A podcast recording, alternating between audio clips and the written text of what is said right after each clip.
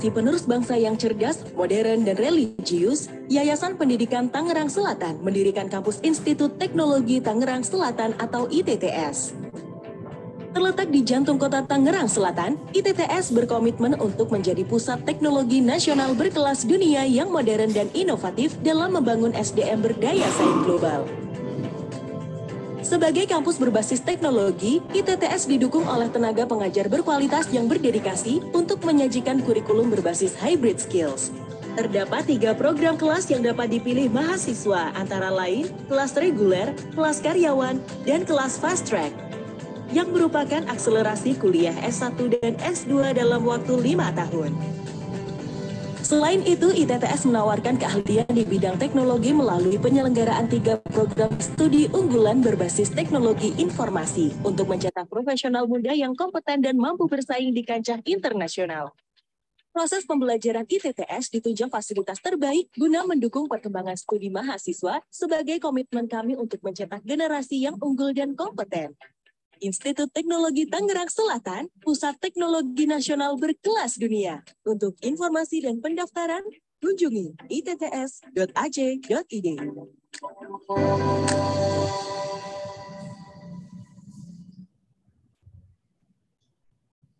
Kita beruntung, bangsa ini beruntung, kita hari ini memiliki Institut Teknologi Tangerang Selatan, ITTS yang merupakan pusat teknologi nasional yang berkelas dunia yang mengembangkan banyak sekali teknologi yang dibutuhkan supaya kita bangsa Indonesia bisa maju, bisa merdeka, bisa berdaulat di Republik Merdeka.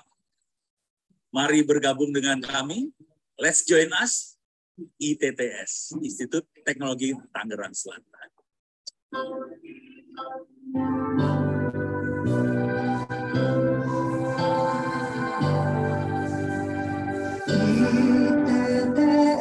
kami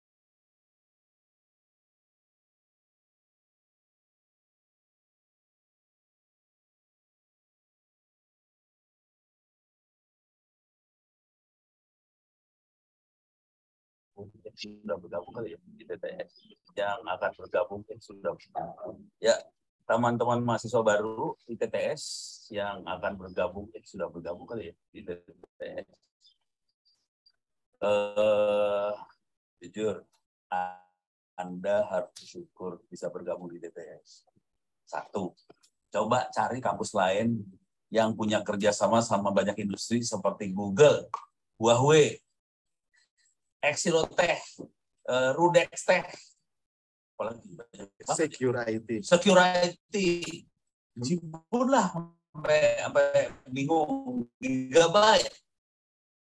Uh, cari. Belum lagi kampus-kampus yang bikin webinar hampir sebulan eh, seminggu berapa eh, sebulan berapa kali lah. Gitu ya. Dengan industri hitungan jari di Republik ini kampus kayak gitu. Terus anda juga beruntung karena anda bisa eh, mempercepat karir anda sebenarnya. Coba tanya sama teman-teman kampus lain ada kampus yang bisa mengkonfirmkan hanya ada di TTS tuh seperti anak itu ya. Itu kuliah jaringan komputer dua ya kalau salah ya. Eh, areanya dapat juara dua levelnya level provinsi dan akan naik ke level nasional. Langsung saya bilang ya ini karena saya udah wawancara ngobrol sama anaknya juga sih ternyata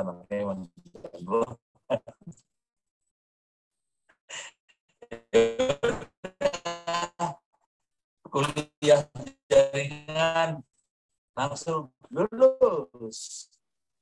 Berapa anak sefatas segala macam lagi nulis. Lulus. Lo cari di begini ada segila itu? Jadi doang jadi Anda punya keren, uh, buat kuliahnya juga keren-keren. Anda dimungkinkan buat magang dan magangnya ini juga jadi langsung seleksi buat jadi pegawai di mereka sih sebenarnya. Cuman untuk ini semua Anda harus kerja keras ya. Bukan daftar jadi tetes udah gitu gue jadi jagoan kakak daftar ITTS, ITTS cuma bisa kasih fasilitas supaya Anda jadi jagoan. Tapi kalau Anda daftar ITTS terus kerjanya tidur, ya nggak akan pernah jadi jagoan. Jadi mudah-mudahan Anda bisa kerja keras karena yang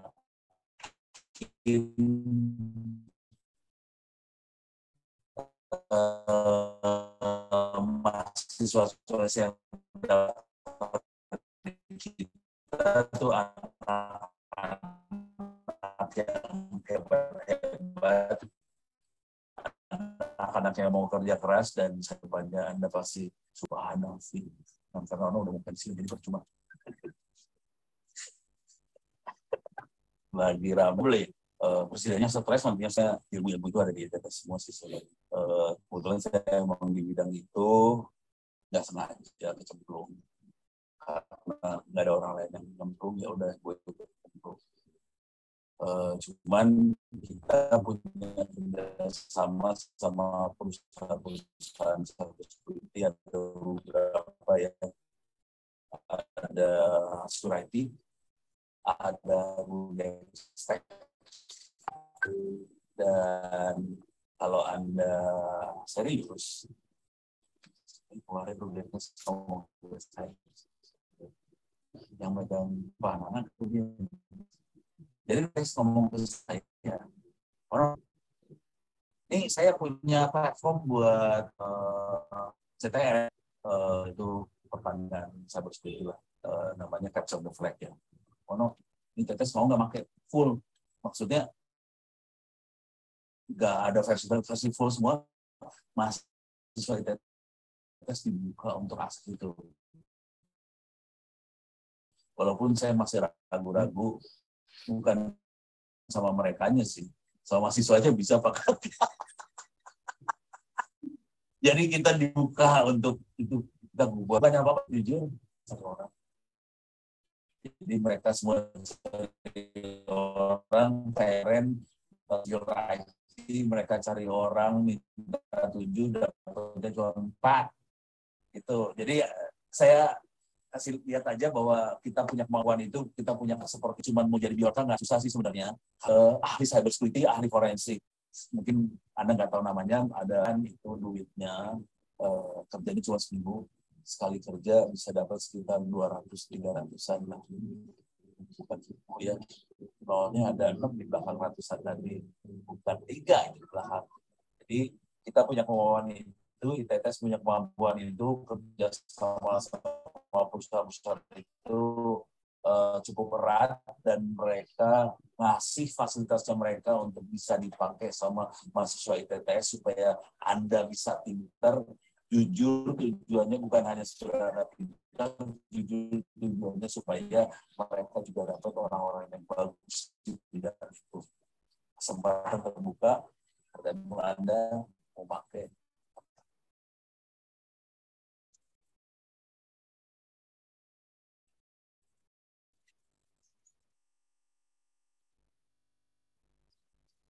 Selamat pagi semuanya.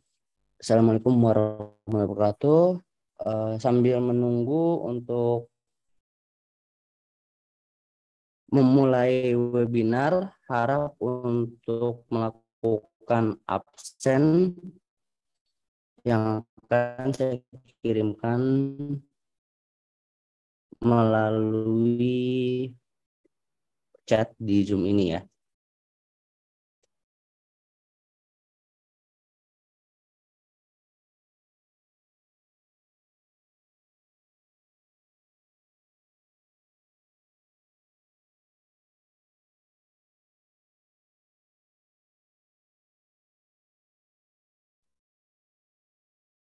Satu syarat mendapatkan sertifikat adalah melakukan absen diberikan ketika materi.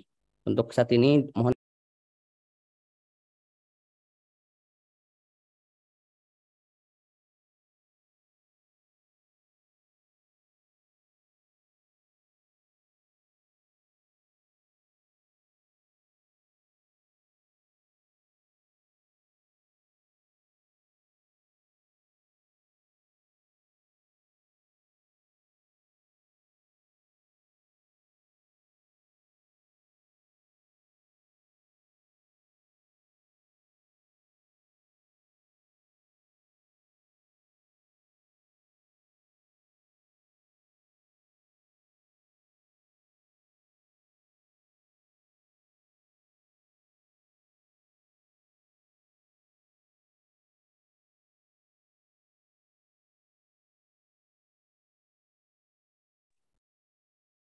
Oke, uh, untuk mempersingkat waktu kita memulai ya untuk acara webinar pada pagi semuanya. Terima kasih yang sudah hadir uh, pada webinar pagi hari ini.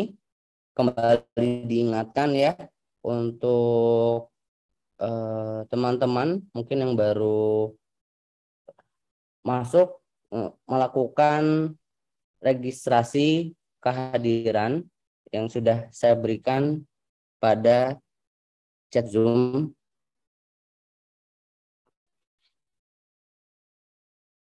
Oke. Assalamualaikum warahmatullahi wabarakatuh. Selamat pagi dan selamat datang pada webinar analisis dan investigasi digital forensik Sabtu 17 September 2022 yang diadakan oleh Institut Teknologi Tangerang Selatan. Yang saya hormati Bapak Agung ITTS, kemudian yang saya hormati Bapak Cendri Rawan selaku Humas ITTS serta Bapak Ibu Mas Mbak yang sudah menyempatkan waktunya untuk mengikuti webinar pada pagi hari ini. Perkenalkan, saya Muhammad Isan Fauzi, selaku program studi Sistem Informasi sekaligus saya akan menjadi host pada webinar pagi hari ini. Sebelum memulai peserta, yang satu, peserta wajib mematikan atau mute mikrofon mereka selama webinar berlangsung kecuali saat mereka sedang mengajukan pertanyaan. Yang kedua, peserta wajib menggunakan fitur raise hand untuk mengajukan pertanyaan. Ketiga, peserta si dan pulang sebagai syarat untuk mendapatkan e-sertifikat. Nah, untuk acara rundown hari ini bisa kita lihat jam 8.45 sampai 8.50 merupakan check-in peserta, 8.50 sampai 85 merupakan opening ceremony yang akan diadakan yang akan dilakukan oleh saya, kemudian 8.55 sampai jam 9 bahkan berisi sambutan-sambutan ya yang akan dilakukan oleh uh, perwakilan ITTS yaitu Kepala Humas ITTS Bapak Cendri Rawan Satrio Nugroho. Jam 9 sampai jam 10 akan memasuki topik pertama mengenai weblog analisis yang akan dilakukan oleh pembicara pertama kita Bapak Dimas Arno Prasetyo STMKOM jam 10 hingga 10.30 merupakan sesi tanya jawab sesi pertama yang akan dipandu oleh saya sendiri. 10.30 hingga 11.30 yaitu topik kedua terkait digital forensik yang akan dilakukan oleh CEO Rootbrain dan CEO dari forensikdigital.com Bapak Joshua MC Nambela, STMN yang memiliki gelar tambahan yaitu CCNP, CCNE, CEH, dan Comtia Security Plus.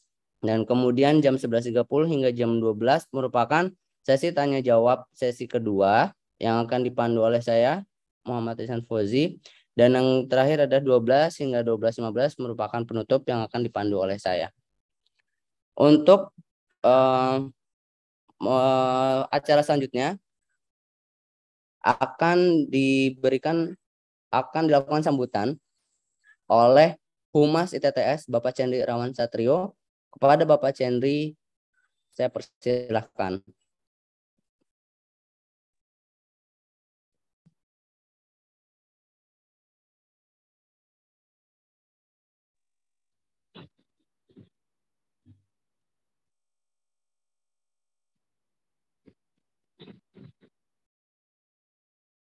嗯，那个。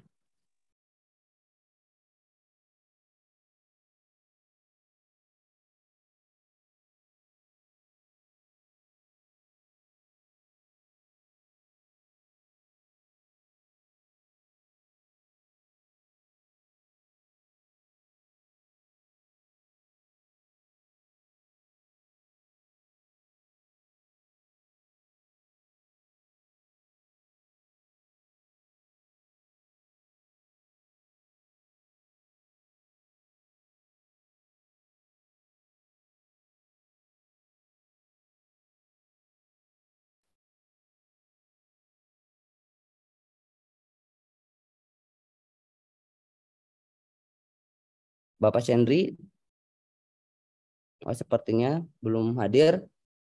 Maka kita langsung saja masuk kepada topik pertama mengenai weblog analisis yang akan dilakukan oleh Bapak Dimas Arno. Tetapi sebelumnya saya akan membacakan terlebih dahulu CV dari Bapak Dimas Arno.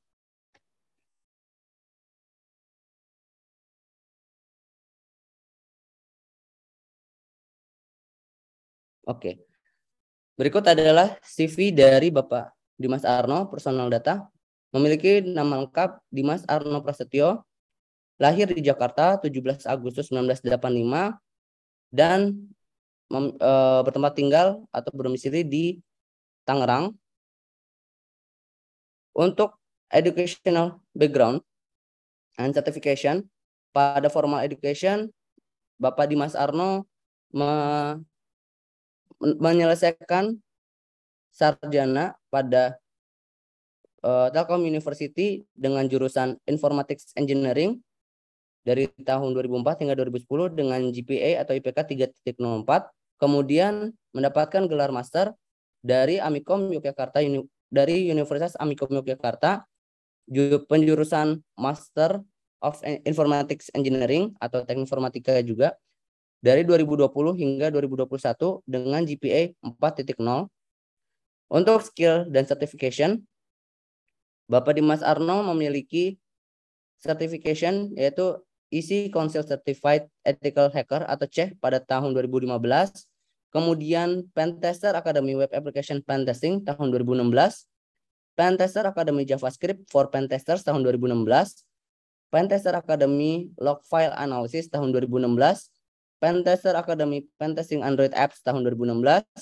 First CVSS version 3.0 tahun 2020 dan yang terakhir adalah LED implementer 27001 atau 27001 ini merupakan ICO ya 2000 pada tahun 2021. Untuk others non formal education terkait course training and seminar yang pertama adalah Machine Learning Foundation a case study approach yang diadakan oleh Coursera pada tahun 2020, Web Application Security Testing with Burp, with Burp Suite yang diadakan oleh Coursera tahun 2020 dan BSSN Huawei Cyber Scout Hunt Security for IoT yang diadakan oleh BSSN berkolaborasi dengan Huawei tahun 2020. Kemudian ada Ngenet Ngenet eh, 01 pengenalan analisis malware yang dia yang diselenggarakan oleh BSSN tahun 2020 Workshop Honeynet Project 2021 yang diadakan oleh BSSN tahun 2021.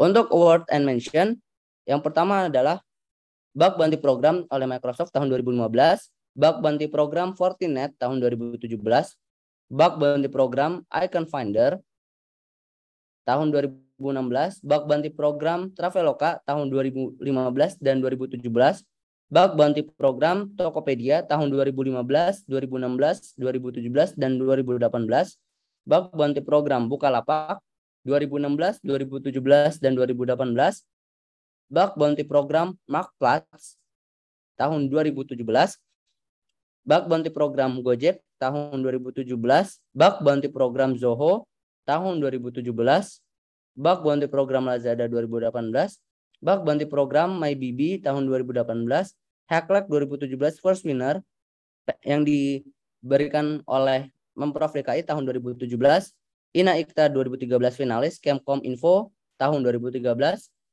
Amikta First Winner, Amikom yang diberikan oleh Amikom University atau Universitas Amikom tahun 2020.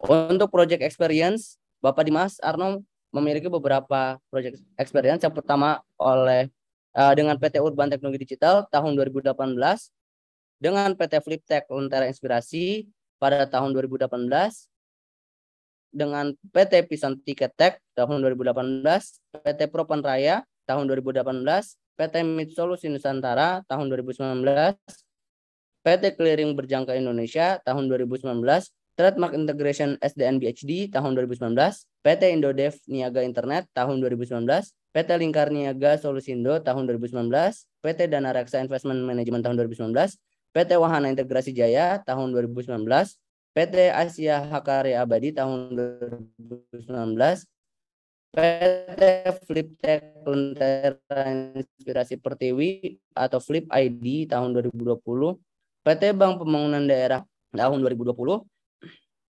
PT Dana Reksa Investment Management tahun 2020, PT Exim Logistik Indonesia tahun 2021, dan yang terakhir adalah PT Surya Fajar Equity Fund tahun 2021. Ya, berikut uh, akhir dari CV pembicara pertama kita yaitu Bapak Dimas Arno yang selanjutnya uh, akan memberikan materi dengan tema weblog analisis. Kepada Bapak Dimas Arno, waktu dan tempat saya persilahkan. Ya, terima kasih. Oke, uh, Bismillahirrahmanirrahim. Assalamualaikum warahmatullahi wabarakatuh. Selamat pagi semuanya. Suara saya udah aman ya? Aman, Pak. Oke. Aman, Pak. Aman, Pak, aman. Sebelumnya saya ucapkan dulu terima kasih untuk uh, Profesor Ono ya, kemudian Pak Agung, gitu juga dengan Pak Cendri dan Mas Isan atas kesempatan yang sudah diberikan kepada saya untuk mengisi acara webinar pagi hari ini. Dan juga uh, saya ucapkan terima kasih untuk Mas Joshua selaku narasumber yang sudah berkenan mengisi uh, acara di webinar ITTS. Dan terakhir saya juga ucapkan terima kasih untuk para peserta ya yang sudah uh, hadir dalam acara webinar ini. Semoga kita semua ini nanti mendapatkan ilmu yang bermanfaat dan barokah ya. Amin. Oke, sebelumnya saya izin share screen dulu.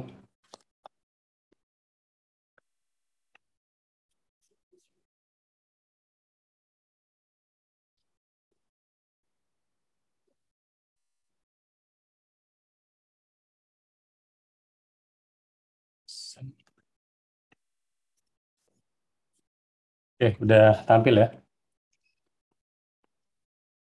Sudah, Pak. Oke, uh, kali ini kita temanya kebetulan de, uh, di plot ini ya, digital forensik gitu. Uh, mungkin saya akan mencoba untuk bercerita atau sharing-sharing lah dan mendemokan dari sisi pentester karena basic saya ini adalah pentester ya, bukan ahli forensik digital seperti Mas Joshua gitu. Namun, insya Allah topiknya ini masih berkaitan banget dengan digital forensik yaitu gimana sih kita kalau mau identifikasi serangan uh, dengan cara melakukan analisis terhadap log dari web server gitu. Biasanya kan kita kalau mau identifikasi serangan dari firewall gitu ya, dari IPS, IDS. Nah, uh, saya mau uh, coba untuk uh, memperlihatkan gimana sih kalau ternyata kita tuh punyanya cuma log dari web server gitu. Oke, okay, uh, tadi udah perkenalan banyak ya. Mungkin sini uh, familiar ya terakhir-akhir ini format data yang kebocoran itu kayak gini ya. Tapi swear ini bukan saya ngambil dari data bocor yang kemarin.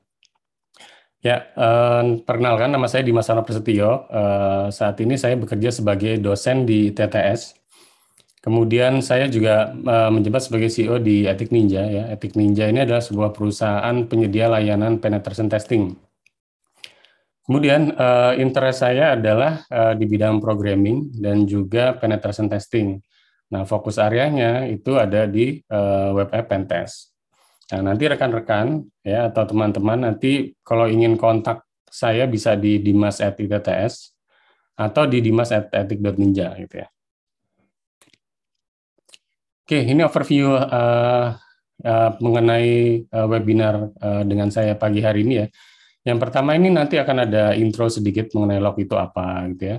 Lalu nanti kita akan coba uh, melihat kenapa sih kita itu butuh yang namanya analisis log. Terus uh, gimana sih format-format dari web log server? Itu juga akan kita uh, coba bahas ya.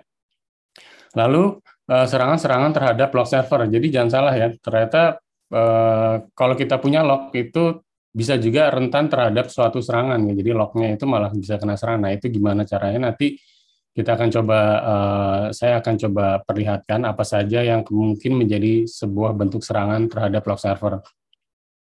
Lalu terakhir nanti akan ada demo. Jadi demonya ini ceritanya ya, ceritanya itu nanti ada dua arah gitu.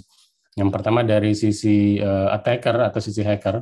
Yang kedua itu dari sisi uh, defendernya gitu atau dari SOC-nya. Jadi ceritanya nanti si hacker akan nyoba serangan, terus kita sebagai defender itu eh, mengidentifikasi serangan dengan log itu gimana sih gitu ya. Nanti akan kita coba demokan. Oke, sebelumnya disclaimer dulu. Seperti biasa, saya biasanya kalau mulai uh, webinar disclaimer dulu biar nggak kena undang-undang ITE ya. Jadi semua informasi dan perangkat lunak yang tersedia di materi ini hanya untuk tujuan pendidikan. Gunakan materi ini atas kebijaksanaan Anda sendiri. Pembicara dan penyelenggara tidak bertanggung jawab atas segala kerusakan yang mungkin terjadi. Oke ya, kalau udah mengerti, udah paham, kita lanjut. Nah, ini eh, akhir-akhir ini cukup uh, rame banget ya. Mungkin sampai sekarang sih, sampai sekarang itu masalah si Mas Biorka ini. Tapi tenang aja, di uh, webinar kali ini saya nggak akan bahas siapa itu Biorka, terus datanya valid atau enggak gitu ya. Nah itu biarkan urusan BSSN lah ya. Tapi setidaknya dari kasus ini kita jadi dapat uh, apa ya dapat hikmah atau dapat pelajaran gitu bahwa ternyata data itu ya sebenarnya sangatlah penting gitu ya. Terbukti satu negara itu sekarang ini lagi geger nih masalah data gitu. Nah jadi eh, sudah saatnya ya kita itu lebih memikirkan daripada kita mikirin siapa pelakunya dan segala macamnya lebih baik kita berkaca diri sendiri kita. Eh, gimana sih caranya biar kita tuh juga aman gitu ya web server kita aman, aplikasi kita aman, data-data customer kita aman, atau data-data user di dalam web server kita aman. Nah, lebih baik kita fokus di situnya aja. Nah ini uh, ini saya kutip dari uh, eh, US Cyber Chief ya, uh, kepala cyber di US itu dia bilang, jadi sebenarnya di dunia ini cuma ada dua tipe uh, perusahaan ya.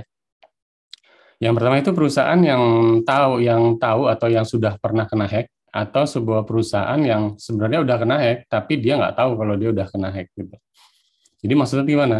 Maksudnya adalah ya pada dasarnya itu uh, sistem itu nggak ada yang safe ya, nggak ada yang aman 100% gitu. Either kita sudah kena hack atau either kita nggak tahu sebenarnya kalau kita udah kena hack gitu. Nah, terus uh, kenapa sih uh, kita tuh nggak ada 100% server yang aman atau apa keamanan yang benar-benar terbukti 100% nggak bakal kena hack gitu ya. Nah, ini saya ambil dari internet jadi network topologi ya standar lah ya, saya ambil random dari internet. Saya cuma mau menjelaskan kenapa mengamankan itu sulit, ya. Ini anggaplah uh, server kita ya. Ini adalah dua server kita. Uh, biasanya kita akan sangat-sangat fokus gitu ya di dalam uh, mengamankan data kita ya di server kita gitu. Mungkin kita lakukan VA seminggu sekali atau sebulan sekali, terus kita rutin lakukan pen test tiga bulan sekali atau enam bulan sekali gitu ya tapi ternyata uh, masih bisa jebol-jebol juga gitu ya. Kenapa kenapa bisa kayak gitu? Karena gini, ini ya kalau kita lihat ya, server ini sebenarnya terhubung uh, dengan banyak banget entity ya, banyak banget apa namanya uh, endpoint-endpoint. Mungkin di sini ada uh, salah satunya ada email service, terus ada uh, cloud mungkin kalau apa menggunakan jasa pihak ketiga gitu ya. Kemudian backupnya seperti apa gitu ya Oke, anggaplah misalkan kita udah ngamanin banget dari sisi sini nih, sisi server udah kita hardening segala macam. Tapi ternyata hacker itu nggak masuk secara langsung dari sisi server, bisa aja dia ternyata masuk dari sisi uh, email service misalkan. Nah ini kebetulan nih uh, beberapa hari yang lalu, seminggu ya, kurang lebih seminggu yang lalu, itu salah satu pentester uh, etik ninja itu menemukan uh, bug critical di Office, uh, sorry di Microsoft 365 ya. Menemukan bug critical uh, yang dia itu bahkan bisa langsung dapat bounty ya. Itu jumlahnya lumayan besar sekitar 8.000 dolar itu dalam satu bug bounty ya. Dan itu uh, paymentnya cukup cepat ya. Mungkin karena kritikal ya. Jadi kurang dari 24 jam udah ditransfer itu. Nah bayangin ya kita udah capek-capek gitu ngamanin server kita. Ternyata uh, pihak atau service yang kita pakai yang kita anggap Microsoft lah ya. Siapa yang nggak tahu Microsoft gitu pasti kita udah nganggap ya udahlah security-nya pasti aman nih ternyata bisa masuk dari sisi uh, layanan Microsoft gitu nah itu kan capek banget nih kita udah capek-capek ngamanin ternyata malah masuk dari tempat yang lain nah itulah kenapa uh, kita ini kalau sebagai pentester sebenarnya itu lebih mudah menemukan bug ya dibandingkan kita harus ngamanin ngamanin itu jauh-jauh lebih sulit gitu belum lagi kalau masuk dari sini, dari adminnya sendiri, adminnya. Contoh ya, baru-baru ini ya, baru banget. Masih baru banget. Masih dulu. Ya. Masih baru banget. Jadi eh, kasus Uber ya. Kasus Uber itu kan tahu ya, Uber eh, ya kayak Grab, Gojek gitu kan.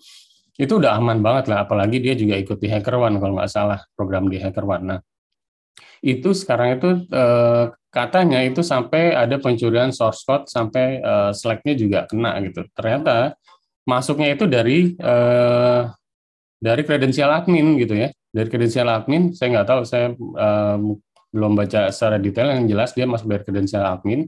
Admin dari salah satu developernya si si Uber itu kemudian berhasil ngacak-ngacak sampai masuk ke dalamnya gitu. Nah, itulah kenapa sangat sulit untuk mengamankan satu buah aplikasi gitu ya atau sistem. Nah ini ada uh, ada suatu apa ya suatu semacam uh, quotes itulah ya. Jadi security is only as strong as the weakest link. Maksudnya gimana? Maksudnya uh, keamanan ini termasuk juga dari keamanan cyber ya. Keamanan cyber itu uh, hanya sekuat dari mata rantai yang paling lemah gitu ya. Maksudnya gimana? Ya kita lihat aja nih uh, gambarnya ya. Di sini ada Anggaplah di sini ada mata rantai firewall. Oke, kita udah pasang firewall bagus, mahal, uh, konfigurasinya udah oke, udah di segala macam, udah kuat. Terus di sini ada mata rantai apa misalkan uh, web server kita, web server kita udah di hardening segala macam dan udah oke okay banget nih ya, udah kuat. Lalu ternyata uh, di sini itu kita ada uh, penambahan fitur lah ya, penambahan satu fitur aja misalnya di aplikasi dan ternyata di situ terdapat satu kelemahan ya. Misalkan dari ratusan fitur ya, hanya ada satu fitur ini yang lemah. Ya hacker bisa masuk juga gitu. Jadi nggak jadi jadi seakan-akan uh, berguna gitu ya uh, firewall dan segala macamnya gitu. Tapi mungkin ya tetap berguna. Hanya saja ketika hacker sudah berhasil masuk di satu pintu aja dia cuma perlu satu celah untuk bisa uh, ngobrol-ngabrik ke dalam server yang mau ngambil data kah atau mau atau mau menghapus data segala macam. Seperti itu. Nah, kalau kita lihat uh, tadi ya, kalau misalkan hacker udah masuk, udah ngambil data itu ya, sering disebut dengan data breaching. Itu uh, ini saya ambil dari tren mikro. Uh, sebenarnya hacker itu masuk itu dari apa sih gitu ya? Ternyata nomor satu itu masih tetap dari proses hacking dan malware. Ya, nah kalau proses hacking ini biasanya hacker itu memang sudah mentargetkan ya, sudah mentargetkan satu company ya, kemudian dia pengen masuk ke sana, akhirnya dia melakukan uh, recon ya atau reconnaissance atau fingerprinting, artinya mencoba untuk mempelajari si perusahaan ini punya website apa aja, punya apa namanya uh, endpoint apa aja, dia akan pelajari. Kemudian dia akan cari titik yang paling lemah gitu ya, titik terlemah yang bisa dia temukan gitu. Nah, baru dia melakukan hacking di dalamnya. Nah, agak sedikit berbeda dengan malware. Kalau malware ini biasanya bisa aktif, bisa atau pasif ya. Kalau hacking itu udah pasti aktif sih. Kalau malware itu bisa pasif, bisa aktif. Kalau pasif itu biasanya hacker itu akan coba untuk melakukan cracking aplikasi-aplikasi atau uh, ya aplikasi berbayar gitu ya, di, dilakukan cracking, terus disisipkan sebuah malware. Di mana harapannya nanti akan banyak yang mendownload, banyak yang banyak yang install dan akhirnya dia bisa untuk melakukan uh, eh, CNC biasanya atau dia bisa mengontrol dari orang yang sudah terkena malwarenya itu dari sisi pasifnya. Tapi kalau dari sisi aktif ya mungkin dia akan coba drop malware ya ke dalam satu server. Biasanya dia menggunakan either itu uh, eh, CVE yang baru banget keluar ya ataupun zero day yang uh, yang bisa dia peroleh gitu ya. Jadi dari dua hal itu ya pasif dan aktif. Nah, pertanyaannya ya, uh, kalau dengan adanya data breach, itu kita ini uh, gimana sih tahunya kalau misalkan uh, data di dalam company kita itu udah kena breaching ya atau udah udah bocor atau enggak? Sebenarnya ada dua cara sih yang umum ya. Yang pertama data dari perusahaan kita ada nggak yang dijual di dark web gitu ya? Itu cara yang paling gampang. Terus cara Cara yang kedua ya kita lakukan investigasi ya. Investigasinya dari mana ya dengan forensik dan uh, membaca atau menganalisis uh, sebuah log gitu. Nah, ini yang akan kita pelajari di hari ini gitu. Nah, apa sih log itu ya? Log itu adalah uh, bahasa simpelnya yaitu tindakan mencatat sesuatu atau beberapa peristiwa. Kalau secara teknikalnya berarti uh, log itu adalah sebuah file ya yang dibuat atau di-create itu secara otomatis dari sistem atau aplikasi lah ya yang isinya itu biasanya mencatat suatu informasi, baik ketika dia mulai dijalankan, kemudian ketika atau ketika berjalan, gitu ya. Nah, di dalam suatu file biasanya itu berisi suatu event ya, eh, bisa juga berisi suatu error message atau informational message. Nah, contoh log itu ada banyak banget ya, bisa di OS, bisa di web server gitu ya, bisa di firewall dan lain-lain. Cuman nanti kita akan coba fokus dulu di web server log ya, karena memang fokus eh, area saya juga di situ.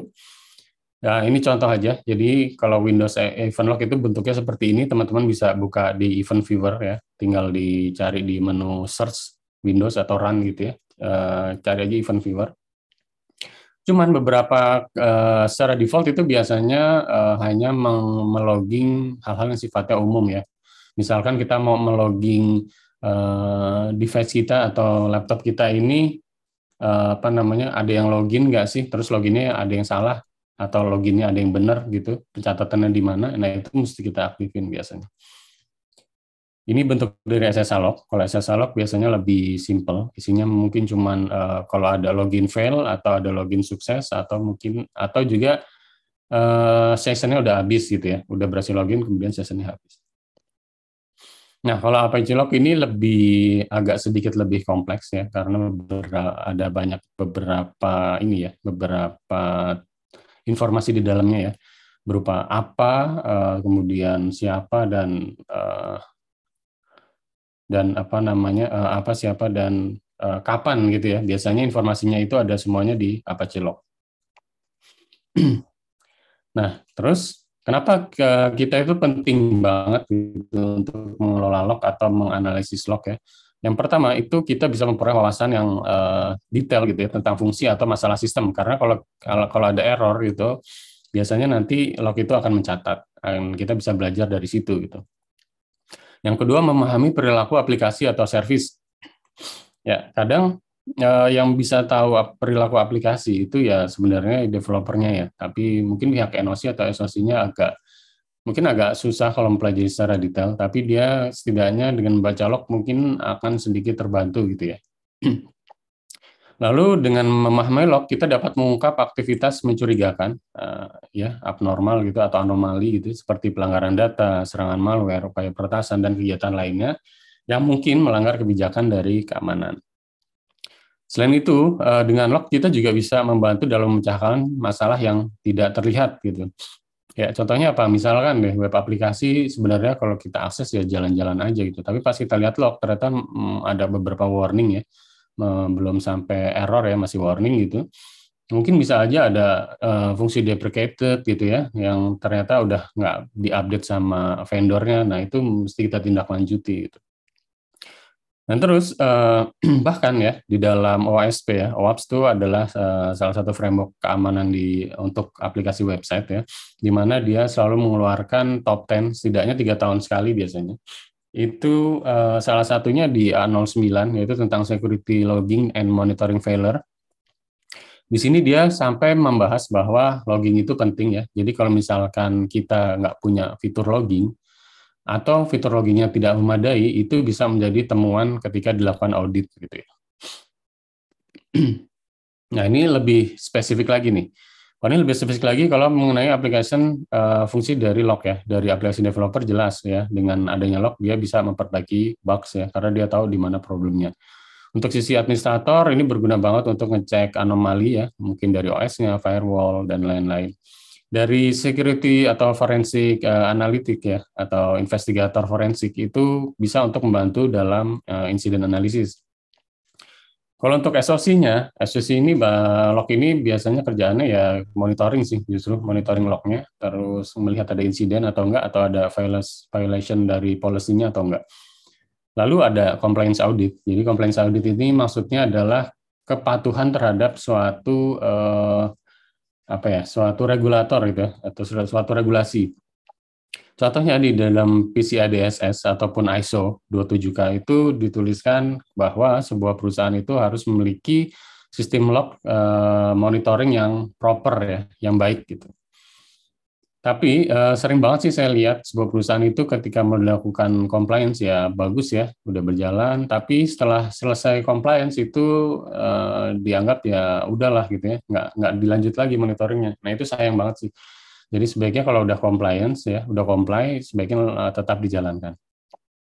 Lalu yang terakhir ada uh, SEO profesional. Kalau SEO profesional ini lebih ke apa namanya uh, orang SEO ya, itu sangat benci gitu ya, sangat benci ketika dia tahu ada uh, pesan 404 biasa di dalam uh, aplikasi webnya gitu. Kenapa? Karena Uh, bouncing rate-nya akan tinggi. Bouncing rate itu maksudnya gini, ketika user datang dari Google gitu ya, mencari informasi, kemudian dia nemu ada link kita di Google gitu, terus diklik ternyata pas masuk ke website kita 404. Artinya apa? Artinya user mau nggak mau pasti langsung nge-close gitu kan, karena dia nggak dapat informasi yang di, apa, dicari. Nah, SEO ini tujuannya ya berusaha salah satunya itu ya, meminimalisir dari uh, bentuk-bentuk kemungkinan si usernya nggak lama-lama di website dia, itu dia. Terus ada juga yang uh, penting juga uh, tujuan dari log ini dari SEO juga bisa melihat ini sih perilaku dari usernya. Misalkan dari homepage biasanya selanjutnya dia akan masuk ke mana sih halaman apa. Nah itu uh, biasa dari analitik analitik dari seorang SEO profesional. Oke, ini arsitektur basic ya dari web aplikasi. Mungkin lebih sederhana, lebih sederhana dari yang tadi ya. Cuman kurang lebih cara kerjanya sama sih. Di sebelah kiri ini uh, ada sisi presentation tier. Itu ada, adalah uh, sisi client side yang mengakses dari sisi server side ya. Nah, di sini samping kanan ini udah server side semua. Nah, di sini ada web server sama application server. Kemudian di data tier ada database server. Cuman terkadang database dan web server juga dijadiin satu. Ya, sebenarnya nggak masalah. Itu juga balik lagi tergantung dari budget sih ya biasanya. Nah, pertanyaannya di sini adalah log itu biasanya ditaruh di mana gitu.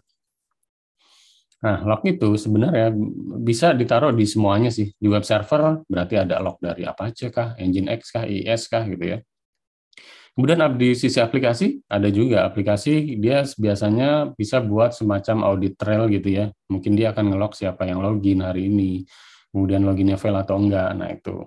Terus di sisi database pun eh, biasanya fitur-fitur juga udah mulai bisa diaktifkan ya fungsi loginnya gitu. Semuanya bisa dipakai. Cuman kita akan bahas di sisi eh, web servernya. Nah, web server itu setidaknya ada dua ya yang populer saat ini. Yang paling populer itu adalah Nginx dengan Apache. Oke, walaupun sebenarnya ada banyak banget ya, ada Tomcat lah, ada IS segala macam. Nah, Apache ini pas kita install ya, itu biasanya secara default akan mengenerate dua file log. Yang pertama itu ada access log, yang isinya adalah informasi request dari klien. Yang kedua error log. Error log ini lebih dari eh, sebenarnya isinya adalah sebuah error-error yang dihasilkan baik itu dari aplikasinya ya, mungkin dari PHP-nya melakukan error kayak gitu ya, atau request yang eh, 404 yang intinya si server nggak bisa menghadirkan kontennya gitu ya. Nah, itu akan masuk di dalam error logs. Kemudian uh, log levels itu ada banyak ya. Uh, semua secara default biasanya di sisi warning. Jadi semakin tinggi ya, ini yang paling tinggi adalah emergency atau emerge. Itu uh, adalah uh, semakin dikit uh, log yang akan tertulis gitu ya, karena dia cuma memberikan pencatatan hanya dari log-log yang sifatnya emergency gitu. Semakin ke bawah ya, semakin ke bawah ini semakin ke debak itu berarti semakin berisik lognya, makin banyak banget. Dan itu sebenarnya uh, penggunaannya tergantung kebutuhan ya.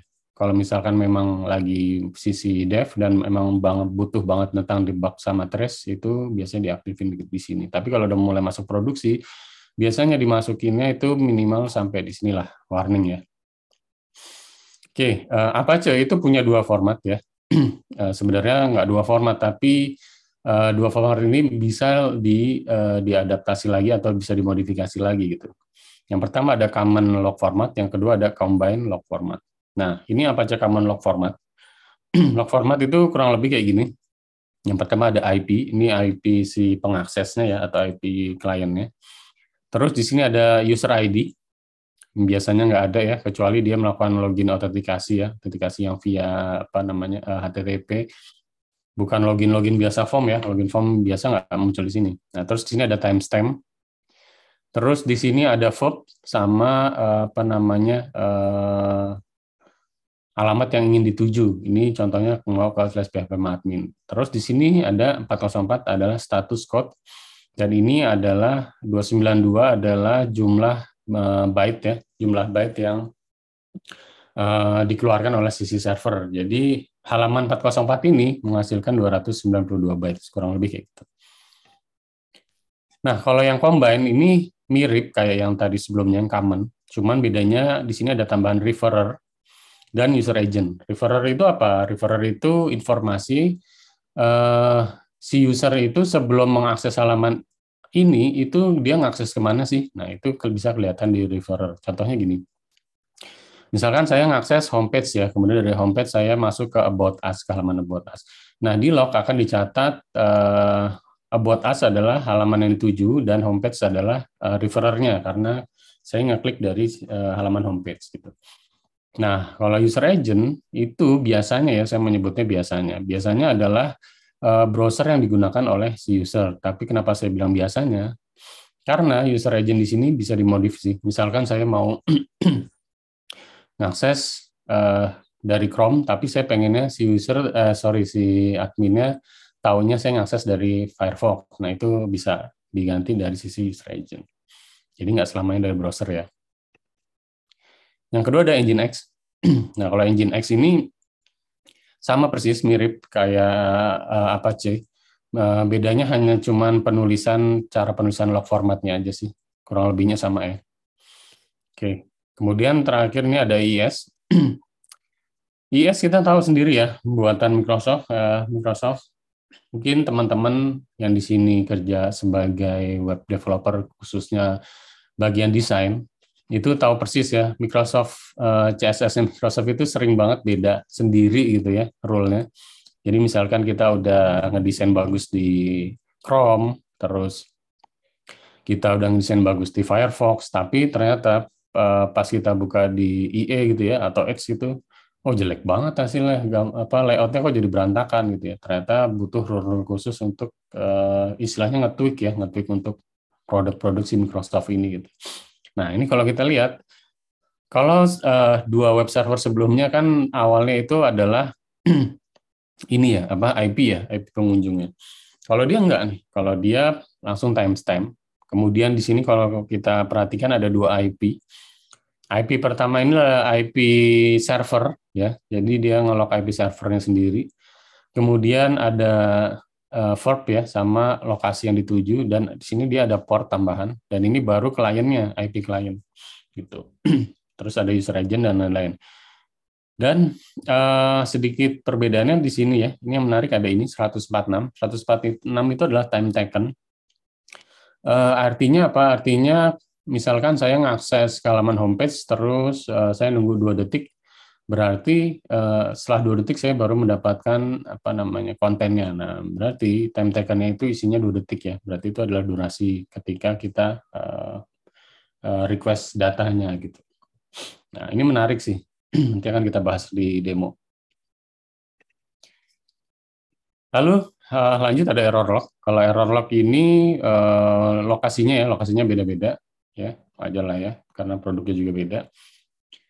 Cuman uh, kalau kita lihat di sini ya uh, relasinya gitu ya, uh, pernah nggak sih teman-teman uh, mikir uh, error log sama akses log itu hubungannya apa sih gitu ya? Nah ini salah satu contohnya.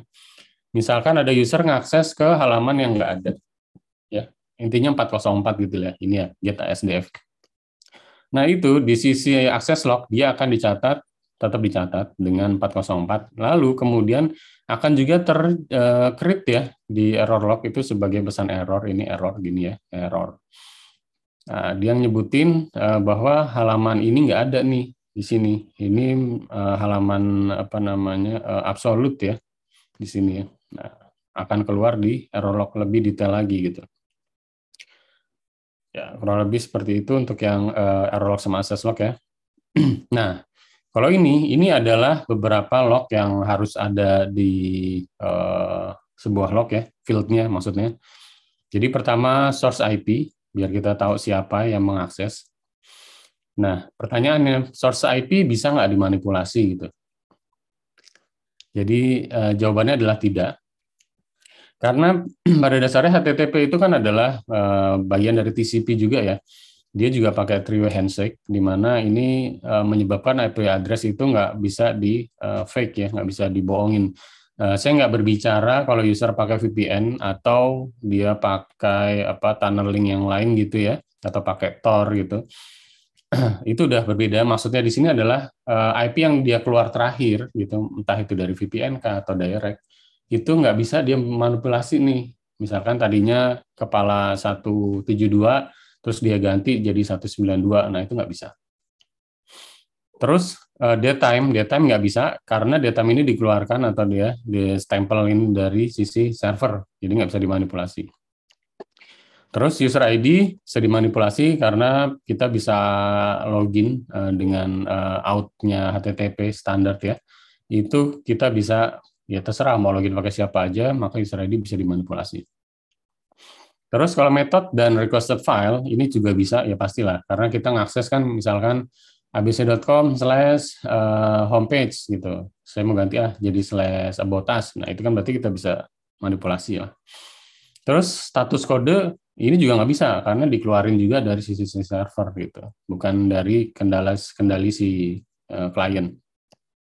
Yang terakhir user agent, user agent itu bisa di apa namanya bisa di uh, crafting atau bisa diedit seperti yang saya bilang tadi ya. Ini contohnya. Uh, misalkan kita mau mengakses suatu website, kita pakainya si URL bukan pakai browser. Itu 10.2 gini ya. tok gini tok. Maka yang tercatat di log ini adalah ini, URL 7.64. Lalu uh, dia lanjut lagi uh, untuk menggunakan URL dengan tambahan user agent. Jadi seakan-akan si uh, orangnya ini ngakses dengan menggunakan uh, browser Mozilla yang ada di iPhone ini ya. Nah, ternyata di sisi log itu juga kedeteknya bukan URL lagi, padahal dia pakai URL ya. Tetap uh, ternyata yang keluar di log itu adalah Mozilla-nya gitu. Nah, itulah kenapa. Oke, mungkin pertanyaannya gini, kalau misalkan beberapa fieldnya itu bisa dimanipulasi, terus kenapa kita harus percaya terhadap log atau kenapa kita tetap perlu menggunakan log gitu ya? Yang pertama, yang pertama adalah uh, kalau dari sisi security ini dari sisi security ya, dari sisi security hal hal-hal yang bisa dimanipulasi itu sebenarnya nggak terlalu penting bagi kita gitu karena kita bisa mengabaikan itu gitu. Kita mas kita lebih penting melihat apa yang diakses, kemudian status code-nya apa, terus eh, balikan datanya sebesar apa, se, eh, selama apa gitu ya. Itu yang lebih kita pentingkan. Itu yang pertama. Yang kedua, kalau kita punya log itu kita bisa menganalisis uh, setidaknya kita bisa mengenali uh, server uh, sorry aplikasi kita gitu bekerjanya seperti apa. Karena kita harus mengenali aplikasi kita kalau kita mau mengamankan sesuatu gitu ya. Gimana kita mau ngamani sesuatu kalau kita aja nggak tahu apa yang mau kita amanin gitu kan. Atau di mana titik yang perlu kita amanin gitu. gitu. Ya, jadi nonsens kalau kita nggak tahu aplikasi kita dan kita berharap aplikasi kita tuh aman tuh uh, ya susah lah ya. Terus Eh, selanjutnya yang kedua, kita juga bisa, sorry yang ketiga berarti ya, yang ketiga kita juga bisa mengetahui behavior dari user kita gitu. Misalkan, oh IP ini ngapain aja sih? Oke, kita bisa nge-tracing nih.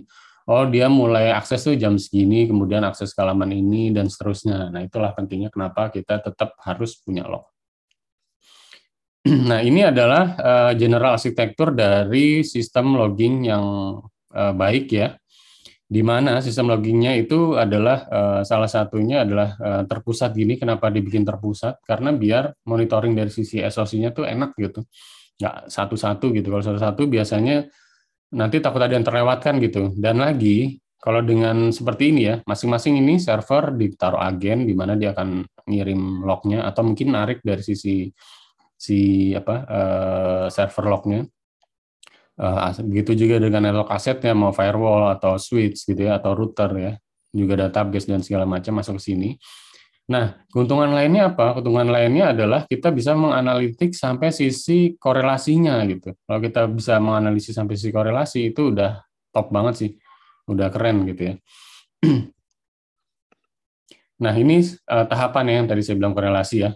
Kalau kita analisis, tahapan pertama adalah yang paling penting adalah normalisasi. Maksudnya normalisasi apa? Nggak cuma database ya yang perlu kita normalisasi. Ternyata log itu juga perlu kita log, uh, normalisasi gitu.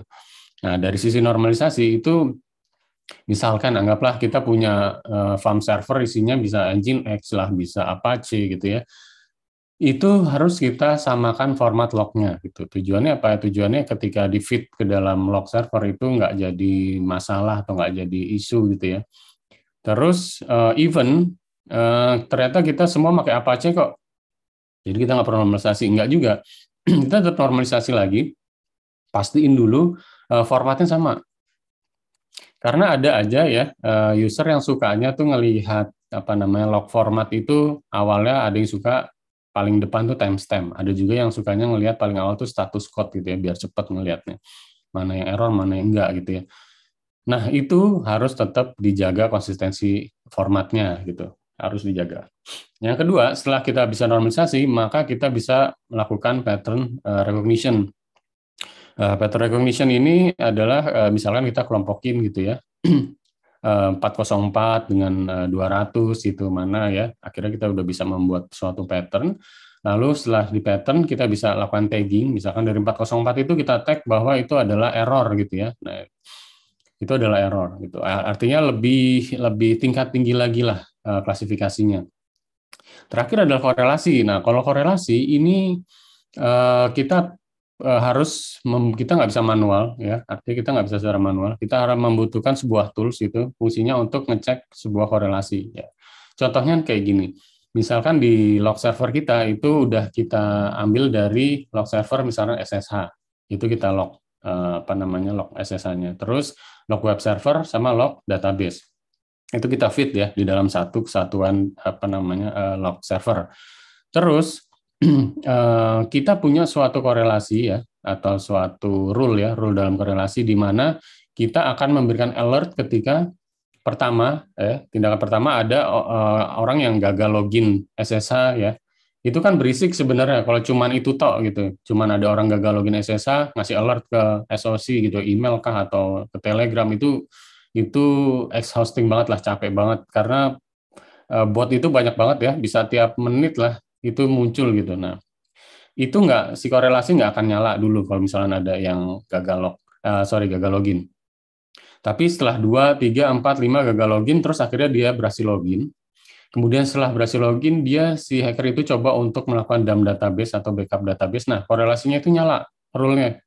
Ping gitu ya, ngasih info ke kita gitu. Nah, berarti uh, beberapa tahap itu terpenuhi gitu korelasi. Nah, itu sangat uh, keren sih kalau kita udah berhasil sampai ke level itu. Gitu. nah, ini yang tadi sempat saya singgung ya. Jadi uh, ternyata kalau kita punya fitur lock juga, itu ternyata uh, memberikan vektor serangan lebih lanjut juga. Artinya maksudnya gini, maksudnya karena ada tambahan fitur, maka resiko juga pasti meningkat lah ya. Nggak mungkin turun lah kalau kita nambahin fitur, nggak mungkin turun biasanya. Nah, uh, serangannya apa gitu ya? Saya mau ngasih info juga, biar nanti ke depannya jangan ya, uh, jangan nyalain saya. Kalau misalnya, oh saya udah ngaktifin fitur, ternyata malah kena hack gitu ya. Nah, ini lock injection ini salah satunya adalah bentuk serangan uh, terhadap lock ya. Ada dua paling enggak turunannya. Ada lock forging sama lock poisoning. nah, kalau lock forging itu contoh serangannya adalah uh, si attacker atau si hacker ini berhasil menginput sebuah data, menginput sebuah data uh, ke dalam lock kita yang intinya akan membiaskan isi dari lock kita gitu. Contohnya gimana? Contohnya ini, misalkan ini ada Java ya, sebuah Java di mana dia melakukan fungsi logging kalau misalkan ada inputan yang uh, nggak bisa nggak apa maksudnya gagal dalam memparsing sebuah integer maka dia akan dilempar ke sini akan ditulis ke dalam log log.info gitu ya nah skenario normal. Misalkan ada orang ngetik gitu ya di inputannya 15 bukan angka. Maka karena dia bukan integer maka dia akan tertulis di log nih. Info file to parse file sama dengan 15 aman ya? Benar udah benar. Tapi pikirannya attacker nggak kayak gitu. Dia akan coba submit kayak gini, 15 persen 0A, persen 0A, persen 0A itu uh, enter ya, uh, atau line new gitu ya. Terus info, kemudian user login, titik dua, titik dua itu persen 3D, Budi gitu. Maka yang tertulis di log, itu jadi kayak gini. Info, file to parse file sama dengan 15, sama kayak gini. Kemudian info, user login sama dengan Budi. Padahal Budi nggak pernah login sama sekali gitu kan. Jadinya apa? Ya setelah ada login Budi mungkin dia akan melakukan hal-hal yang melanggar privacy ya atau eh, violency gitu dan mungkin kalau misalkan kita uh, apesnya kita melakukan forensik nggak teliti ya uh, si Budi ini bisa jadi apa ya? Uh, ya bisa jadi pertanyaan lah kenapa si Budi login kemudian habis itu banyak data yang uh, kehapus atau keedit gitu. Nah, ini adalah log forging cara mengatas uh, mengantisipasinya gimana? Mengantisipasinya ya sebenarnya ada uh, yang namanya uh, sanitasi ya, sanitasi inputan, di mana sebenarnya semua inputan itu nggak boleh apa namanya menggunakan karakter-karakter spesial ya kayak gini persen 0A kemudian apa namanya persen 0D gitu ya cukup di encode aja gitu ya intinya nggak akan berbentuk seperti inilah yang bisa jadi main fitnah-fitnahan Terus yang kedua ada lock poisoning. Uh, lock poisoning ini lebih teknikal banget. Jadi intinya si hacker itu akan mencoba untuk memasukkan payload serangan bisa berupa cross-site scripting, bisa berupa remote code execution ya. Bisa diinput di dalam fitur get atau di dalam fitur user agent kayak gini. Nah, ketika ada di input ini sebenarnya nggak ada hal yang terjadi apa pun gitu, nggak bakal kena juga. Tapi ternyata hackernya bisa nemuin sebuah celah lebih lanjut karena ini memang harus sebuah chain attack ya atau attack yang berantai ya. Dia harus menemukan sebuah LFI atau LFI, local file inclusion, di mana ada fungsi ya, misalkan PHP memanggil fungsi file yang lain. Nah, yang dipanggil adalah fungsi log tadi. Nah, karena fungsi log tadi itu udah diinjeksi dengan script yang berbahaya, maka si eh, apa namanya eh, serangan tadi akan mengeksekusi script itu gitu. Otomatis eh, hacker akan bisa melakukan serangan selanjutnya. Itu adalah log poisoning. Oke, uh, berarti ini penyakitnya di LFI-nya. Sebenarnya kalau di lognya nggak masalah, selama dia tidak tereksekusi ya, gitu. Jadi mengatasi log uh, eh, LFI ya mau nggak mau kita harus sanitasi lagi gitu. Kayak gini slash var log nggak boleh nih. Mungkin inputan slash var log ini semuanya harus sudah di whitelist. Bisa aja file-file tertentu yang boleh kita ambil dari LFI itu contohnya. Nah, ada quiz ya, bawaannya dosen biasanya suka ngasih quiz ya. Jadi ini buat semacam latihan sedikit sih. Jadi misalkan dari struktur log ini, eh, kira-kira ada nggak eh, apakah kekurangannya gitu? Ya kalau teman-teman mau jawab silakan ya. Ya, kalau kita lihat sih sebenarnya struktur lognya ini banyak kurangnya ya. Pertama timestamp. Dari sisi timestamp aja udah kelihatan nggak ada tang nggak ada tanggalnya ya. Gimana kita mau eh, analisis secara valid ya. Yang kedua, kita nggak tahu ini strukturnya struktur ngikutin format apa, IS kah, Apache kah? Kalau IS kan IP yang di sini adalah sisi server.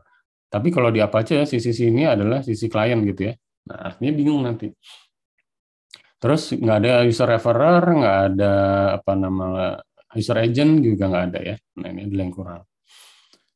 Terus selanjutnya ini gampang juga, mana request yang mencurigakan. Ini buat meningkatkan uh, sisi detektif kita ya. Jadi kalau teman-teman dari uh, eh, ITSEC ya, itu pasti tahu langsung sih request yang mencurigakan itu ada di yang baris kedua.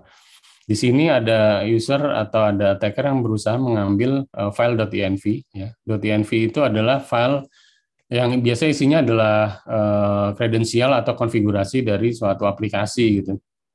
Laravel biasanya pakai .env gitu. Ya. Nah, kalau itu bisa kebuka, habis sudah Soalnya situ ada user data uh, username database, password database biasanya ya, atau mungkin pihak API ketiga gitu itu juga biasa ditaruh di .env gitu. Nah, serem sih. Tapi ini aman, kenapa aman? Karena ya 404 artinya nggak ada data yang tercuri. Oke, ini yang terakhir nih, uh, pertanyaan yang terakhir. Jadi ada nggak sih yang nggak normal dari sini gitu?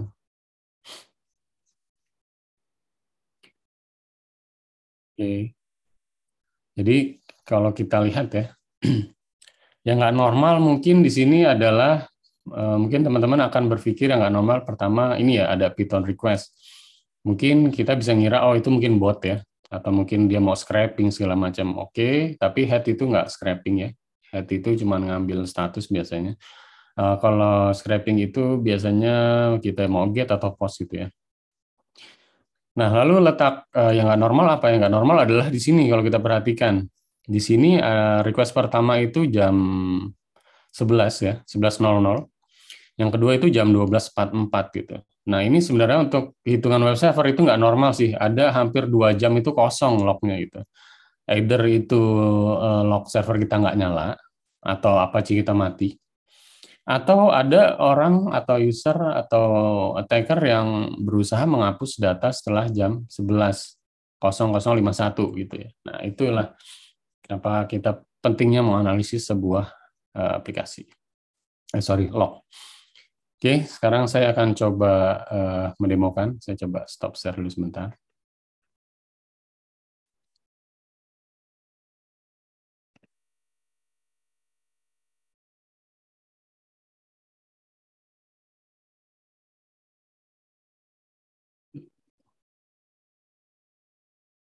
Maaf ya, sebentar saya persiapkan dulu untuk demonya. Ya. Oke, ini adalah uh, terminal ya. Di sini ada dua, udah kelihatan ya untuk terminalnya. Mohon konfirmasinya, mungkin ada yang mau konfirmasi. Sudah, Pak. Sudah. Sudah ya, oke, makasih. Ini di atas ada dua terminal, eh, sorry, ada satu terminal di atas dan satu terminal lagi di bawah. yang atas teman-teman lihat ya BCMS ini adalah uh, suatu web server ya. ya. Ya ini ya web ini itu di host di dalam sini gitu ya. Terus yang bawah teman-teman bisa lihat sini ada kali udah tahu lah ya pasti di sini adalah attacker gitu ya. Saya clear dulu. Saya clear juga. Oke, yang pertama saya mau coba untuk kita lihat dulu uh, log kita.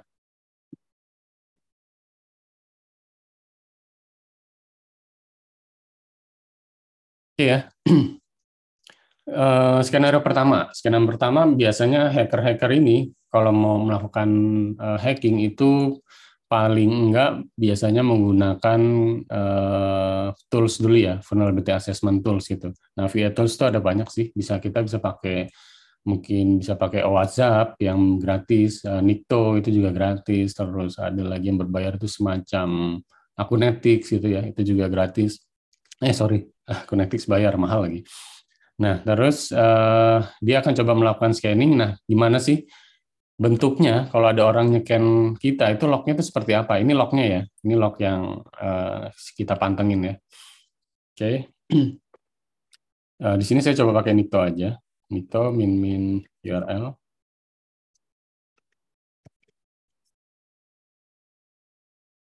Dasar.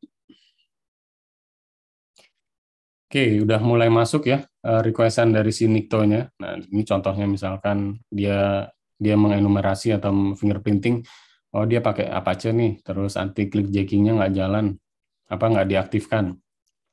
Proses protection header-nya juga nggak gitu ya. Nah, dia akan ngecek semuanya gitu ya, sampai mungkin ada inputan-inputan ya. Injeksi-injeksi. Oke, ini saya stop aja karena lama banget biasanya.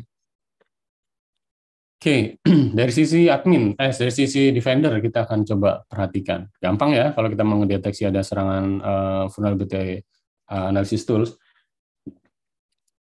Oke, yang pertama itu ada uh, ini user agent. Kita bisa lihat ada Nikto. Oh, jelas lah kelihatan ini pasti kerjaannya tools nih gitu kan. Yang kedua kita bisa lihat uh, requestnya. Uh, Oke, okay, requestnya ini di detik yang sama ya, empat empat ini itu bisa banyak concurrent connection gitu ya. Nah, ini udah bisa dipastikan bukan manusia normal biasanya yang bisa melakukan kayak gini karena uh, dia aksesnya langsung banyak ya. Yang uh, mungkin sangat uh, susah lah ya kalau orang manusia normal mengakses dengan cepat gitu. Yang kedua, eh sorry yang ketiga tadi kita bisa lihat dari sisi ini ya apa uh, user agent kemudian waktu Lalu yang kedua, eh, yang ketiga kita bisa lihat dari 404 yang banyak banget nih keluar nih, ya. Artinya apa? Artinya si hacker ini mencoba untuk melakukan sebuah brute force directory gitu ya, atau brute dir biasanya.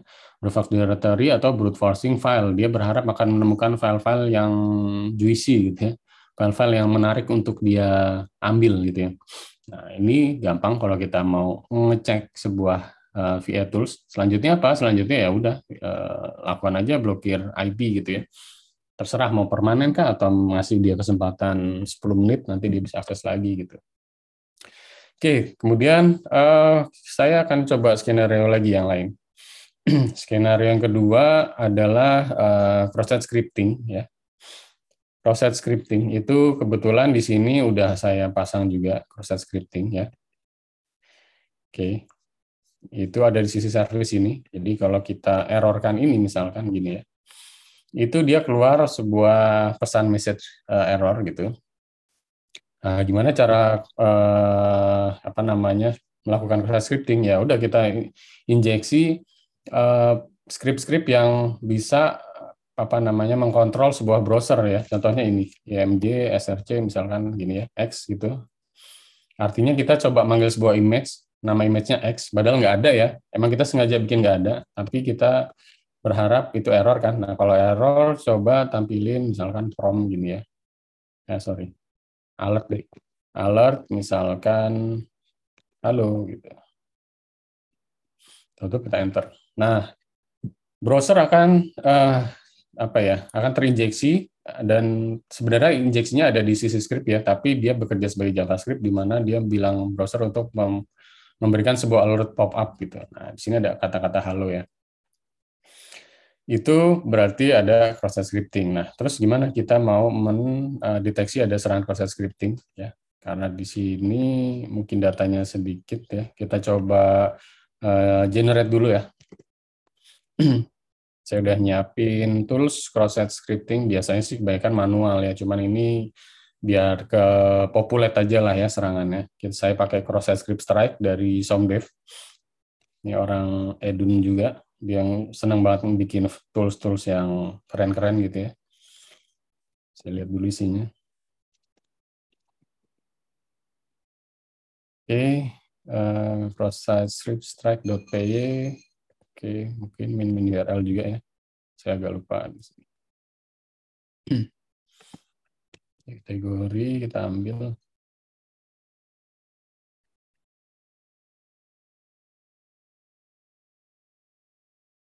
Oh, Oke, okay.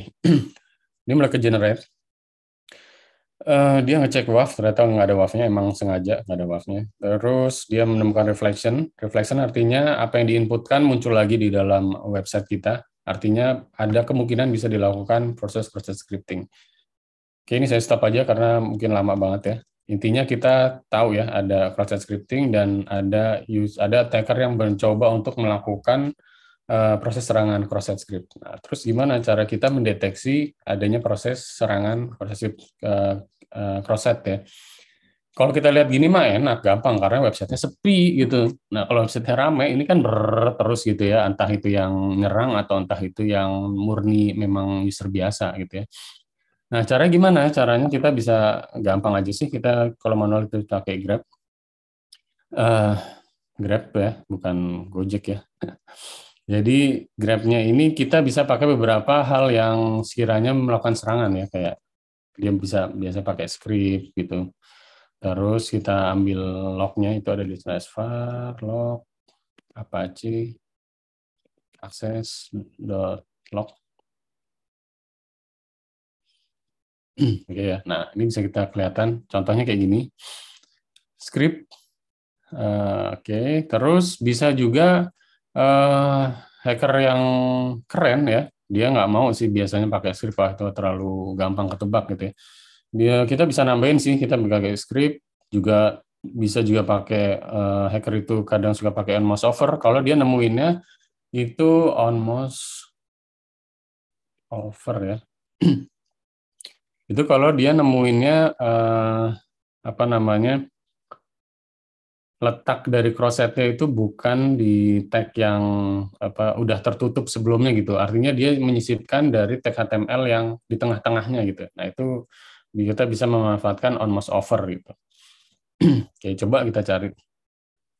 Ternyata nggak ada ya on mouse over, nggak ada, nggak ada yang pakai. Tapi belum tentu sih. Bisa aja dia melakukan semacam uh, obfuscate ya jadi on mouse over itu dia coba berbagai macam bentuk ya, huruf besar, huruf kecil gitu ya, untuk menghindari yang namanya kayak gini gitu. Tapi kalau dari sisi firewall biasanya udah nyala sih. Oke, kita bisa ceknya pakai case insensitive. Kita coba lihat.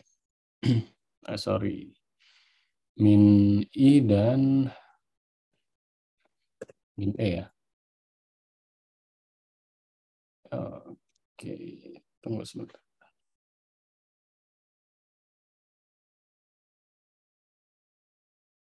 Okay. on oh sorry. On mouse ya salah ya? On mouse. Nah ini kalau kita lihat uh, dia nulis on mouse overnya nggak? Nggak ini ya nggak apa nggak standar gitu. Dia bikin huruf besar huruf kecil. Fungsinya apa? Fungsinya buat ya buat meng, biasa buat nge-bypass sih. Nge-bypass rule dari firewall gitu ya. Nge-bypass uh, pas kita analisis log segala macam gitu Nah, tapi tetap bisa kelihatan. Tapi gimana caranya? Kalau dari sisi cross-site, sebenarnya kita nggak perlu panik duluan sih, karena ini juga masih belum tentu valid gitu ya. tapi kalau teman-teman udah melihat kayak gini ya, dia itu coba ngelakuin cross scripting di halaman yang sama gitu. Ada artinya gitu. Artinya apa? Artinya sebenarnya dia udah nemuin gitu celah yang kemungkinan bisa cross site, tapi dia masih belum nemuin nih cara cara ngebypassnya itu gimana gitu.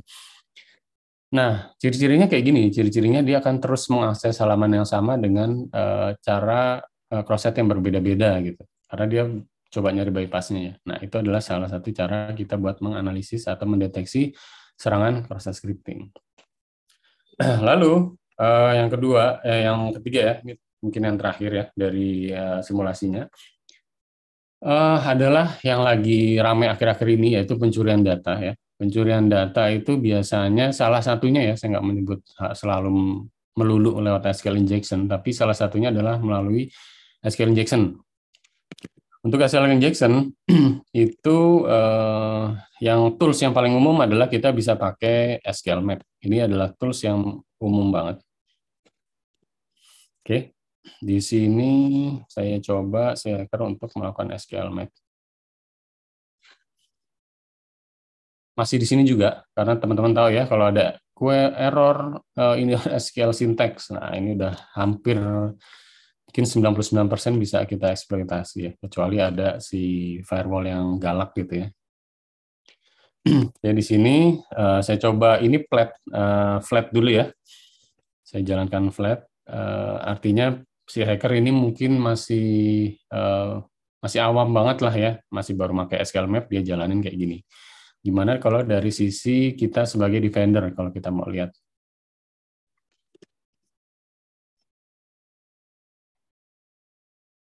Sorry, ini sebelumnya saya sudah pernah ngejalanin. Saya mesti flash session dulu.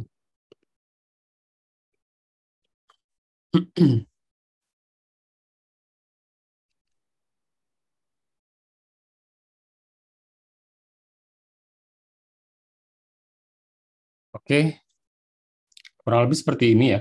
Nggak. Oke, saya nggak akan nunggu sampai selesai, karena mungkin lama banget nanti. Oke, ini kalau kita analisis hampir sama ya kayak dengan cross-site scripting ya. Itu yang pertama kita bisa lihat dari user agent-nya.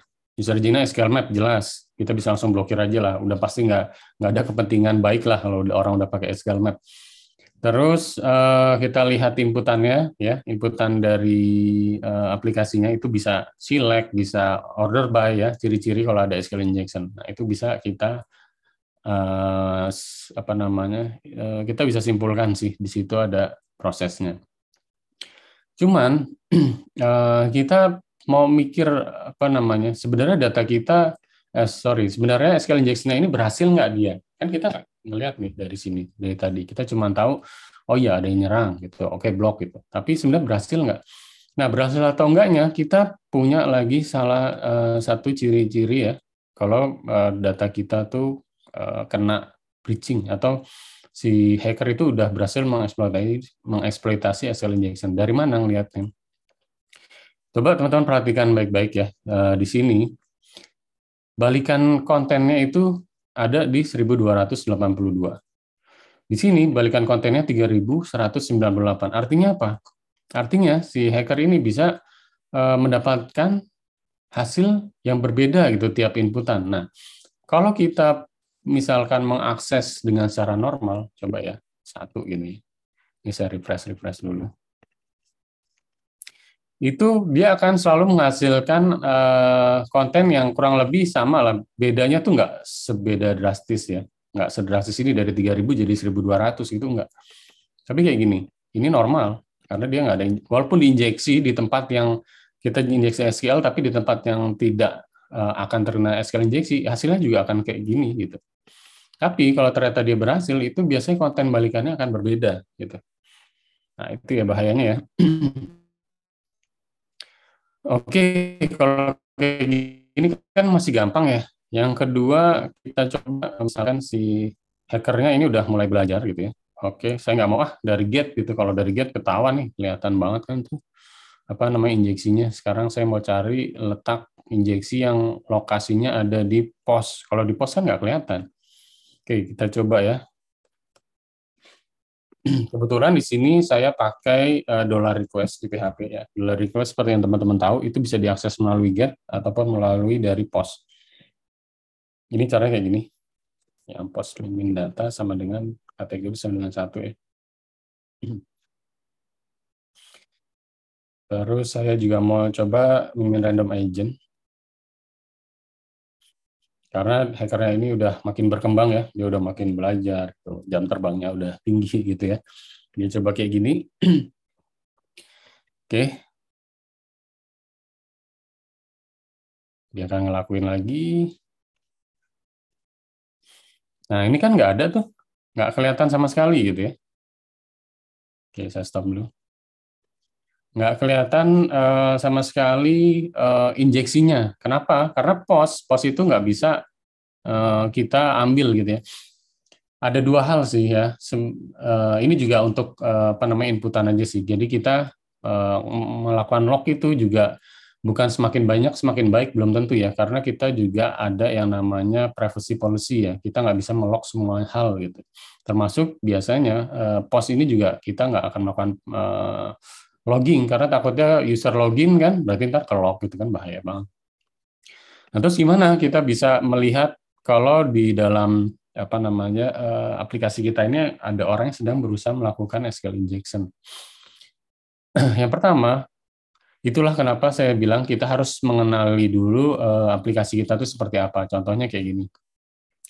Berapa banyak sih orang yang sebenarnya uh, suka banget ngakses kategori menu gitu berkali-kali gitu ya dalam waktu yang bersamaan ya. Nah kalau kayak gini aja kita udah cukup ngelihat juga kan uh, satu detik dia menghasilkan banyak request. Itu aja udah bikin kita curiga.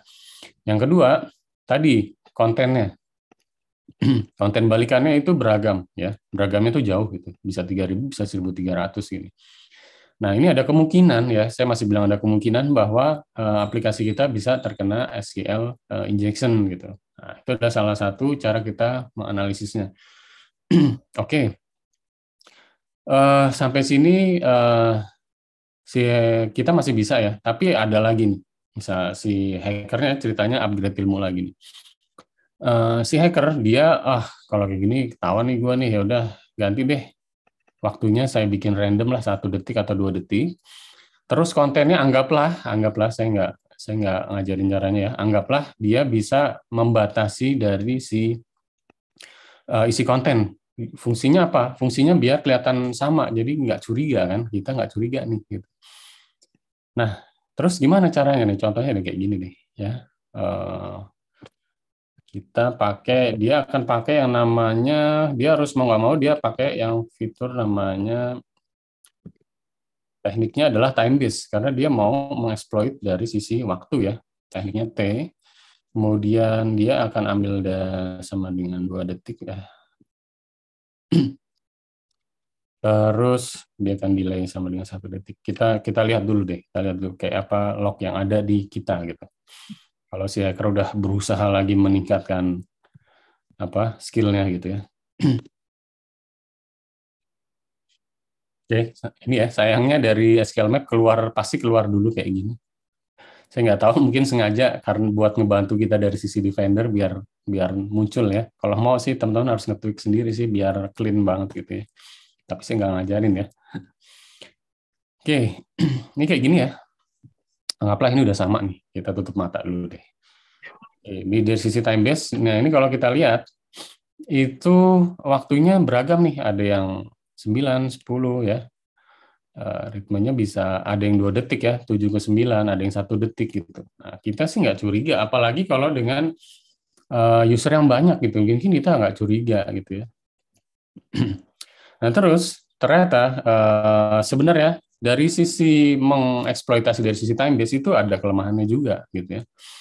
Kelemahannya adalah sebenarnya kita bisa melakukan ya menganalisis lebih lanjut itu dengan cara melihat berapa lama dia balikinnya datanya ya. Karena apa? Karena dia mencoba mengeksploitasi dari sisi waktu kan time uh, sorry uh, SQL tipe time base. Artinya ini tipenya blend blend SQL ya. Uh, contoh sederhananya itu gini penjelasannya si hacker ini melakukan SQL injection dengan cara uh, time base, di mana si hacker akan nyuruh nih server ya, kalau misalkan si server ini punya celah SQL injection time base, uh, si hackernya akan nyuruh kamu diem dulu dua detik ya, habis itu baru nampilin datanya. Nah kalau si server ini nurut ya, artinya dia akan diem dulu dua detik baru nampilin datanya. Terus si, si hacker nyoba lagi, kamu tunggu lima detik ya baru ngeluarin datanya. Dan lima detik kemudian si server uh, baru ngasih data ya. Biasanya kan kalau kita request data langsung keluar. Nah ini nunggu lima detik baru keluar.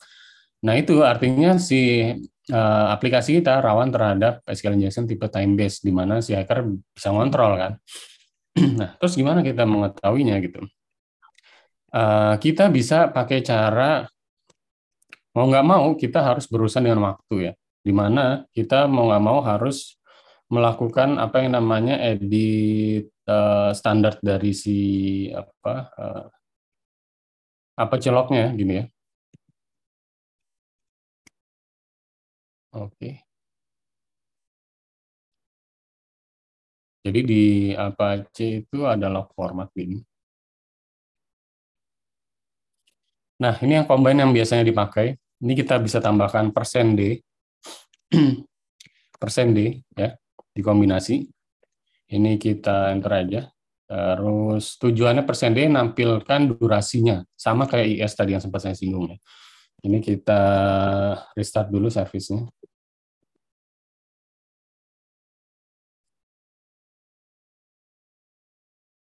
Oke, ini kita nyalain lagi telmin F-nya.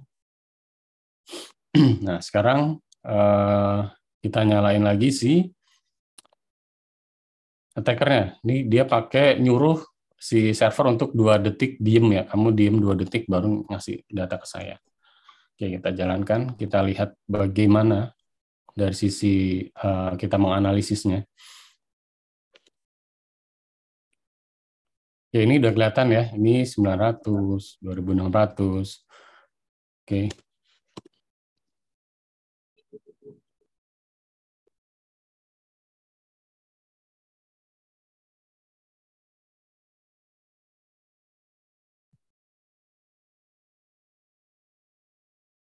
Nah, ini bisa kita lihat.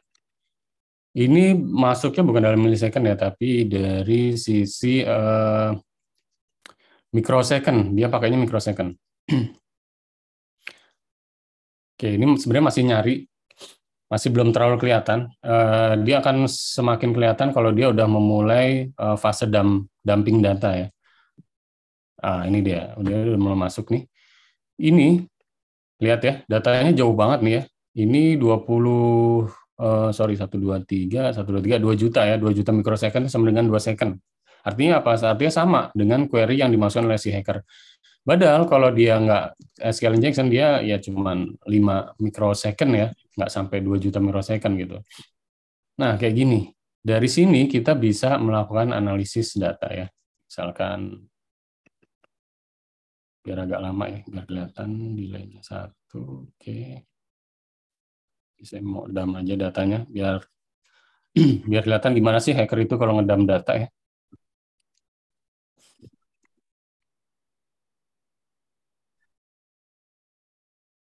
Punten Pak Arno waktunya dua menit lagi ya. Oke okay, oke okay, sorry sekali lagi ya. oke. Okay. Ya sebenarnya dari sini eh, kita udah bisa lihat tadi ya Eh, kita bisa lihat, kita bisa analisis ternyata memang uh, ada kemungkinan kita terkena blind SQL injection. Lalu langkah selanjutnya apa? Langkah selanjutnya adalah kita harus ngecek sendiri nih. Tapi kita udah sangat terbantu kan. Oh ternyata di dalam file atau dalam halaman kategori menu ini udah ada apa namanya uh, uh, SQL injection di dalamnya. Artinya kita akan coba untuk melakukan sendiri testing ya, pentest kah atau source code review gitu. Oke, saya kira cukup uh, demikian ya uh, presentasi atau webinar yang uh, bisa saya sampaikan. Selanjutnya saya kembalikan ke Mas uh, Isan. Terima kasih Mas Isan. Monggo. Oke, terima kasih banyak Pak Dimas. Mas ini luar biasa sekali untuk pemaparannya sampai ini kalau nggak dibatasi waktu sih kita bisa banyak banget ini dapat belajar terkait SQL injection, terkait proses scripting yang emang menjadi sebuah kelemahan ya Pak Dimas ya dari berpuluh-puluh tahun yang lalu juga gitu kan sampai sekarang masih menjadi sebuah kelemahan untuk bisa dilakukan hacking terhadap uh, website maupun application berbasis website. Oke, uh, untuk mempersingkat waktu kita langsung masuk ke sesi tanya jawab ya Pak Dimas ya. Silakan, silakan. Ini, ini sudah ada uh, du, tiga penanya ya Ya. Uh, dari eh, Pak Muhammad Irfan. Itu aplikasi konsolnya pakai apa ya? Monggo Pak Dimas. Ya, eh, sebenarnya konsol bisa apa aja sih? Kalau yang saya pakai ini saya pakai Termius. Ya, pakai Termius, eh, saya pakai Mac. Eh, ya cukup enak sih untuk eh, karena saya kan perlu banyak beberapa ini ya. eh, kalau di Windows kan ada eh, apa ya putih gitu ya atau apa itu biasanya kan harus satu persatu. Nah kalau di sini kita bisa langsung banyak beberapa tab sih, enak gitu. Namanya Termius. Oke, siap. Berarti Termius ya ini Pak Irfan. Luar biasa. Ini menjadi sebuah insight baru kalau menggunakan terminal biar bisa eh, lebih powerful seperti itu. Pertanyaan kedua adalah dari Pak Dani Ismarianto Ruhiat. Saya Dani dari Cimahi, izin bertanya, apa yang harus dilakukan untuk compromise server, server yang sudah dimasuki peretas, yang file lognya sudah dimodifikasi, IP address, timestamp, dan lain-lain di dalam log sudah dimodifikasi atau sebagian dihapus. Dengan kata lain sudah dilakukan covering tracks oleh peretasnya. Terima kasih. Wah ini luar biasa nih pertanyaan. Monggo Pak Dimas. Ya, oke. eh, ini masalah eh, pelik ya, karena ketika eh, si hacker itu udah sampai berhasil masuk ke dalam server dan bisa ngedit di dalam server ya, eh, kita mungkin ya kesulitan sebenarnya kita dalam membalikan datanya ya. Mungkin dalam beberapa kasus dengan tools itu bisa balik data datanya gitu ya. Tapi kalau saya lebih suka dari sisi preventifnya sih, karena ini karena tadi nggak sempat ya saya mau menjelaskan juga best practice loggingnya. Jadi di dalam best practice logging itu eh, sebenarnya kita menyimpan log itu nggak boleh eh, individu atau mandiri di dalam web server itu ya. Kita harus punya yang namanya cadangan atau backup lognya, bahkan lognya aja punya backup server sendiri gitu. Yang artinya kita bisa eh, matching sih eh, log yang ada di web server produksi kita dengan eh, log yang ada di server eh, backup gitu. Jadi kurang lebih seperti itu sih ya eh, jawabannya untuk log-log yang udah dihapus. Pertama emang kita coba untuk melakukan recovery apakah bisa? Sebagian besar sih pakai pakai pasti pakai toolsnya. Eh, kalau bisa lebih baiknya yaitu tadi dengan preventif tadi kita bisa kita menyiapkan backup log server. Nah itu penting banget sih gitu. Oke, luar biasa Pak Dimas atas jawabannya berarti menggunakan backup log sebagai preventifnya, tetapi jika memang itu sudah terjadi menggunakan tools seperti itu ya Pak Dimas Ya ya. mungkin dari Pak ini ya Mas Joshua mungkin lebih familiar lah dalam masalah recovery data gitu. Itu bisa mempertanyakan lagi. Oke, kalau dari Pak Dimas sendiri tools yang mungkin bisa menjadi rekomendasi ada nggak untuk eh, recovery terkait perubahan log yang tadi ditanyakan oleh Pak Dani? Ya, saya nggak ada rekomendasi sih karena apa? Karena eh, tiap eh, jenis eh, apa namanya hard disk itu kan bisa beda-beda ya. Dan itu tools-toolsnya itu bermacam sih. Kadang kita pakai tools ini jalan, terus eh, di satu sisi di kasus yang lain pakai tools ini yang jalan, tools yang ini gitu ya. Ya, standar sih eh, di Kali pun juga ada ya. Eh, kita kita kita kita bisa pakai backup backup recovery gitu sih. Gitu. Nggak ada saya saya nggak bisa merekomendasikan sih gitu. Karena beda-beda. Oke, berarti kondisional ya Pak Dimas Ya. ya. Oke, luar biasa. Ini kemudian sudah ada yang raise hand ini Pak Givari Kurniawan. Monggo, iya Pak Pak, Monggo. izin bertanya Pak. Bisa on cam mungkin jelas? Pak Givari tadi oh, kan? iya, iya, saya on cam ya. Yo, silakan. Nah, gimana jelas semua? Jelas Pak Givari. Iya, Hmm, Iya, saya jelas. mau bertanya ini Pak. Saya kan tadinya pelaku RTRWNet Pak, usaha RTRWNet eh, dengan menggunakan router mikrotik Pak.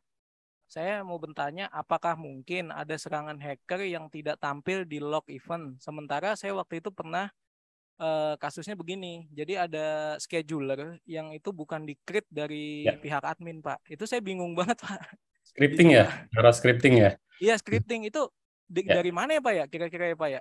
Eh, kebetulan saya juga pernah eh, ketemu kasih, Pak. kasus kayak gini ya. Ya, Iya, Pak. makasih pertanyaannya, menarik sih. Kebetulan saya juga pernah nemuin kayak gini nih, gitu ya.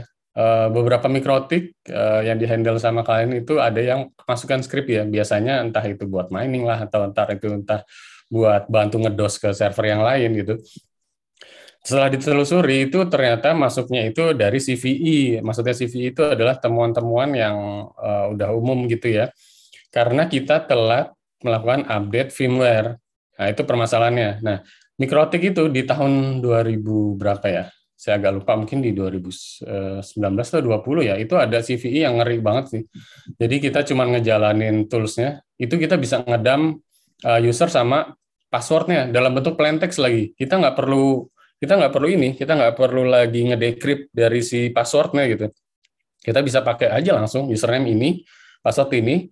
Nah, kenapa nggak kelihatan di log ya? Karena kelihatan di log kan eh, yang login user kita sendiri kan. Kita nggak ngelihat ada si user baru kah atau apakah. Nah, itu nggak kelihatan. Jadi dari situ sih mas, kemungkinan besar memang dari firmware kita yang kurang diupdate, gitu sih. Oke, luar biasa sekali Pak Dimas atas jawabannya. Mungkin dari Pak Givari, apakah sudah jelas atau ada Cukup pertanyaan jelas lanjutan? Pak. Kayaknya memang dari firmware-nya sih karena kan jarang sekali ya Pak untuk Benar. eh, melakukan update. Nah, udah Iya benar benar, udah saking nyamannya dengan konfigurasi kan males untuk konfigurasi ulang juga Pak. betul Iya, betul. Terima kasih Pak. Iya iya sama-sama Pak Givari. Oke, berarti ini kes solusinya adalah jika terjadi seperti itu ada dengan melakukan updating firmware ya, seperti itu ya Pak Betul. Dimas. ya. Betul. Tidak masalah reconfiguration gitu kan, yang penting datanya aman ya. Hmm. Kayak gitu Pak Givari. Karena ini ya bedanya NOC sama SOC ya. NOC itu mindsetnya atau network representer ya. Itu net eh, mindsetnya adalah eh, jaringan berjalan dengan lancar. Udah alhamdulillah banget gitu. Nggak ada trouble itu udah alhamdulillah. Nah SOC itu di atasnya lebih eh, di atasnya lebih eh, dikit ya. Eh, pertama berjalan dan yang kedua ada nggak sih yang anomali di dalamnya gitu. Nah itu eh, kerjaan si SOC-nya gitu. Makanya ya nggak heran sih kalau dari pihak NOC udah jalan ya udah nggak usah diupdate lah ngapain masih ada lagi kerjaan yang lain mungkin kayak gitu. sih. Oke, berarti emang sebetulnya itu menjadi dua ranah yang terpisah ya, Pak Dimas ya. Betul, betul. Harus ada yang saling membackup role tersebut. Ya. Luar biasa Pak Dimas. Ini satu pertanyaan terakhir dari Pak Vicky Mahendra. Izin bertanya buat Bapak Dimas, bagaimana identifikasi log server yang sudah diubah bahkan dihapus oleh hacker dan jika log dihapus apakah bisa direcovery? Mungkin ini sedikit Sama ya. Dani ya, tapi mungkin bisa dijelaskan kembali. Eh, ya intinya sih sama ya. Jadi kita akan coba untuk melakukan recovery dulu itu yang pertama. Gimana recovery-nya itu udah pasti kita pakai tools. Eh, banyak cara sih eh, sebenarnya. Makanya tadi saya bilang eh, kita bikin log itu nggak cuman satu aja di web servernya. Kan kita mengandalkan Apache-nya gitu ya. Bisa juga dari sisi eh, aplikasinya. Dari aplikasi itu kita bikin semacam audit trail gitu. Fungsinya ya untuk melog juga. Artinya nanti kita bisa melakukan mismatch gitu. Eh, log dari aplikasi sama log dari web server gitu. Nah, kalau ada salah satu di diedit itu kita bisa bandingin. Tapi saya akan eh, lebih apa eh, menyarankan lagi kalau kita punya eh, backup log server yang fungsinya tadi kalau ketika ada insiden kita bisa membandingkan lagi gitu. Gitu sih sama ya. Itu intinya gitu. Oke, siap. Terima kasih banyak Pak Dimas atas jawabannya. Mungkin ada eh, penanya lagi yang ingin ditanyakan langsung ke Pak Dimas bisa melalui fitur chat atau raise hand. Ayo, ini seru nih materinya terkait langsung weblog analisis. Untuk para developer ini menjadi ilmu baru ya. Bisa mendeteksi sebetulnya Pak Dimas ya dari Betul. sini. Ada yang mau bertanya lagi? Oke, kalau misalnya memang tidak ada dari Pak Dimas mungkin bisa memberikan closing statement ya terkait topik atau materi yang disampaikan. Oke, baik. Eh, gini ya, pada dasarnya eh, kita ya sebagai eh, pelaku ya pelaku usaha di bidang IT, terutama kita yang punya eh, web server atau kita punya aplikasi yang di dalamnya itu ada eh, ini ya, ada user-user yang harus kita amankan gitu ya. Pertama kita harus memiliki rasa bertanggung jawab sih. Pertama itu. Nah, gimana cara kita menindaklanjuti tanggung jawab itu?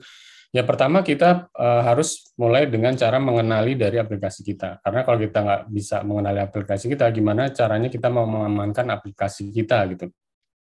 Nah setelah kita sudah uh, mengetahui aplikasi kita, selangkah selanjutnya ya adalah uh, preventifnya gitu. Preventifnya dengan cara ya tadi salah satu yang mungkin kita bisa melakukan pen test, kita bisa melakukan hardening, kita juga bisa uh, terakhir kita juga bisa melakukan uh, weblog analisis itu sendiri gitu ya. Jadi pada dasarnya kita harus mengetahui aplikasi kita kalau kita mau mengamankan aplikasi kita. Intinya itu. Itu aja Mas Isan.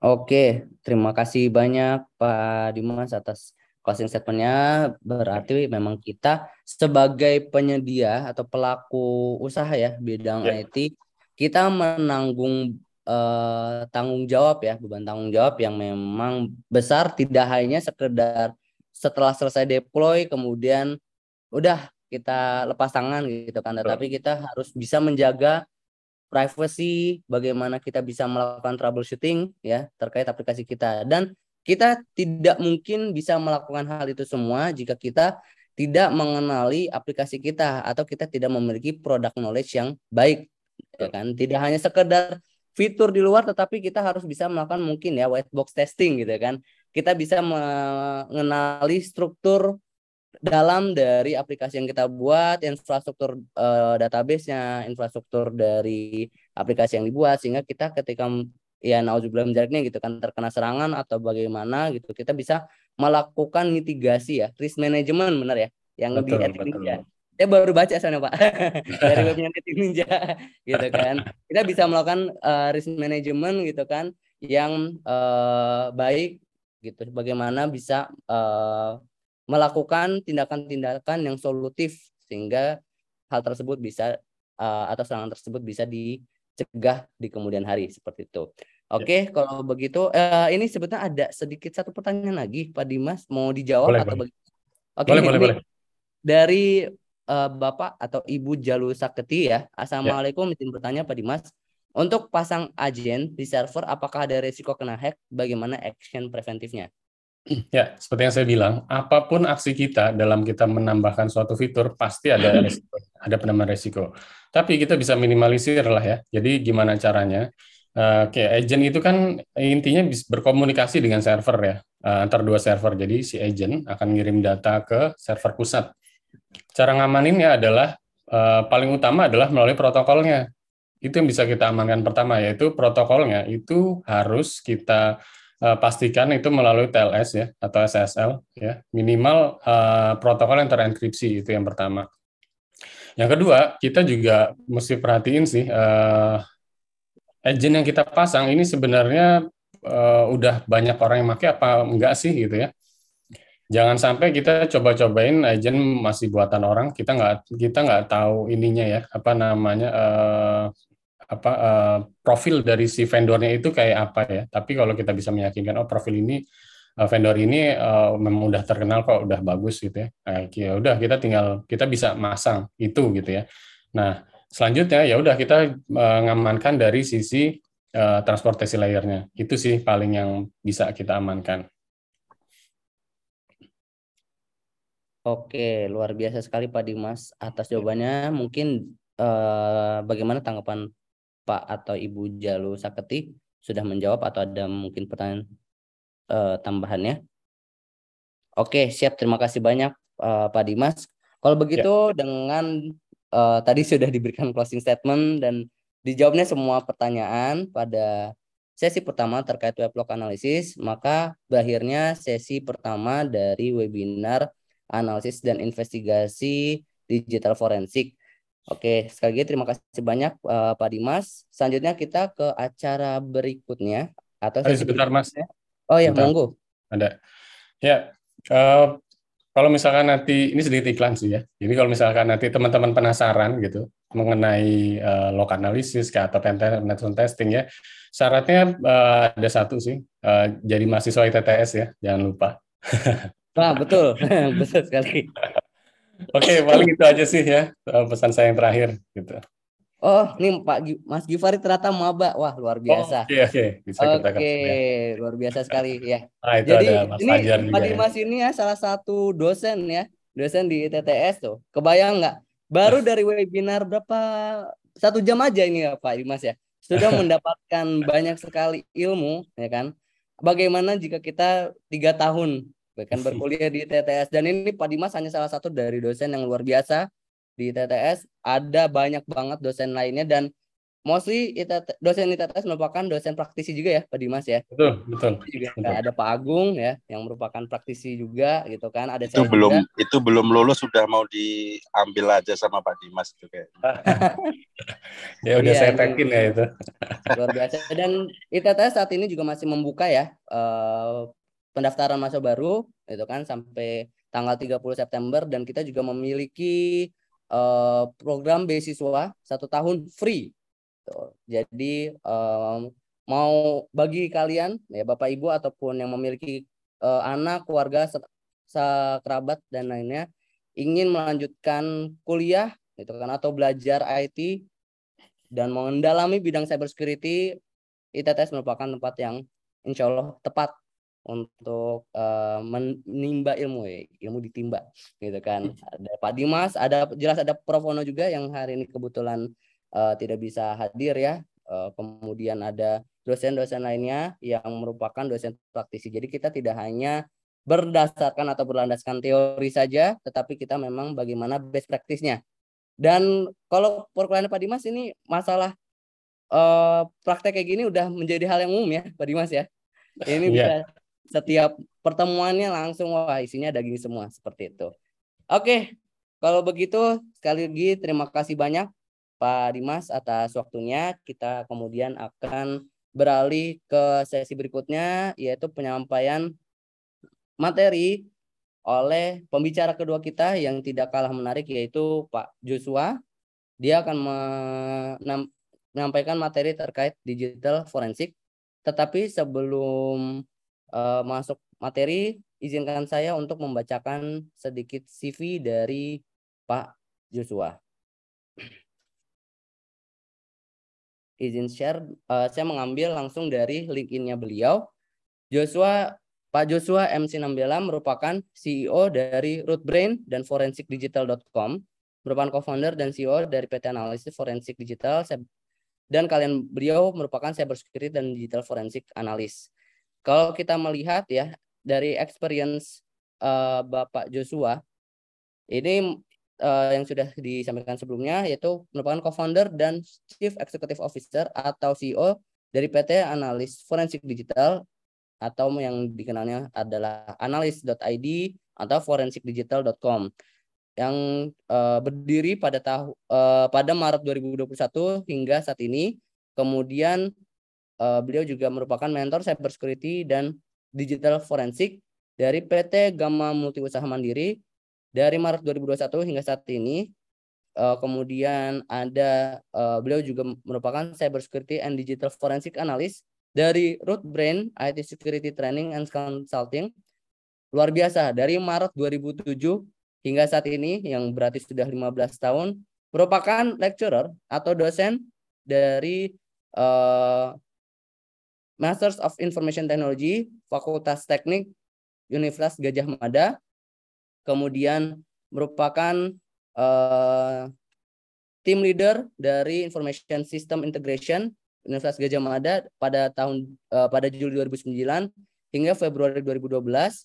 Kemudian Electrical Engineering Gajah Mada, Head of Unit System and Information Technology atau sebagai eh, bekerja sebagai Senior Network Support and System Network Administrator tahun Juni, eh, Juni 2002 hingga September 2008 dan juga Network Administrator dari Mei 2005 dan April 2008.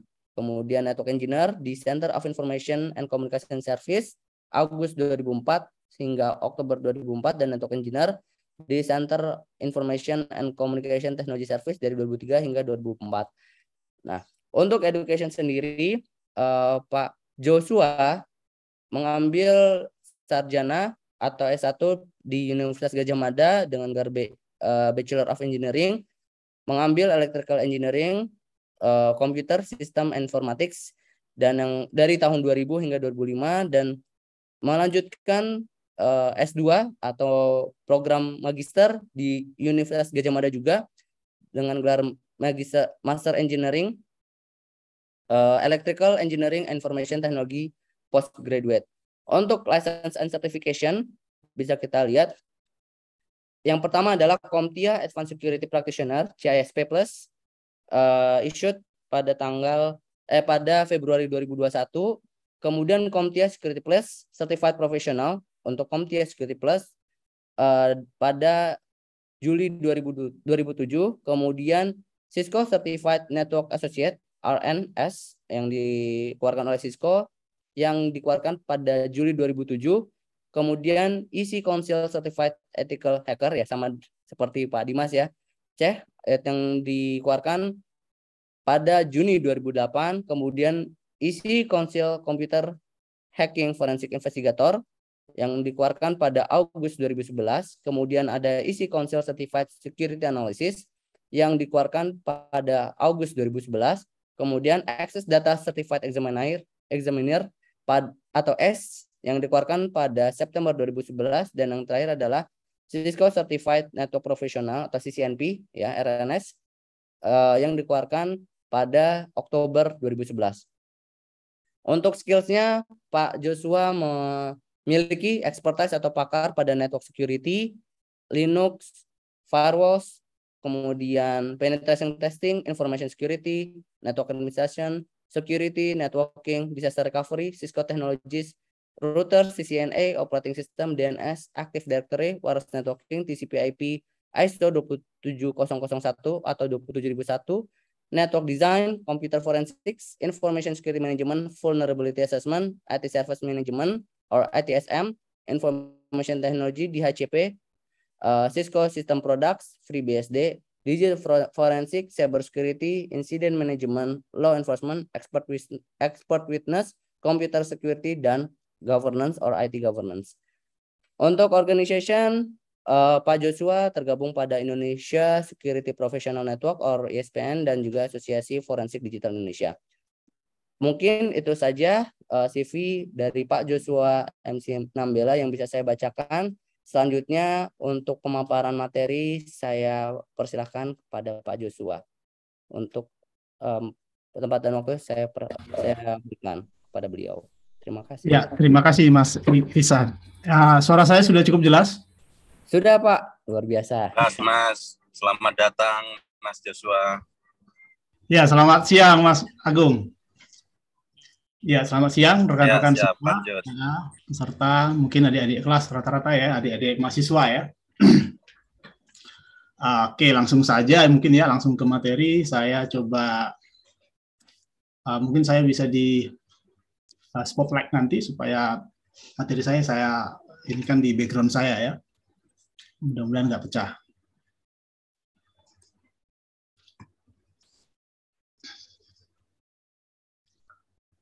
Sudah terlihat ya.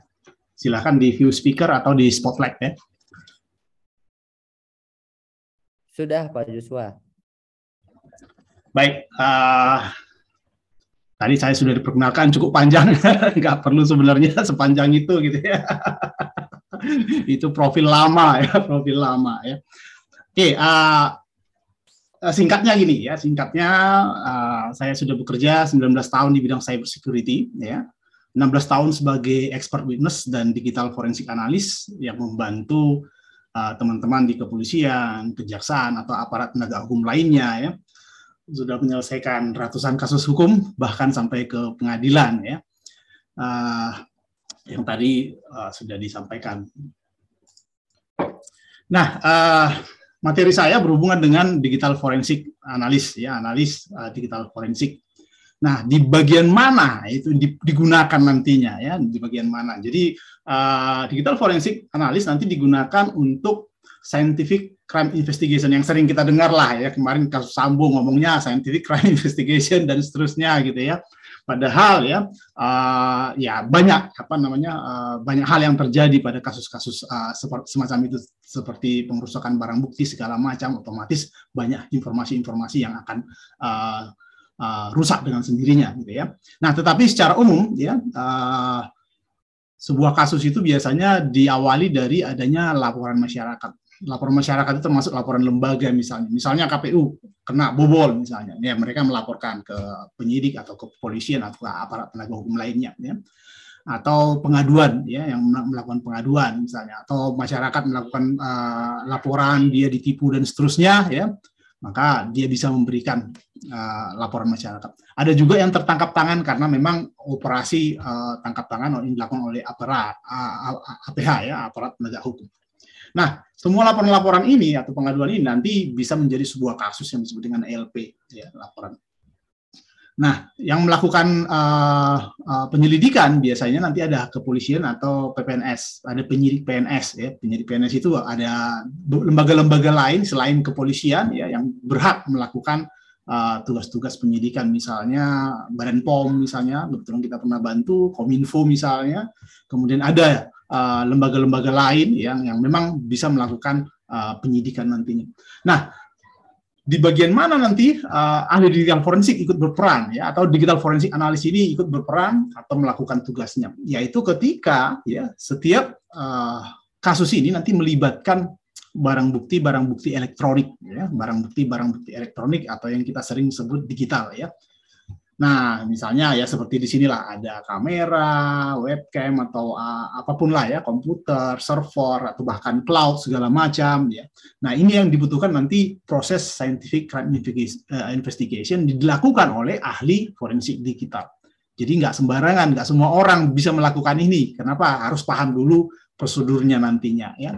Kenapa kalau dia keliru melakukan prosedurnya, misalnya dia langsung memeriksa di barang bukti aslinya, misalnya akhirnya rusak gitu ya, sehingga tidak valid nantinya dan bisa dibantah nantinya karena ada yang mengganggu informasi yang ada di barang bukti aslinya. Ya, jadi ada SOP-nya nantinya, misalnya nanti kita akan membuatkan imagingnya dulu atau mengcloning dulu segala macam lah ya. Nanti kita bahas lebih detail. Nah, outputnya, ahli digital forensik setelah melakukan pemeriksaan barang bukti, seperti misalnya di depan saya ini ada tiga barang bukti yang uh, kebetulan ditunggu oleh teman-teman dari kepolisian, uh, berupa handphone gitu ya, handphone yang uh, di, diminta untuk kita periksa, kita analisis dan seterusnya. Nah, uh, barang bukti itu nanti uh, setelah kita analisis, nanti kita mengeluarkan uh, sebuah report, namanya forensic report atau laporan pemeriksaan uh, atau BAP pemeriksaan digital forensik ya untuk barang bukti barang bukti itu ya. Biasanya kita apa namanya uh, kategorikan berdasarkan kasusnya nantinya ya. Satu kasus biasanya ya satu laporan gitu ya. Meskipun dalam satu kasus bisa aja melibatkan ada banyak uh, melibatkan ada banyak uh, barang bukti misalnya itu nggak masalah ya Nah, ini contoh-contoh proses penyelidikan di di kepolisian. Ya, ini contoh saya ambil dari Polda DIY karena kebetulan saya lebih uh, tinggal di sini lebih sering berkomunikasi dengan mereka ya. Kurang lebih hampir sama dengan uh, tadi ya. Nah, dasar kita sebagai ahli digital forensik itu adalah yang pertama di Undang-Undang ITE ya Undang-Undang ITE itu ada ada pasal yang menyatakan bahwa permintaan bantuan ahli ya jadi ini diatur bahwa penyidik dapat meminta bantuan ahli selama proses uh, penyidikan atau penyelidikan sebenarnya ya. Kemudian ahli apa yang disebut dengan ahli gitu ya. Di pasal 43 ayat 5 Undang-Undang ITE dinyatakan bahwa ahli adalah seseorang yang memiliki keahlian khusus di bidang teknologi informasi yang dapat dipertanggungjawabkan secara akademis maupun praktis. Jadi benar tadi ya eh, teman-teman kalau ingin eh, lebih mudah mempertanggungjawabkan eh, apa namanya kemampuan Anda ya ideally ideally dari program-program IT atau program studi IT seperti di TTS ya. Kemudian atau juga bisa juga pengetahuan praktis. Jadi memang nggak melulu akademis, tetapi itu lebih mudah dia punya akademiknya, dia punya praktisnya, lebih klop, lebih mudah dipercaya biasanya daripada hanya uh, praktisnya saja. Jadi nanti ketika misalnya Anda di sidang gitu ya, jadi ahli, padahal latar belakang Anda bukan IT, tapi dijadikan ahli IT. Meskipun Anda pakar, ahli segala macam di bidang IT itu gitu ya. Tetapi nanti di sidang pasti akan lebih banyak pertanyaan-pertanyaan menuju ke latar belakang anak. Latar belakangnya apa? Oh, sarjana ekonomi. Oh, sarjana hukum segala macam gitu ya. sama seperti Kominfo gitu ya. Di, dipertanyakan akhirnya sama oleh masyarakat atau bahkan uh, jaksa-jaksa yang ada di sana atau bahkan mungkin uh, penasihat hukumnya gitu ya. Nah, ini yang menjadi uh, idealnya harusnya klop ya. Sesuai bidangnya, sesuai dengan latar belakangnya dan sesuai dengan uh, ilmu praktisnya dia. Nah, kenapa butuh ahli khusus, namanya ahli digital forensik, ya, untuk melakukan pemeriksaan terhadap barang bukti barang bukti digital atau elektronik. Karena karakteristik dari bukti elektronik itu ya, berbeda dengan bukti-bukti lain. Kalau misalnya pembunuhan, oh ada pedangnya segala macam, itu uh, tidak sulit ya. Oh itu pedangnya bentuknya seperti itu segala macam gitu ya. Meskipun nanti ada alat forensik uh, fisika lain mungkin atau misalnya uh, apa namanya peluru dan seterusnya ya. Tetapi uh, itu kan sulit untuk dimanipulasi. Nah berbeda dengan bukti elektronik atau digital nantinya ya. Dia bersifat rentan atau fragile. Ya. Berubah satu bit aja bisa aja jadi menyatakan hal yang berbeda nantinya. Ya. Jadi ini yang membuat uh, dibutuhkan ahli khusus. Ya. Selain nanti untuk membaca, menampilkan informasi-informasi itu juga harus dibutuhkan ahli khusus. Misalnya, ya misalnya CCTV, CCTV ya. Kalau misalnya rekan-rekan melihat CCTV rata-rata banyak kasus-kasus yang berhubungan dengan yang tertangkap oleh CCTV gitu ya. Itu biasanya apa gambarnya bisa aja nggak kelihatan dengan jelas, plat nomornya nggak jelas, wajahnya nggak jelas gitu ya. Tetapi dengan uh, ahli forensik dia bisa melakukan enhancement dia bisa melakukan uh, teknik-teknik namanya super super resolution gitu ya mem membuat uh, lebih jelas nanti apa namanya fakta-fakta yang ada di gambar tersebut. Sehingga memang dibutuhkan ahli. Kalau orang awam cuma zooming zooming aja zooming zooming ya pecah gitu ya. Tetapi dengan teknik-teknik tertentu tanpa merusak tanpa mengubah apa pun sebenarnya dengan menambah filter-filter yang memang uh, bisa dipertanggungjawabkan gitu ya kita bisa menampilkan informasi yang yang orang awam biasanya tidak bisa lihat ya. Itu makanya ya mungkin terdiri ada perangkat keras ada software nanti saya tunjuk mungkin alat-alat saya gitu ya yang biasa digunakan untuk pemeriksaan digital forensik oke berikutnya ya. Jadi eh, apa yang harus kita jaga ya? Kenapa butuh ahli digital forensik tadi gitu ya? Nah yang pertama ahli digital forensik harus mampu nanti mem memastikan terpeliharanya integritas data. Jadi barang bukti itu begitu diterima, didapatkan, nah kita nggak boleh sampai merubah apa pun yang ada dalam barang bukti, terutama dalam memorinya misalnya, dalam media penyimpannya dan seterusnya. Bagaimana cara memastikan bahwa itu tidak akan berubah ketika kita akses atau ketika kita uh, mencoba melakukan pemeriksaan, analisis, ya. Nah ini yang harus dijaga, ya. Kemudian adanya personel yang kompeten, kompeten dari pengalamannya biasanya, ya, dari pengalamannya, pengalaman dan SOP yang memang dia sudah paham benar. Bagaimana sih kalau ada handphone misalnya menjadi barang bukti apa yang harus kita lakukan? Kita nyalakan dulu kita matikan dulu atau diapain gitu ya. Nah ini ada SOP-nya ada prosedur kemudian terpeliharanya chain of custody ya atau COC istilahnya ya. Chain of custody ini adalah perjalanan barang bukti ya. Atau istilahnya lacak balak gitu ya barang bukti ini sudah diperiksa siapa saja mulai disita itu ya ada biasanya berita acara penyerah terimaannya atau berita acara sita gitu ya sampai dibawa ke laboratorium forensik nantinya. Itu siapa yang bawa? Pernah dibuka-buka lagi enggak segala macam. Itu harus jelas ya. Makanya ini sangat penting ya. Karena banyak ya faktor nanti yang memungkinkan data-data itu berubah ya. Ketika dia nyalakan ternyata katakanlah masih online, masih connect, bisa aja dia format misalnya, bisa aja data-data yang lain masuk misalnya, atau berubah bahkan gitu ya, dirubah secara remote dan seterusnya. Nah ini yang harus kita jaga. Ya, jadi kita harus paham benar bahwa data ini tidak terkontaminasi sebelumnya. Ya. Sehingga uh, scientific crime investigation itu hasilnya benar-benar valid nanti. Kemudian kepatuhan terhadap regulasi. Jadi ada regulasi tadi seperti undang-undang ITE segala macam itu harus diperhatikan juga. Ya. Jadi apa namanya penyitaan barang bukti nggak se, se semena-mena gitu ya, karena dia polisi dia menyita sembarang nggak bisa juga, harus ada perintah dari pengadilan. Ya. Tapi kecuali tertangkap tangan ya, tertangkap tangan memang dia diizinkan untuk menyita itu. Tapi kalau misalnya eh, tanpa ujuk-ujuk gitu nggak ada bukti permulaan yang cukup dia langsung menyita nggak bisa. Biasanya meskipun akan menyita tetap harus dibutuhkan surat ya dari pengadilan. Kemudian ya, jadi eh, ada di dalam forensik nanti akan mengeluarkan tadi uh, laporan forensik digital namanya forensik report ya. Jadi ini sering disebut dengan berita acara pemeriksaan forensik digital atau pemeriksaan barang bukti elektronik. Isinya itu adalah temuan-temuan berupa fakta. Jadi tidak ada eh, opini di sana ya, tidak boleh ada opini. Di sana adalah menyampaikan fakta-fakta yang ditemukan yang berhubungan dengan kasus, ya, yang berhubungan dengan kasus. Contohnya misalnya kasus apa? Pornografi yang paling gampang lah. Ya, pornografi. Jadi bukti-buktinya mana? Ada nggak video pornonya? Gitu ya. Benar nggak dia yang ngirim segala macam? Kira-kira seperti itu yang dibuktikan. Oh ternyata dia yang ngirim. Oh ternyata ada videonya, tapi tinggal historinya, jejaknya atau tinggal case-nya, meskipun karena sudah terhapus katakanlah. Ya. Nah ini ini uh, yang akan kita laporkan. Kita tidak tidak uh, apa namanya ahli digital forensik tidak boleh, melakukan opini dalam uh, laporannya. Ya. Dia hanya mengungkapkan fakta-fakta yang ada yang didapatkan dari memeriksa barang bukti elektronik tersebut. Kalau ada kesimpulan atau ada ada opini di sana itu tidak lagi laporan forensik, tetapi itu adalah keterangan ahli atau expert witness. Nanti biasanya di di sidang itu boleh beropini ya. Ketika diminta pendapatnya oleh ahli eh, oleh hakim gitu ya. Nah ini ber, berbeda ya. Ahli digital forensik biasanya di belakang uh, layar di hanya di laboratorium gitu ya. Tetapi ketika dibutuhkan apa namanya menjelaskan hasil pemeriksaannya boleh saja dia nanti diminta ke persidangan ya. Hanya biasanya ya yang diminta ke persidangan adalah ahli eh, keterangan ahli atau expert witness ya. Bukan uh, laporan forensik ya. Nah, apa saja yang dimaksud dengan alat bukti yang sah nanti? Ya, karena digital forensik ini lebih erat untuk saat ini, gitu ya. Untuk saat ini, kebanyakan kasus itu berhubungan dengan ketika akan masuk ke pengadilan atau ke kasus, kasus hukum, gitu ya.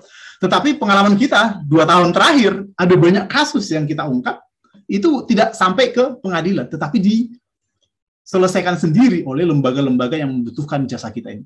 Ya ada lembaga-lembaga apa namanya uh, seperti kampus atau perusahaan corporate mereka yang memutuskan oh ini pegawainya melakukan kesalahan atau tidak?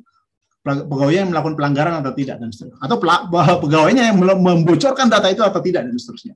Nah ini yang kita bisa buktikan. Tapi uh, mayoritas biasanya alat bukti yang sah, yang sah maksudnya di pengadilan nanti untuk keperluan hukum, itu sesuai dengan KUHP pasal 184 ayat 1 menyatakan alat bukti yang sah adalah keterangan saksi, keterangan ahli, keterangan ahli nanti expert witness tadi yang di pengadilan, surat atau laporan forensik, laporan forensik. Jadi surat ini di, di kita digital forensik itu sebagai laporan pemeriksaan digital forensik itu salah satu bukti yang sangat kuat nanti.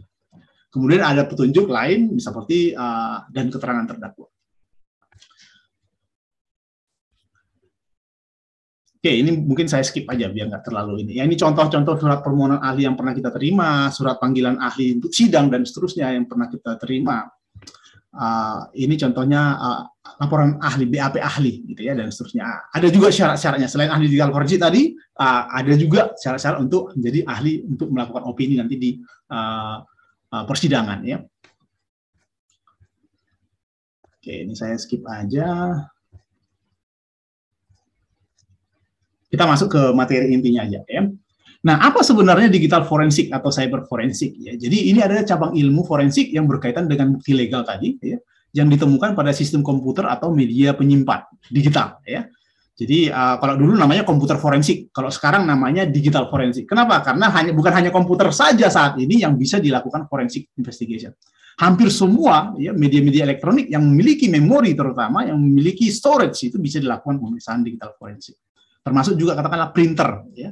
Termasuk juga uh, televisi ya smart TV ya dan seterusnya. Itu bisa saja ya. Atau hat, uh, STB STB katakanlah anda berlangganan apalah STB dari uh, First Media atau uh, IndiHome atau apa pun lah itu ya dari provider itu kadangkala uh, ada kebutuhan untuk melakukan forensik. Pengen tahu apa yang ditonton sebelumnya dan seterusnya. Itu bisa diforensik juga ternyata ya? dan kita pernah melakukan itu Nah, digital forensik juga merupakan penggunaan teknik analisis, investigasi untuk mengidentifikasi, untuk menemukan, menemukan bukti itu sebenarnya. Ya. Jadi kalau misalnya kasus-kasus uh, pencurian data, ya, ada nggak data itu di dia? Kalau nggak ada, berarti nggak bisa kita buktikan. Belum tentu bisa kita buktikan, gitu ya. Nah, atau pornografi, ada nggak video itu? Ya, ada nggak gambar itu dan seterusnya? Ya disimpan dia. Ketika misalnya ada, berarti nah, itu petunjuk yang sangat kuat. Nanti kita lihat apakah dia yang mengirimkan, apakah dia yang membuat, apakah dia yang menerima saja dan seterusnya. Nah, kemudian bisa juga untuk mengumpulkan, mengumpulkan data-data supaya nanti di ada ahli lain mungkin yang akan menjelaskan itu. Misalnya laporan keuangan segala macam. Ya, sering kita kerjasama dengan teman-teman di pajak juga gitu ya. Dia laporan keuangannya. Di aplikasinya seperti ini yang dilaporkan di pajak seperti ini misalnya ya. Kemudian uh, memeriksa atau menyimpan bukti informasi pada sistem komputer atau media penyimpan dengan uh, standar dokumentasi tertentu. Jadi uh, di sistem komputer atau di sistem perangkat elektronik data-data itu berbagai cara disimpan atau di apa disembunyikan bisa saja gitu ya.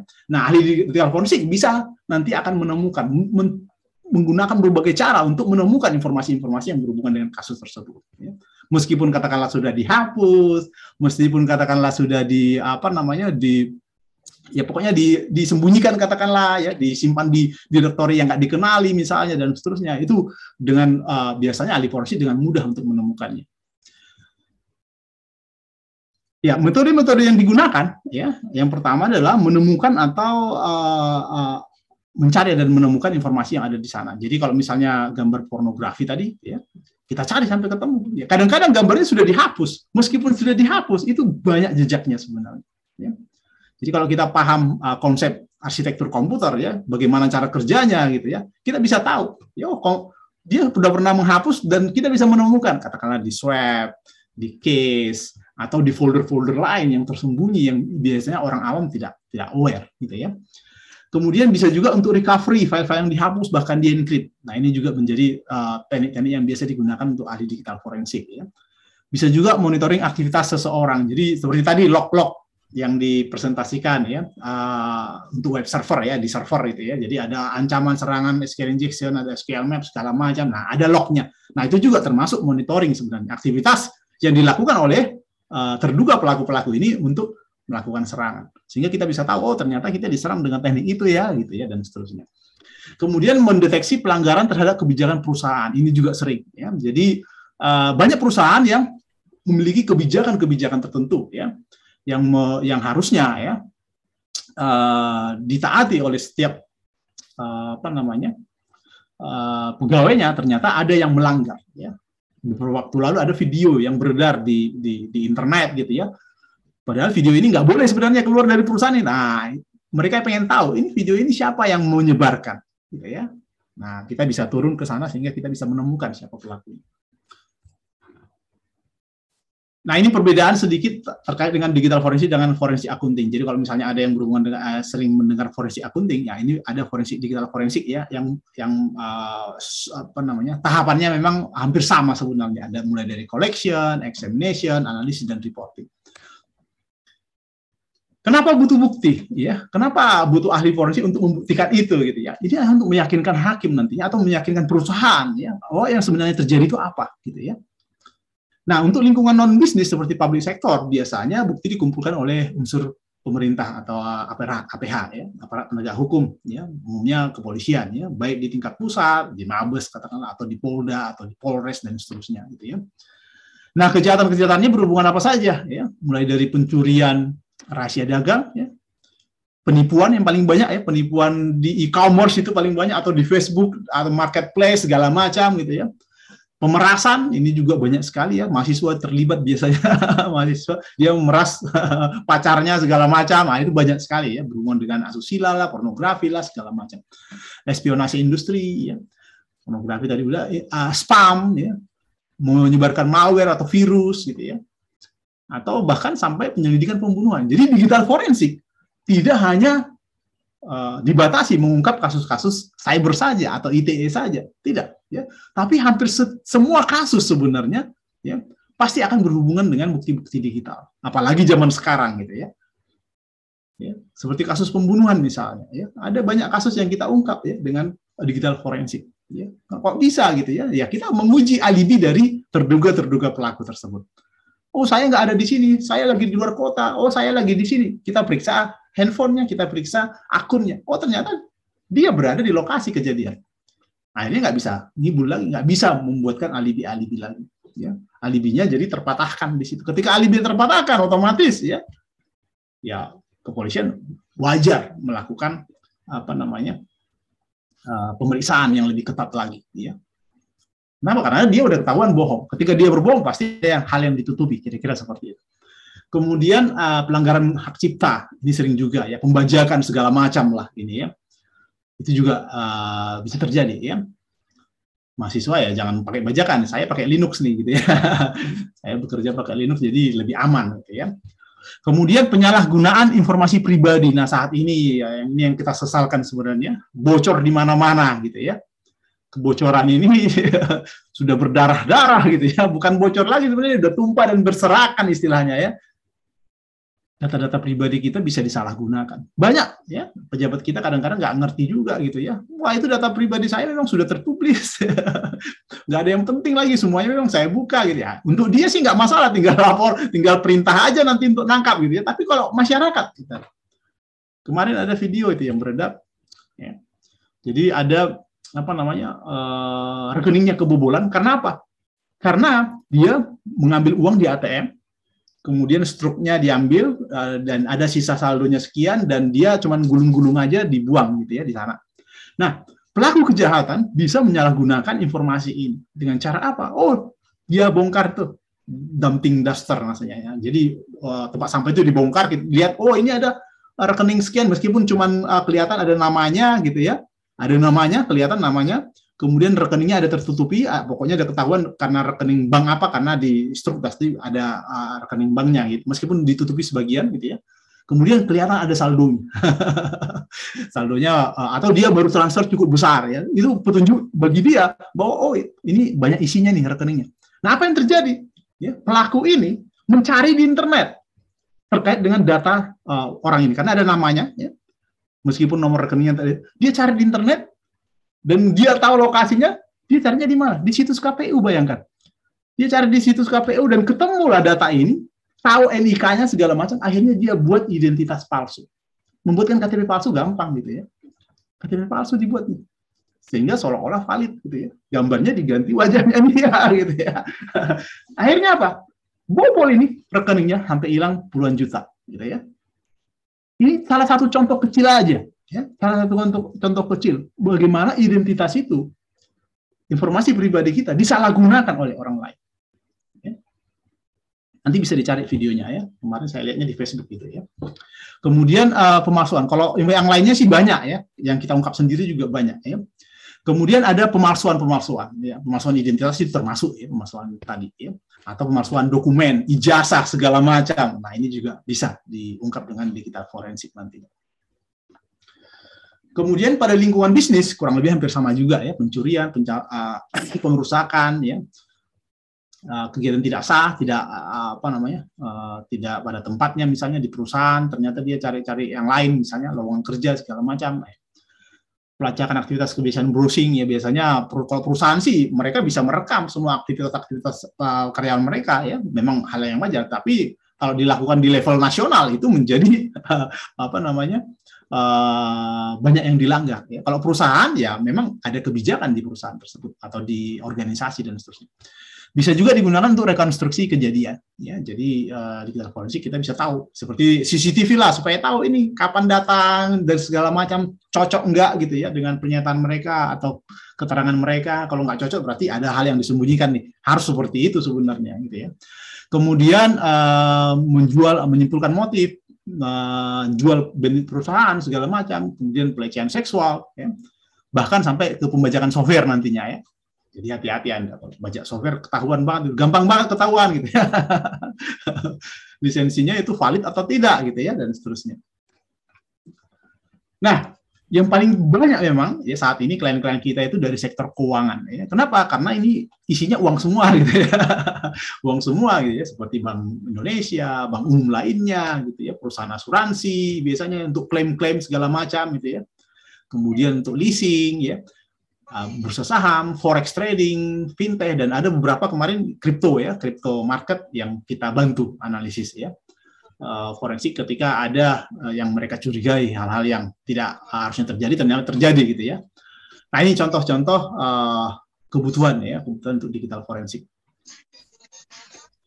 Siapa saja yang menggunakan digital forensik ya, jadi nanti biasanya penegak hukum karena memang kebutuhan mereka wajib gitu ya. Hampir semua bukti-bukti digital sekarang nggak boleh lagi hanya di uh, apa namanya hanya dilampirkan sebagai apa print outnya segala macam nggak bisa semuanya harus ada laporan pemeriksaan digital forensiknya.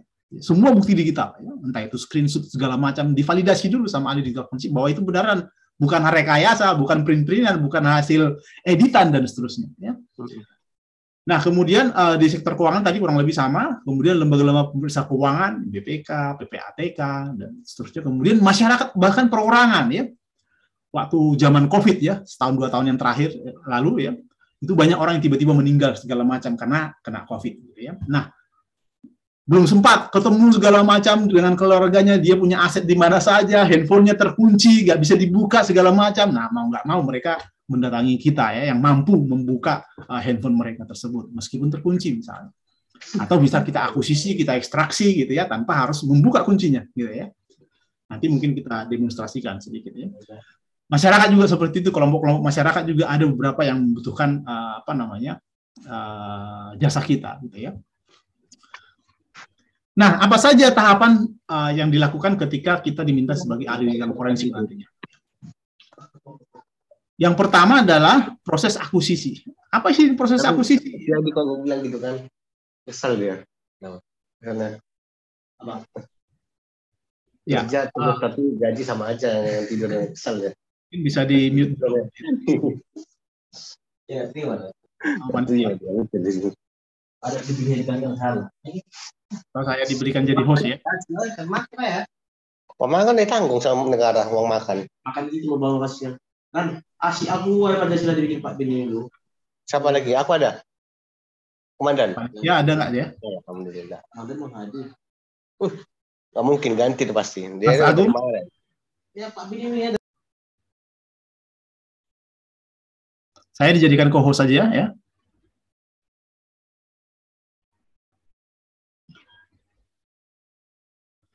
Ya, saya lanjutkan. Kemudian eh, proses identifikasi. Ya, identifikasi data-data apa saja yang harus kita pulihkan atau kita tampilkan nantinya ya, sesuai dengan kasusnya nantinya. Kemudian eh, evaluation ya, evaluation. Jadi kita analisis nantinya ya, oh mana bukti yang relevan dengan kasus tersebut dan seterusnya ya. Kemudian eh, presentasi, dipresentasikan biasanya di sidang maupun di eh, rapat-rapat misalnya apa namanya eh, rekonstruksi segala macam lah gitu ya nanti bisa dikasih tunjuk ya. Nah kebutuhan pengetahuan apa saja yang harus anda kuasai nantinya ketika anda ingin menjadi ahli digital forensik ya. Ini fundamental sekali. Anda harus benar-benar paham hardware karena hampir semua barang bukti elektronik itu ya hardware, ada fisiknya gitu ya. Dan harus tahu cara kerjanya. Oh ini perangkat ini ada memorinya nggak? Memorinya di mana? Berupa apa? Ya, harus tahu. Ya. Ada yang bisa dicopot-copot nggak? Seperti hard disk di laptop gitu ya dan seterusnya gitu ya. Atau memori eksternalnya, MMC, kamera misalnya memorinya di mana? Jangan sampai nggak ngerti juga mana memorinya gitu ya. Router juga kurang lebih sama. Ada memori compact flash segala macam gitu ya. Nah, itu hardware ya. Harus tahu juga bedakan mana router, mana yang ada memorinya, ada yang enggak gitu ya. Switch itu kan ada yang enggak ada storage-nya gitu ya, tapi ada juga yang ada storage-nya misalnya. ya. Kemudian harus tahu basic input output ya. Bagaimana cara kerja uh, ketika pertama boot dan seterusnya gitu ya. Bagaimana membypass uh, uh, apa namanya storage-nya gitu ya atau proteksi-proteksi yang ada di perangkat tersebut. Kemudian kita juga harus memahami benar cara kerja dari sistem operasi ya. Jadi Anda tahu ya uh, sistem multi sistem operation ya, banyak sistem operasi. Jadi mulai dari Windows, Linux, Mac, segala macam itu harus benar-benar Anda pahami cara kerjanya juga, bagaimana cara membypassnya masing-masing. Kalau ketika passwordnya ke kunci, kira bisa bisa di bypass nggak ya? Seperti Linux kan masuk Linux single atau masuk ke shell segala macam lah gitu ya. Termasuk juga Windows ya, kita bisa recovery misalnya uh, uh, passwordnya, file share-nya segala macam gitu ya. Nah ini yang harus kita harus pahami dulu. Ya. Kalau kita nggak menguasai itu, nanti akan kesulitan melakukan investigasi atau melakukan uh, proses-proses acquisition. Ya. Kemudian software, ya. software ini juga kita harus punya. Ya. Harus paham juga cara kerja setiap software. Jadi kalau misalnya dulu kasus pertama saya yang berhubungan dengan digital forensik itu adalah kasus-kasus yang berhubungan dengan forex trading, ya. Forex trading, gimana sih cara kerja forex trading? Mau nggak mau saya harus belajar. Harus pelajari gitu ya software yang digunakan itu seperti apa. Disimpan di mana lognya? Disimpan di mana? Meskipun dihapus kita bisa recovery nggak? Dan seterusnya. Nah ini ya. Jadi harus tahu benar. Misalnya yang diinvestigasi itu adalah database ya. Harus tahu software database ini cara kerjanya bagaimana? Menyimpannya di mana gitu ya? Konfigurasinya seperti apa? Kalau dienkripsi bagaimana? Mendekripnya dan seterusnya. Ya. Seperti misalnya ya WhatsApp gitu ya WhatsApp ya WhatsApp itu ada enkripsi ada DB crypt-nya itu bisa dibongkar nggak kira-kira? Nah, kita harus paham cara kerja dari software tersebut. Ya. Kemudian ada forensic tools yang biasanya menjadi alat kita, ya, tool kita, ya, andalan kita untuk mem- memudahkan kita melakukan analisis maupun melakukan ekstraksi. Ya. Nah, ada software-software biasanya untuk komputer ada namanya forensic toolkit atau FTK. Ya. Kemudian ada Ncase, ya, itu untuk komputer forensik. Ya. Kemudian untuk mobile forensik biasanya ada namanya Celebrate, ya, Mobile Edit, XRY dari MSAP dan seterusnya. Ada banyak sekali, ya, ada ribuan mungkin ya software-software forensik ya ada yang proprietary, ada yang open source nantinya. Ya. Kemudian ketika kasus itu berhubungan dengan cyber security, Anda harus punya ya, ya, keahlian di bidang cyber security. Karena nggak mungkin Anda bisa menganalisis ketika Anda nggak tahu uh, kronologinya atau bagaimana cara kerja dari pelaku-pelaku kejahatan tersebut. Ya ada namanya blue team, red team, bahkan purple team. Jadi kita tahu peranan mereka masing-masing atau bahkan hackernya pelaku-pelaku kejahatannya. Gitu ya. Tahu kelemahan dari sebuah sistem sehingga dengan mudah kita tahu oh ini dari SQL injection, oh ini dari cross site scripting karena akun dia saja yang dicuri misalnya. Atau dengan local file inclusion, remote file inclusion atau apa pun lah gitu ya, banyak teknik-teknik yang lain. Atau dengan replay attack karena memang kelemahannya masih bisa di replay attack dan seterusnya termasuk juga wireless ya nantinya ya. Kita harus paham benar cara kerjanya sehingga kita bisa melakukan uh, analisis dengan tepat. Ya.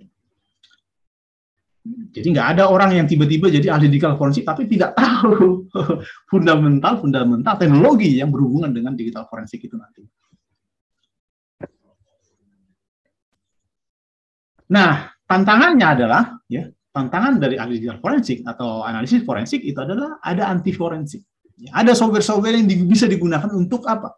Untuk membatasi, mempersulit, untuk menemukan alat bukti uh, atau merusak alat bukti tersebut. Ya.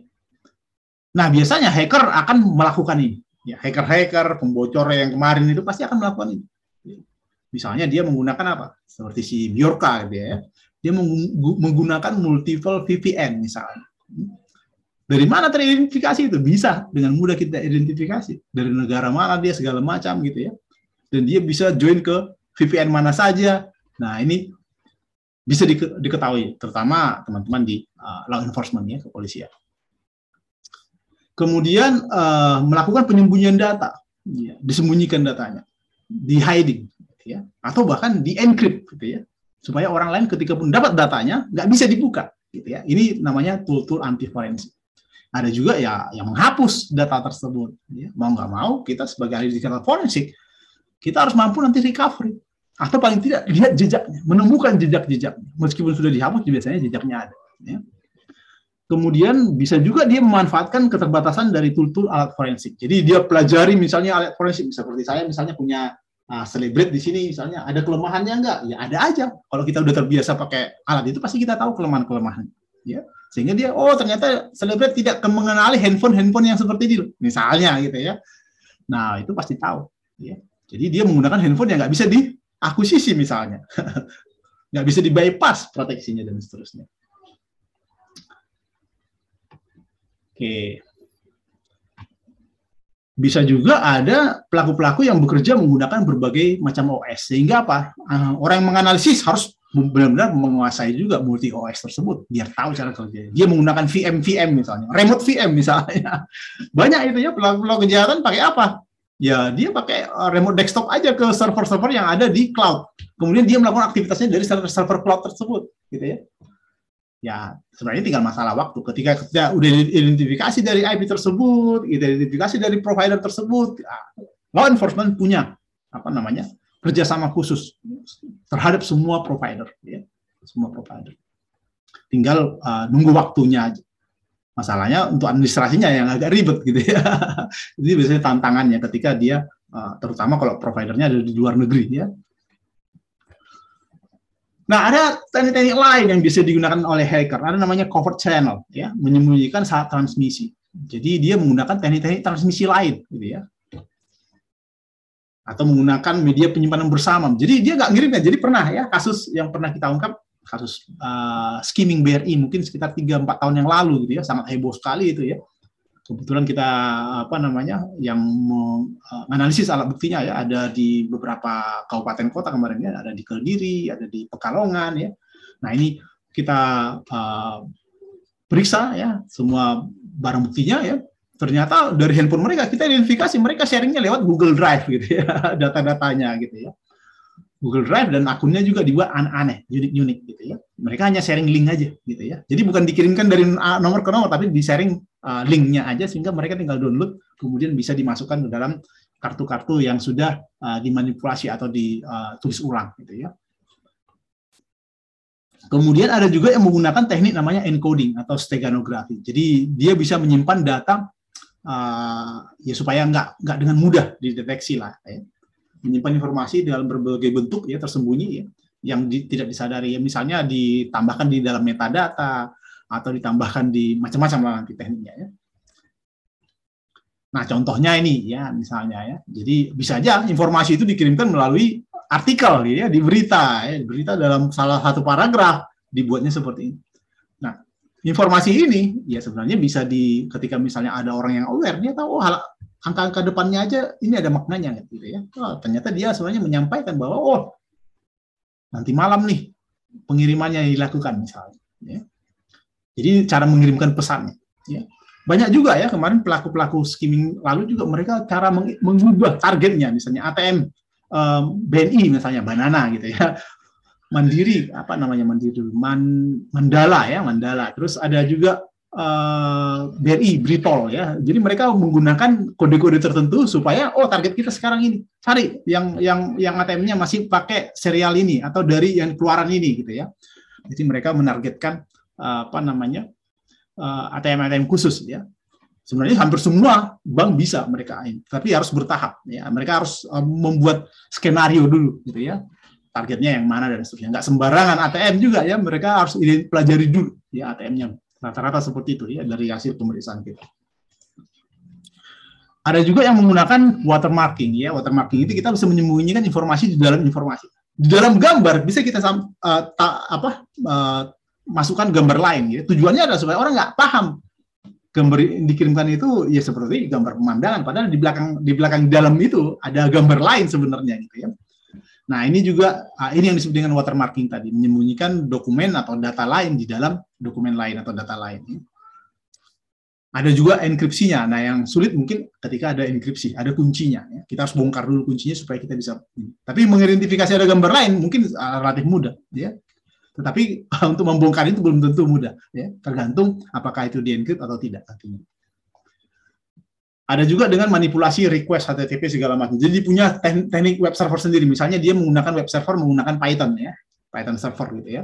Nah itu cara requestnya bisa aja diganti, bukan menggunakan browser aksesnya ya, tapi menggunakan teknik-teknik lain. Supaya apa? Supaya komunikasi mereka tidak dengan mudah diidentifikasi dengan tidak dengan mudah bisa di uh, intercept misalnya ya, atau dimonitoring.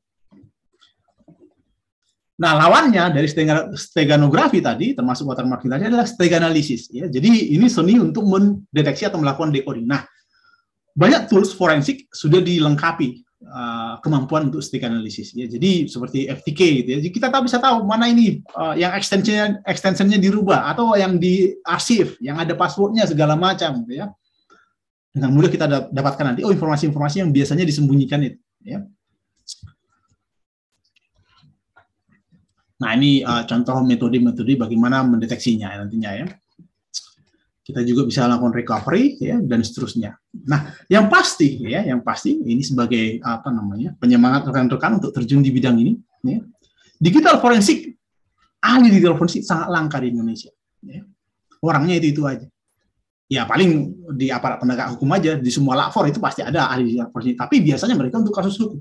Nah, bagaimana kalau kasus-kasus yang bukan non hukum misalnya? Nah ini masih langka, jarang. Ya. Nah itu makanya uh, Anda kalau misalnya tertarik bisa terjun di bidang ini, ya. karena kebutuhannya itu sangat tinggi.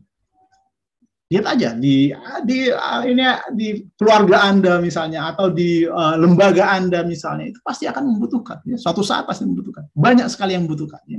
Karena ada banyak kasus-kasus kecil nanti yang ingin diverifikasi. Ini valid atau tidak? Ini hasil tampering atau tidak?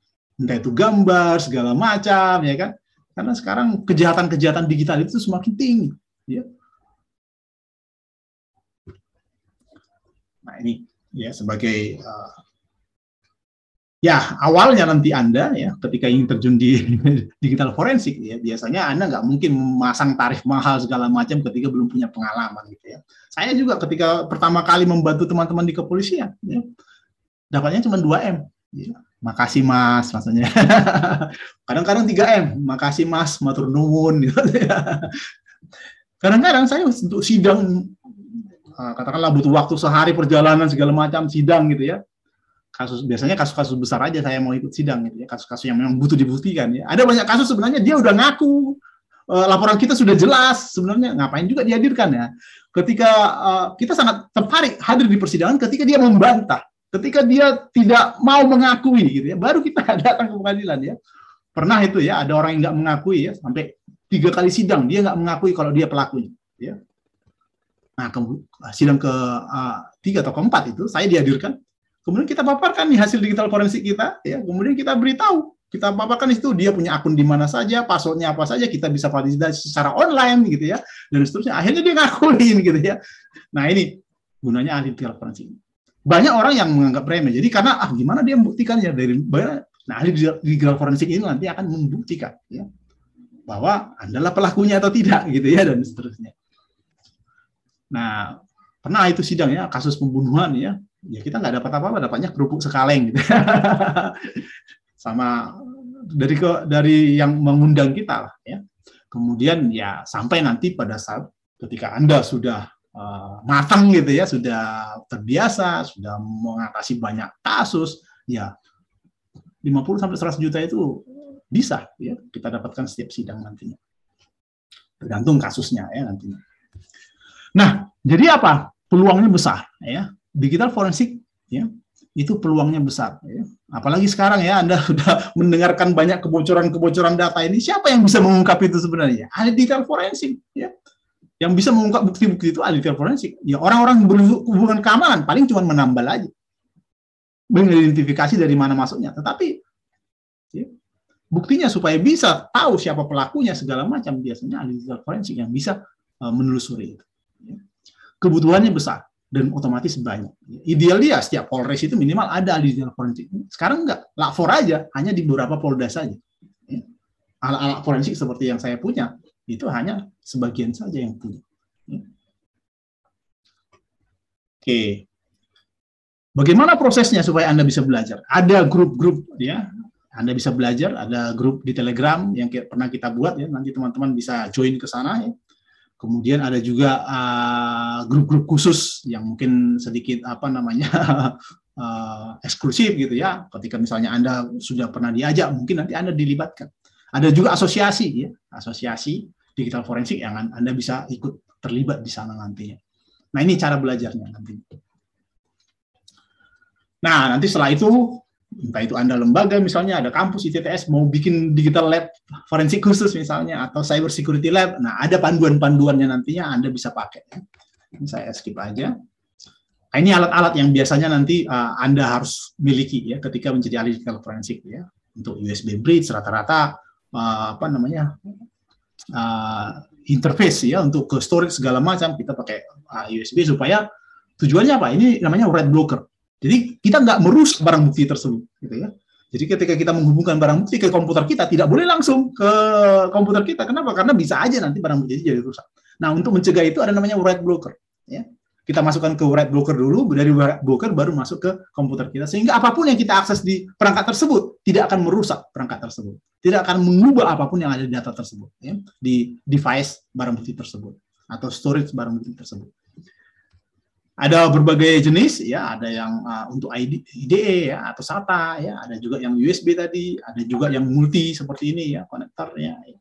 nah kebetulan kita punya ya ada banyak punya kita ya nah kemudian untuk membawa barang bukti untuk chain of custody segala macam tadi uh, melakukan uh, preserve uh, barang bukti tersebut supaya nggak rusak gitu ya nah biasanya kita masukkan dalam Faraday bag ya Faraday bag ini tujuannya supaya tidak ada sinyal yang masuk gelombang elektronik nggak ada yang masuk segala macam gitu ya nggak handphone itu meskipun nyala, dia nggak akan bisa berkomunikasi ke mana-mana. Ya. Nah ini alat-alat untuk mobile forensik. Ya. Nah ini saya contohkan di depan saya. Ya. Perangkatnya uh, Celebrate. Ya. Jadi di sini Anda bisa uh, melakukan akuisisi dengan perangkat ini ya. Ini perangkat andalan di uh, APH biasanya ya, di kepolisian, di Mabes, di lapor atau laboratorium apa pun ya. Biasanya kalau Anda punya barang bukti apa gitu ya, mobile devices ya, SIM card-nya bisa kita clone dulu ya atau kita ekstraksi, bisa mass storage, bahkan drone ya. Drone itu banyak juga ya, seperti drone apa saja ini ya. Ada biasanya pakai G atau drone-drone yang bagus lah yang yang yang, yang uh, umumnya memang memiliki uh, sering disalahgunakan juga gitu ya untuk memata-matai orang lain. Kita bisa tahu nanti sejarahnya dia lari ke mana segala macam, koordinatnya dan seterusnya. Berhenti di mana segala macam itu ada historinya. Ya. Nah yang paling sering memang mobile devices. Mobile devices dia mensupport nanti hampir semua jenis devices. Ya. Nah, misalnya berdasarkan vendor. Ya. Nah, semua vendor apa pun ada di sini. Ya. Semua vendor mobile. Ya. Jadi dia mensupport puluhan ribu jenis mobile. Ya. Nah, seperti itu. Atau kita bisa juga menggunakan, oh tinggal dicari misalnya ya. Nah, kalau misalnya Anda punya Samsung misalnya. Samsung.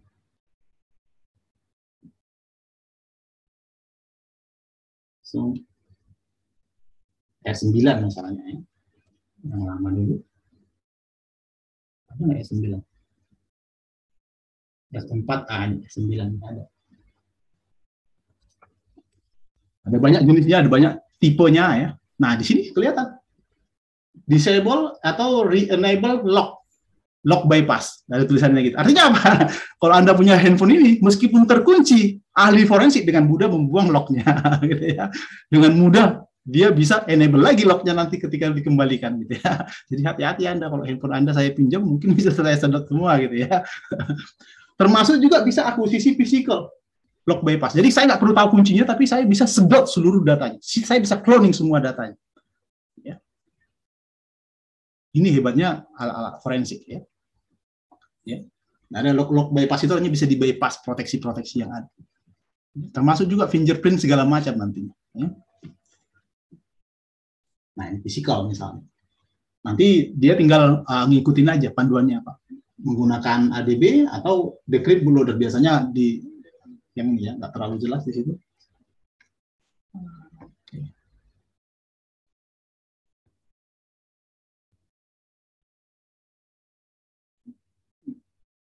Ya karena sinar ya. Nah itu contohnya ya. Jadi uh, ini contoh tools ya yang umumnya ya kita lakukan. Jadi ini yang sudah melakukan akuisisi ke perangkat-perangkat tadi ya yang saya tunjukkan tadi. Itu namanya Celebrate UFET Touch 2 ya, sama seperti yang ada di gambar ini ya. Persis ya. Ada juga Celebrate UFET for PC. Jadi berupa software dia bisa diinstal di laptop maupun di uh, komputer ya. Bedanya nanti dia butuh konektor tambahan segala macam. Kalau di sini sudah uh, sudah dilengkapi ya. Jadi di sini nanti perangkatnya saya back dulu. Di sini ada untuk membaca card. Kelihatan ya. Nah, ada untuk konektor SIM card-nya gitu ya. Jadi untuk mengcloning SIM card, ya, kita tinggal masukkan aja SIM card-nya di situ, kita bisa cloning gitu ya. Jadi hati-hati SIM card-nya ya. Nah, atau juga bisa uh, mass storage segala macam nantinya ya. Disediakan konektornya. Kalau, kalau pakai UHF PC berarti kita butuh adapter-adapter khusus nantinya yang harus kita gunakan nantinya selain menggunakan softwarenya ya.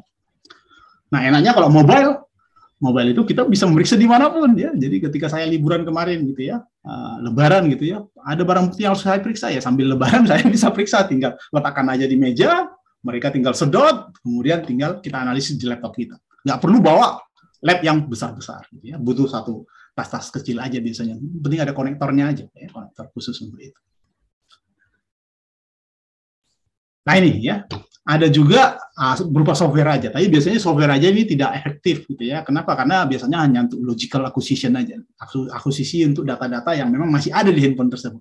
Kalau uh, UFED biasanya bisa namanya physical acquisition atau full file system. Jadi data-data yang terhapus pun bisa kita recover nantinya.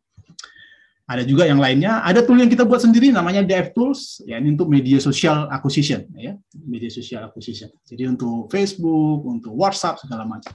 Ada juga software lain namanya Axiom, ada Belkasoft segala macam, ya ini rata-rata berlisensi.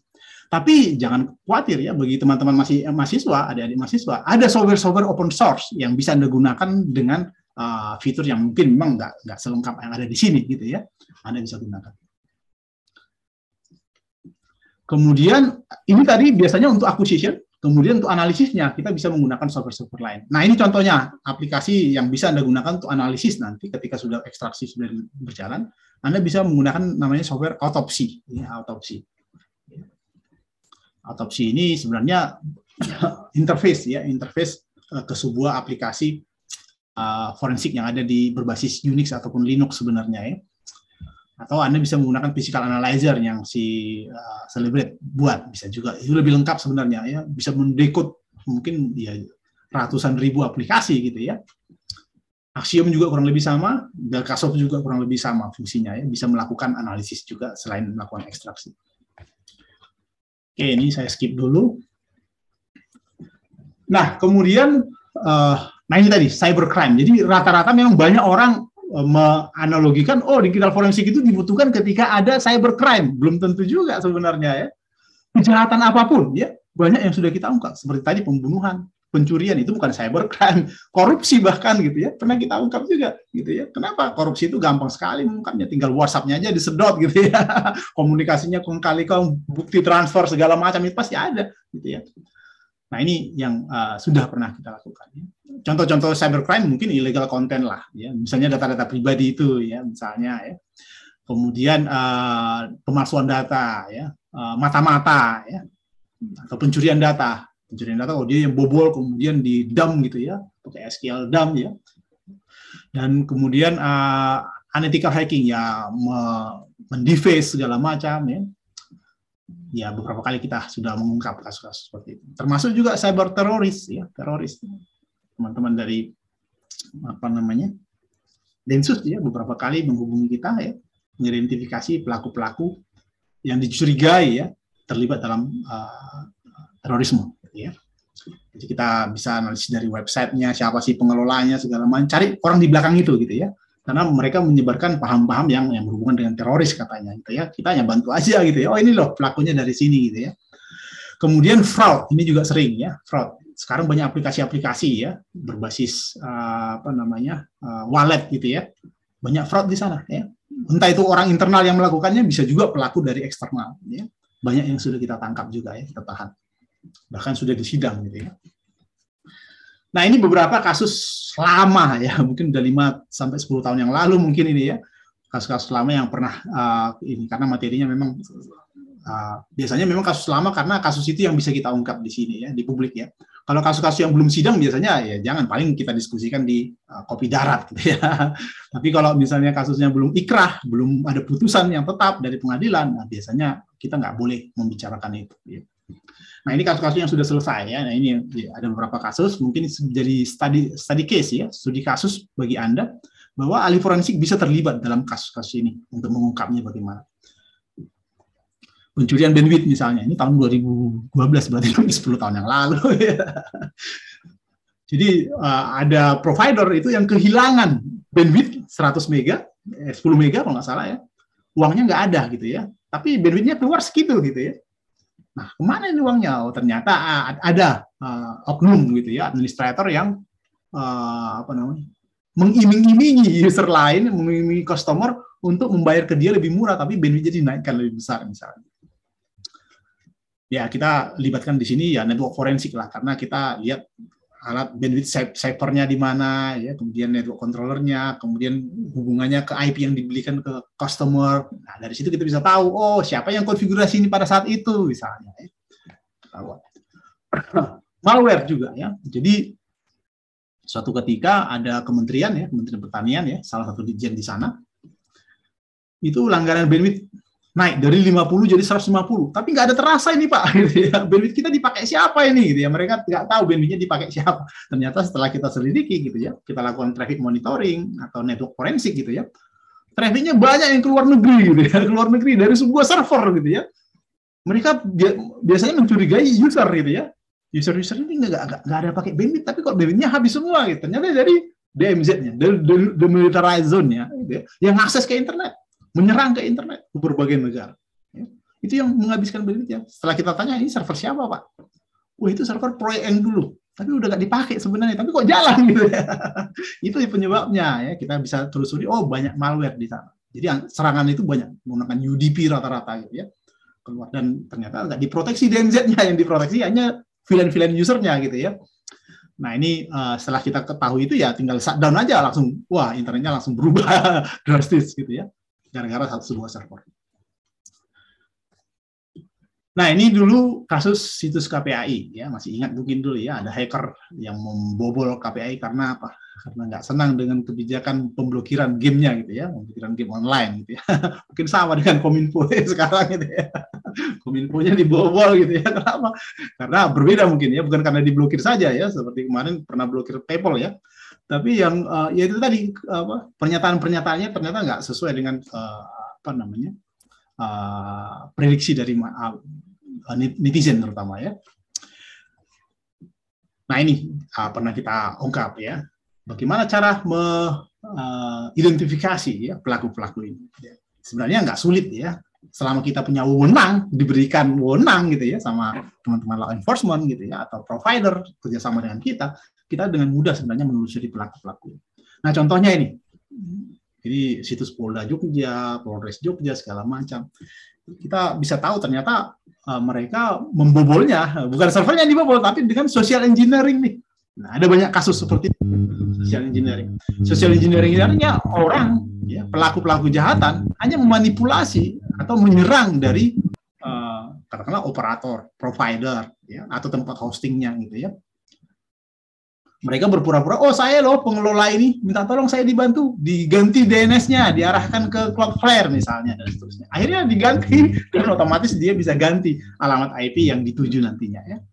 Ini bisa terjadi. Nah, setelah kita analisis, kok bisa ini masuk ke sana? Oh, ternyata dia dari mail spoofing menggunakan PHP script di sini. PHP script, manage registrindo, OID, PHP SRS, mail PHP, IP-nya juga kelihatan ya dan seterusnya.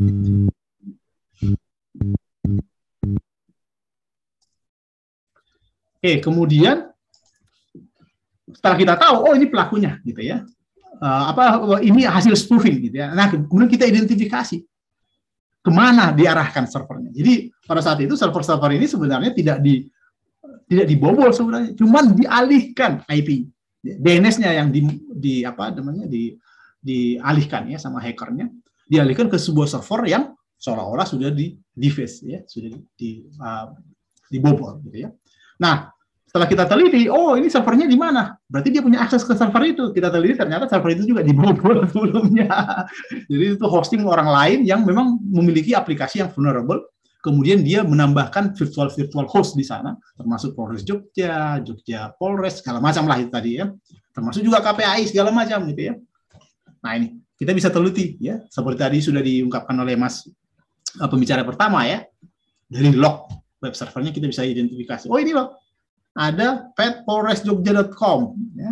Ini ternyata merupakan subdomainnya Polres Jogja Setialog Semawe ACD. Jadi ada uh, web ya kampus yang ternyata di, sudah dibobol oleh si hacker kemudian ditambahkan uh, vhostnya, virtual hostnya atau subdomainnya, kemudian dibuatkan alias domain polresjogja.com. Jadi kita tahu pelakunya dari mana? Oh dari IP ini nih, ya. Dari mana lagi? Oh, untuk Persija Koide dari IP ini nih. Itu servernya sama, pelakunya sama gitu. Yang bobol Persija, yang bobol KPAI dan seterusnya itu orang yang sama. Ya. Kemudian kita tarik kesimpulan sebenarnya ya, bukan hanya mengidentifikasi pelakunya, pelakunya ditelusuri kembali ya sama teman-teman kepolisian. IP-nya itu sudah jelas, bahkan dia baru ngakses pada saat kita periksa juga gitu ya, kita analisis juga. Nah, kita tahu bahwa Persija Jogja, Persija itu korban soceng pemindahan DNS dari emailnya tadi ya, email ke uh, technical support dari uh, tempat hostingnya gitu ya. Kemudian kita tahu Stilok Semawi ini ternyata dibobol juga, bukan administratornya yang menyalahgunakan, tapi orang yang bobol dari kelemahan local file inclusion dan SQL injection menggunakan uh, CMS Lokomedia yang belum diupdate ya.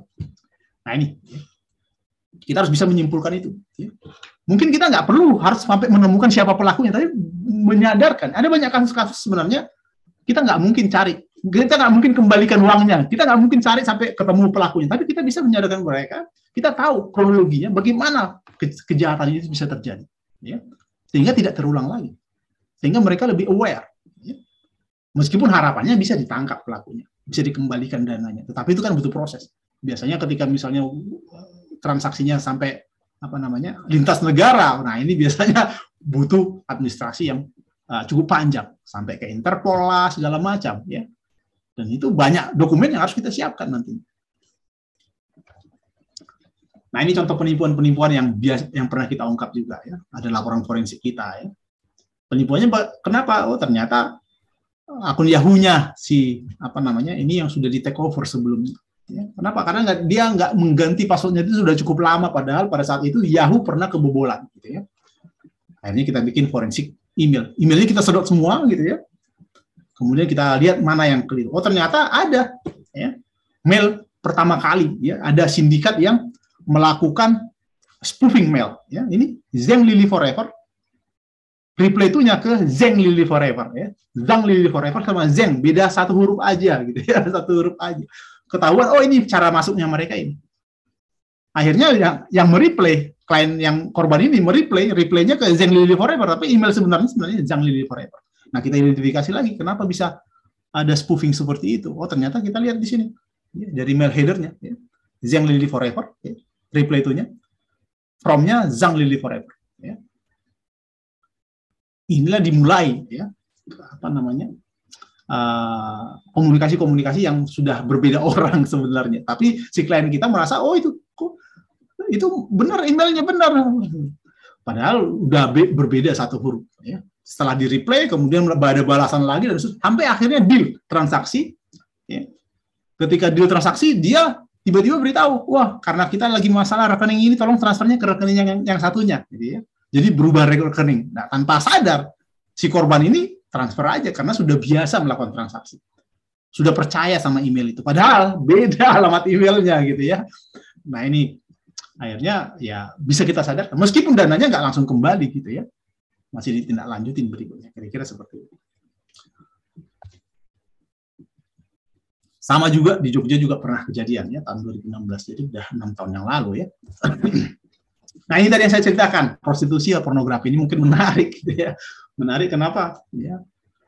Jadi eh, ada hasil apa namanya ya istilahnya eh, dari kepolisian gitu ya. Mereka bolak-balik ini apa namanya memeriksa terduga pelaku gitu ya. Pelaku yang membuat grup esek-esek di apa namanya di Facebook ya, grup private sebenarnya, tapi mereka bisa masuk, bisa lihat gitu ya. Grup private. Nah, setelah ditahan, orang yang membuat ini yang karena ada identitasnya di sana, nomor teleponnya, dia nggak ngaku.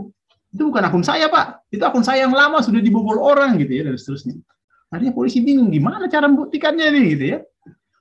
Setelah bolak-balik P19 ke kejaksaan, kemudian mereka menghubungi saya. Ini gimana, Pak? Kira-kira bisa nggak kita ini? Nah, perangkat apa yang sudah disita? Oh, ini Pak ada tabletnya, Pak. Tapi belum kita apa-apain gitu ya. Ya udah sini saya periksa tabletnya. Setelah kita periksa tabletnya, akhirnya ketahuan bahwa memang grup itu dia yang buat, dia juga jualan di sana segala macam, Pak. Gitu ya. Nah, ini dengan setelah kita akuisisi secara fisikal tabletnya, kita bisa menggunakan kata-kata kunci tertentu ya untuk mencari. ya. Akhirnya ketemulah akun-akun yang ikut jualan di sana yang dia buat sendiri. Bahkan passwordnya masih ada. Meskipun dia nggak menyimpan ini sebenarnya. ya. Jadi di tablet dia dia mendaftarkan akun-akun Yahoo, ada namanya Salon BJ, Noda Putih segala macam. Dia daftarkan melalui tabletnya. Dia nggak nyimpan. Tapi meskipun didaftarkan tahun lalu, kita bisa melihat historinya. Ya. Ini loh, dia pernah daftarkan ini, gitu ya. Memang nggak begitu jelas lagi di sana. Kenapa? Karena berupa uh, script, ya, script HTML dan kita bisa temukan, ya, dengan alat forensik tadi, ya. Bayu, dia pernah daftarkan ini. Padahal ini daftarkan udah setahun sebelum dia ditahan, ya. Dan dia nggak pernah menyimpan itu. Kita mendapatkan ini dari? Dari case-nya, ya. Dari case. Jadi semua komputer Anda, mobile devices Anda itu pasti membuatkan case, ya. Dan case itu disimpan rata-rata di storage. Nah, storage itu kita bisa gali, ya. dari situlah ketemu dan ini nggak bisa dibantah lagi. Meskipun dia dalam dua tiga sidang pertama dia membantah karena ahli belum dihadirkan. Ketika ahli dihadirkan, baru dia mengakui, oh itu benar pak, itu akun saya, gitu. Akhirnya seperti itu. Karena terbukti ya, dia yang me, apa, membuat grup tersebut dan dia juga yang melak, me, ikut juga berjualan, ya, berjualan hal-hal yang berupa asusila ya. Kasus lain pembunuhan, ya, pembunuhan berencana. Ini juga bisa kita ungkap ya menggunakan Punten Pak Joshua, waktu lima Ya. menit lagi. Baik, baik, terima kasih ya. Tinggal sedikit lagi ya. Ada beberapa kasus pembunuhan yang sudah kita ungkap ya. Sampai putusan dia tidak mengakui. Tetapi bagaimana kita meyakinkan hakim bahwa dia adalah pelakunya? Dari hasil digital forensik. Jadi kita analisis ya. Ada SIM card, ada nomor ini, nomor ini terhubung ke alamat email, i- email ya. Email- Emailnya dua ya, karena satu handphone dia punya dua email gitu ya. Satu diakui dia milik dia, ya. Satu lagi dia, satu lagi digunakan dia untuk melakukan teror, ya. Melakukan teror ibunya. Oh, bahwa besok kamu akan saya bunuh, anakmu akan saya bunuh dan seterusnya. Akhirnya beneran dibunuh gitu ya anak ini. gitu ya. Nah, kita telusuri bagaimana semua bukti-bukti hilang, dihilangkan, dihapus. Ketika dia membunuh, memecahkan kepala si anak segala macam berdarah-darah semua sudah dibakar gitu ya. Bukti satu-satunya hanya bu- bukti digital. Tapi kita ternyata bisa meyakinkan hakim. Semua komunikasinya dia ke ibunya si korban ini kita bisa bongkar. Bahkan handphone ini sudah dijual pindah tangan dua kali, bayangkan. Kita bisa menemukan. Ya. Dari situ kita periksa lagi, wah ternyata valid. Akhirnya hanya itulah bukti yang meyakinkan hakim dan akhirnya dia dihukum seumur hidup. Ya. Hoax juga pernah kita ungkap dengan digital forensik. Ya. Jadi yang nyebaran hoax difonis dua tahun, namun ini termasuk tinggi. Ya. nah siapa yang buat hoax? Yang buat hoax ini ternyata pemuda-pemuda di kampung di salah satu uh, dusun di uh, Sumatera Selatan. Ya. Dia sarjana tapi pengangguran, akhirnya dia kerjanya bikin hoax. Dan ternyata pemuda di kampung itu semuanya bikin hoax. kerjanya bikin hoax dan dia tertarik ikut-ikutan gitu ya. Makanya ketika ditangkap orang ini pelaku ini eh, semua yang pemuda yang lain kita jadikan saksi. Akhirnya mereka apa istilahnya? Tobat gitu ya. Tobat karena bisa aja mereka jadi tersangka sebenarnya. Masalahnya yang melaporkan nggak nggak nggak apa orang-orang yang dibikinkan hoax itu nggak melaporkan. Kebetulan ini Sultan langsung melaporkan gitu ya. Akhirnya bisa ditahan ya mungkin sekarang udah bebas ini udah udah berapa tahun ya. Nah ini hoaxnya ya. Motifnya apa? Motifnya ekonomi ya. Mereka nggak peduli mau orang berantem gara-gara ini, mau orang eh, bunuh-bunuhan gara-gara ini. Yang penting eh, iklannya diakses orang lain, diklik orang lain. Intinya itu ya, motif ekonomi. Kita bisa telusuri banyak apa namanya hasilnya ya. Kita menggunakan software-software yang sebenarnya open source ini ya. Kita melakukan analisis eh, browsernya dia. ya. Nah ada detik-detiknya dan seterusnya. Mungkin itu ya kita bisa lanjutkan nanti dengan tanya jawab aja ya. Saya kembalikan ke moderator. Ya.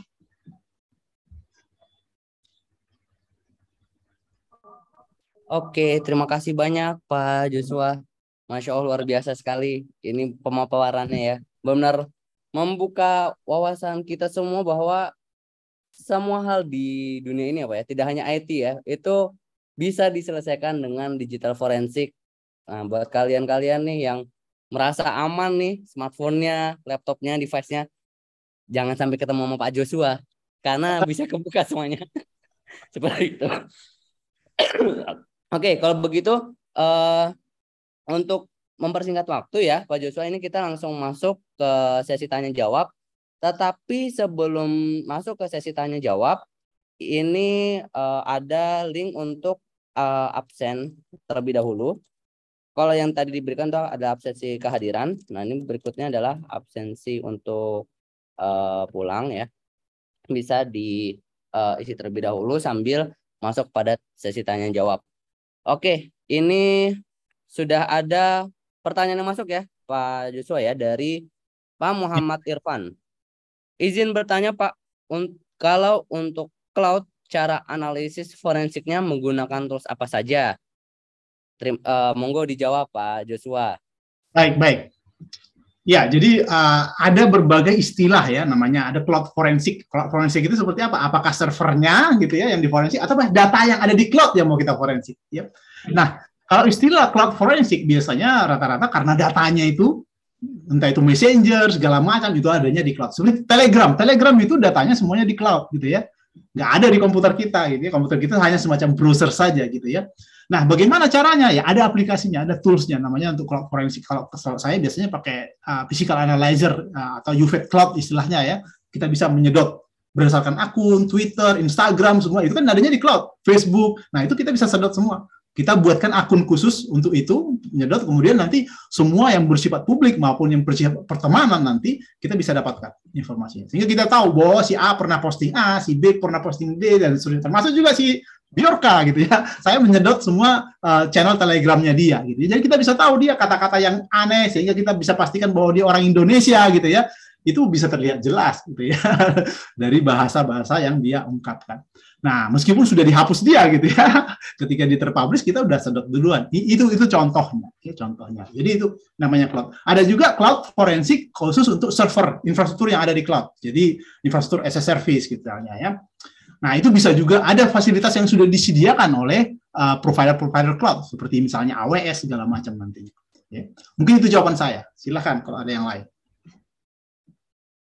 Oke, luar biasa uh, jawabannya Pak Joshua. Uh, untuk Pak Muhammad Irfan, bagaimana? Apakah sudah menjawab atau ada pertanyaan lanjutannya? Oke, kalau tidak ada, mungkin malah saya jadi tertarik ini Pak terkait tadi ya, ter, uh, Biorka gitu ya, sama katanya yang misalnya dihapus, kemudian bisa di restore lagi. Apakah itu possible Pak dari ranah digital forensik? Jika sebelumnya kita belum pernah menyedot sama sekali gitu Pak, tetapi sudah dihapus, apakah masih ada jejak atau trace yang bisa kita ambil atau bagaimana Pak? Ya, Bagi jadi memang Pak. Ah, jadi kalau misalnya channel atau grup segala macam, kalau misalnya sudah kita sedot di uh, perangkat uh, cloud forensik kita, otomatis dia nggak akan hilang lagi, meskipun di sananya sudah hilang gitu ya. Nah problemnya ketika itu sudah dihapus, baru kita melakukan analisis ya, nggak bisa kita temukan karena di server juga sudah hilang. Intinya itu. Jadi siapa yang duluan pernah akses, pernah join, nah itu yang biasanya bisa mendapatkan informasi-informasi berharga. Ya.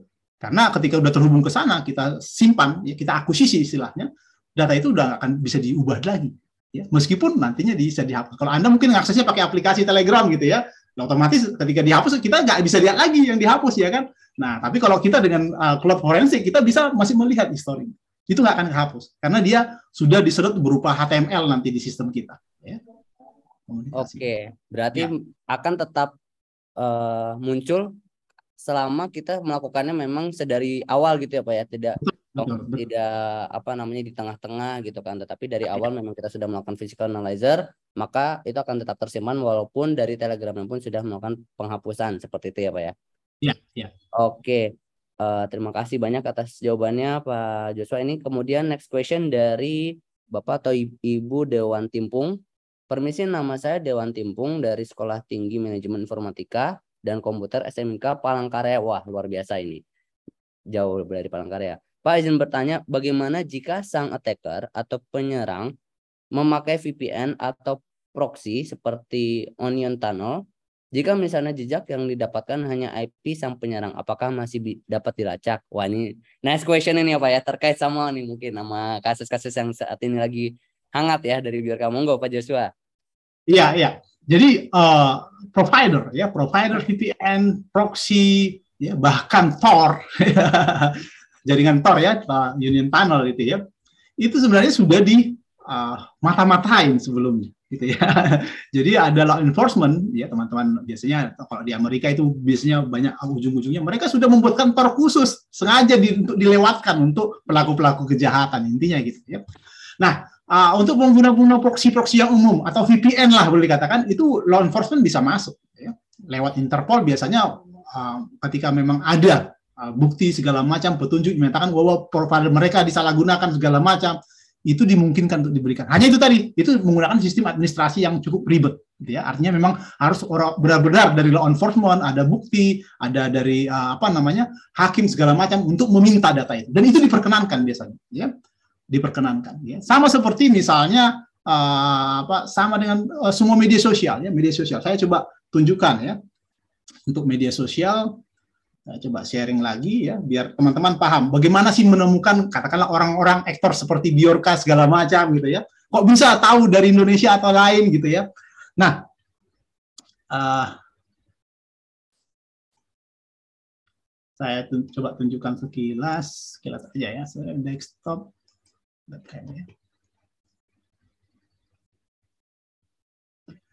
Hampir semua media sosial, katakanlah, termasuk juga nanti ada VPN server segala macam, itu punya halaman khusus untuk law enforcement. Ya. Misalnya Facebook, Telegram juga punya. Ya.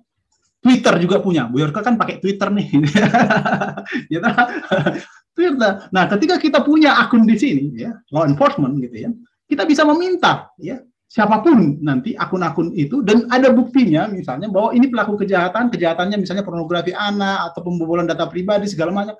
Mau nggak mau si Twitter harus melayani.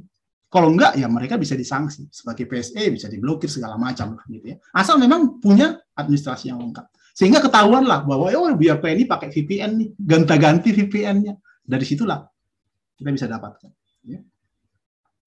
jadi eh, difasilitasi ya oleh penyedia-penyedia eh, jasa di internet termasuk proxy, VPN segala macam. Ya. Oke, paham maksudnya ya? Jadi eh, dari situ petunjuknya. Akhirnya ketahuan lah, oh ini dari proxy. Dia menggunakan. Nah, sepinter-pinternya pelaku kejahatan, pasti suatu waktu dia pasti akan melakukan kesalahan. Kadang-kadang dia oh, nggak sadar tornya nggak nyala sebenarnya, dia ngakses. Akhirnya ketahuan ini IP aslinya, meskipun hanya merequest hal-hal yang sangat kecil misalnya. Tapi dari situ kita bisa dapatkan nanti informasi-informasi lebih detail. Ya. Pasti melakukan kesalahan. Hampir semua kejahatan bisa terungkap karena pasti akan meninggalkan jejak istilahnya. Ya. Ya, jadi crime leave trace istilahnya ya. Pasti ada jejaknya. Sehebat-hebatnya siapa pun itu pelakunya. Hanya mening- tinggal menunggu waktu dan apa namanya eh, kepintaran atau kehebatan dari teman-teman yang melakukan investigasi nantinya. Silakan kalau ada yang lain. Oke, luar biasa sekali ini Pak Joshua. Jadi eh, walaupun ya kita sudah berusaha menyembunyikan identitas kita, tetapi tiap platform itu sebetulnya memberikan ya Pak ya, memberikan akses selama memang didukung oleh eh, legal seperti itu Pak, law- enforcement. Tuh, jadi eh, apa namanya ketika kalian ngerasa nge-tweet gitu kan udah di kamar sendirian, nggak ada yang tahu ya itu jangan disangka gitu ya Pak ya tetap bisa terbongkar ujung-ujungnya kalian rumahnya di mana. Seperti itu karena memang kita kan negara yang berbasis hukum seperti itu kan. Jadi semoga ini menjawab ya dari eh, pertanyaan Pak atau Bu Dewan Timpung gitu kan. Dan eh, pasti ya tadi crime leave the trace yang bisa saja dia melakukan kesalahan bagaimana setiap investigator itu bisa eh, cermat ya Pak ya. Bisa cermat ketika setiap langkah yang dilakukan oleh eh, pelaku kriminal atau pelaku cyber kriminal seperti itu. Oke, kemudian ini next question dari Mas Givari Kurniawan. Izin tanya, apakah ahli forensik digital harus mengerti hukum atau sarjana hukum? Monggo, Pak Joshua. Baik, ya eh, siapa pun bisa jadi ahli digital forensik nantinya ya tetapi ya harus mau belajar gitu ya karena biasanya ahli digital forensik akan bersinggungan dengan eh, banyak ilmu-ilmu lain ya. Ilmu sosial ilmu hukum terutama ya. Kita tahu batasan-batasannya pasal-pasal yang dikenakan unsur-unsurnya gitu ya. Sehingga kita bisa tahu oh bukti itu harus seperti ini loh. Yang bisa jadikan bukti. Kalau yang ini nggak bisa memenuhi syarat memenuhi unsur gitu istilahnya seperti itu. Jadi mau nggak mau harus belajar ya. Sama seperti saya saya latar belakangnya eh, IT elektro elektro tapi konsentrasinya SKI sistem komputer dan informatika gitu. Jadi memang cenderung uh, ahli digital forensik itu lebih lebih cenderung orang IT-nya sebenarnya yang mau belajar hukum. Tapi bisa juga ada juga orang hukum yang belajar IT. Jadi itu harus klop. Biasanya dua itu yang saling bersinggungan. Jadi ahli digital forensik ataupun ahli IT nanti di persidangan. Jadi uh, harus mengerti ya harus mengerti ya. Tapi nggak harus menguasai semua bidang-bidang yang ada di sarjana hukum misalnya. Oh, uh, IT misalnya nggak perlu ya. Silakan kalau ada yang lain. Oke, siap semoga ini jawab ya dari eh, pertanyaan Mas Givari. Intinya antara eh, hukum dan IT itu saling bersinergi ya Pak ya. Ya, Kalau dari ya. hukum berarti harus mempelajari IT, dari IT pun juga harus mempelajari hukum karena tadi ada yang namanya law enforcement. Seperti itu. Oke, next pertanyaan dari Muhammad Tuhfatur R. Tanya Pak, terkait permintaan digital forensik untuk daerah-daerah, seberapa banyak permintaannya? Jika dipresentasikan dari proyek-proyeknya Pak Joshua, Jabodetabek berapa, daerah-daerah lainnya berapa? Monggo. Baik, menarik ini ya. Jadi dia melihat peluang ya.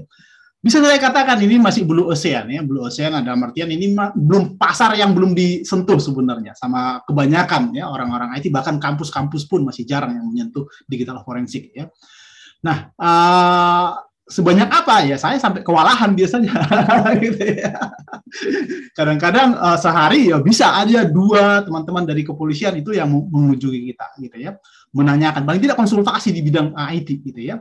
Kemudian ketika misalnya sudah jelas, oh bawa barang buktinya ke sini kita bisa periksa segala macam gitu ya. Nah, baru kita melakukan pemeriksaan di sana.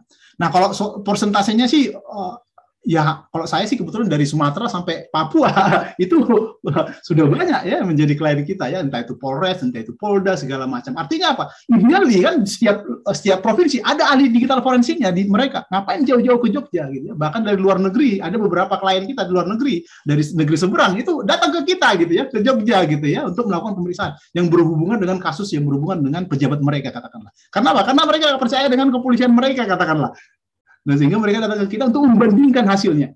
Ya, ternyata kita duluan yang memberikan laporan baru kepolisian dan itu hasilnya sama, gitu ya. nah ini pernah terjadi ya. Jadi uh, negeri seberang ya, Malaysia ya, itu pernah meminta bantuan kita untuk melakukan digital forensik. Nah ini makanya saya katakan blue ocean. Ya, ini peluang bagi teman-teman yang terjun di bidang IT ya, untuk bisa terjun nanti. Ya mungkin di awal Anda harus belajar bagaimana dikenal bahwa Anda bisa mampu melakukan digital forensik. Nah itu memang tantangan yang yang yang yang yang uh, yang, yang harus dipenuhi dulu. Kemudian nanti otomatis ya ketika anda sudah sudah terbiasa ya pasti anda dicari intinya gitu. Kenapa? Karena langka memang orangnya. Nggak mungkin semua kasus-kasus yang ada di internal perusahaan itu nanti ke kepolisian nggak mungkin. Mereka pengen selesaikan internal. Nah untuk menyelesaikan ini dibutuhkan oleh perusahaan-perusahaan uh, swasta nantinya. Nah ini yang kita coba inisiasi dari tahun lalu kita buatkan startup ya digital forensik supaya bisa menyediakan laboratorium forensik untuk keperluan-keperluan umum masyarakat maupun swasta termasuk juga teman-teman dari uh, kepolisian ya. Itu jawaban saya aja. Wah, luar biasa sekali ini. Pak Joshua pengalamannya benar-benar melalang banget nih Mang Buana. Bahkan sampai internasional ya, Pak ya. Ini ya. menjadi next question ini gimana caranya bisa langsung belajar dari Bapak ini ya.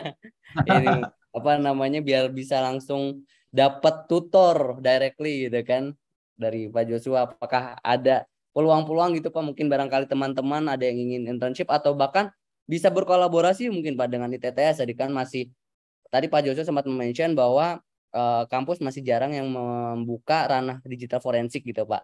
Nah, apakah possible gitu ya untuk bekerja sama dengan ITTS sehingga jika nih dari peserta webinar ini ada yang tertarik gitu untuk mungkin intern atau kemudian mengikuti pelatihan dari Pak Joshua gitu bisa apa namanya melakukan pendaftaran dari kita gitu Pak. Apakah ada possibility seperti itu gitu Baik, baik. Iya, iya. Jadi memang kita sudah kerjasama dengan beberapa kampus ya. Jadi analis terutama sudah kerjasama dengan beberapa kampus, uh, terutama uh, bidang training, workshop, memberikan pengetahuan-pengetahuan seperti webinar inilah gitu ya. Tapi ada MOU-nya. Nanti lebih ketat lagi. Nanti kita bisa ajarin dulu dosen-dosennya dulu misalnya, sehingga nanti mereka bisa me, apa namanya memberikan gambaran ya bahwa oh uh, lulusan IT bukan hanya coding aja, bukan hanya membuat infrastruktur aja, tapi ada bidang lain nih yang menarik dan ini sekarang uh, belum ocean, belum banyak orang yang terjun di sana misalnya. Silakan ya, silakan nanti teman-teman ITS nanti bisa kerjasama dengan kita juga gitu ya, supaya uh, lebih banyak lagi layanan-layanan yang bisa kita uh, apa namanya berikan ya. Nah untuk belajar untuk mahasiswa saya posting di uh, chat uh, untuk join ke grup Telegram kita, Telegram uh, Digital Forensik dan Information Security ya. Uh, anda boleh join ke sana dengan catatan Anda harus memperkenalkan diri. Ya. Ada baca uh, pin message-nya ya supaya Anda ini super grup. Jadi semua catatan-catatan kita dulu diskusi-diskusi dulu Anda bisa baca di sana. Termasuk juga bagaimana mengungkap si Bjorka ya. Silakan. Luar biasa. Ini berarti mungkin kita bisa menindaklanjuti lagi ya Pak ya nanti terkait ya. kerjasama ITTS dengan digital forensik ya Pak ya. Digital forensik Oke. Okay. Next question nih Pak dari Pak Nazar.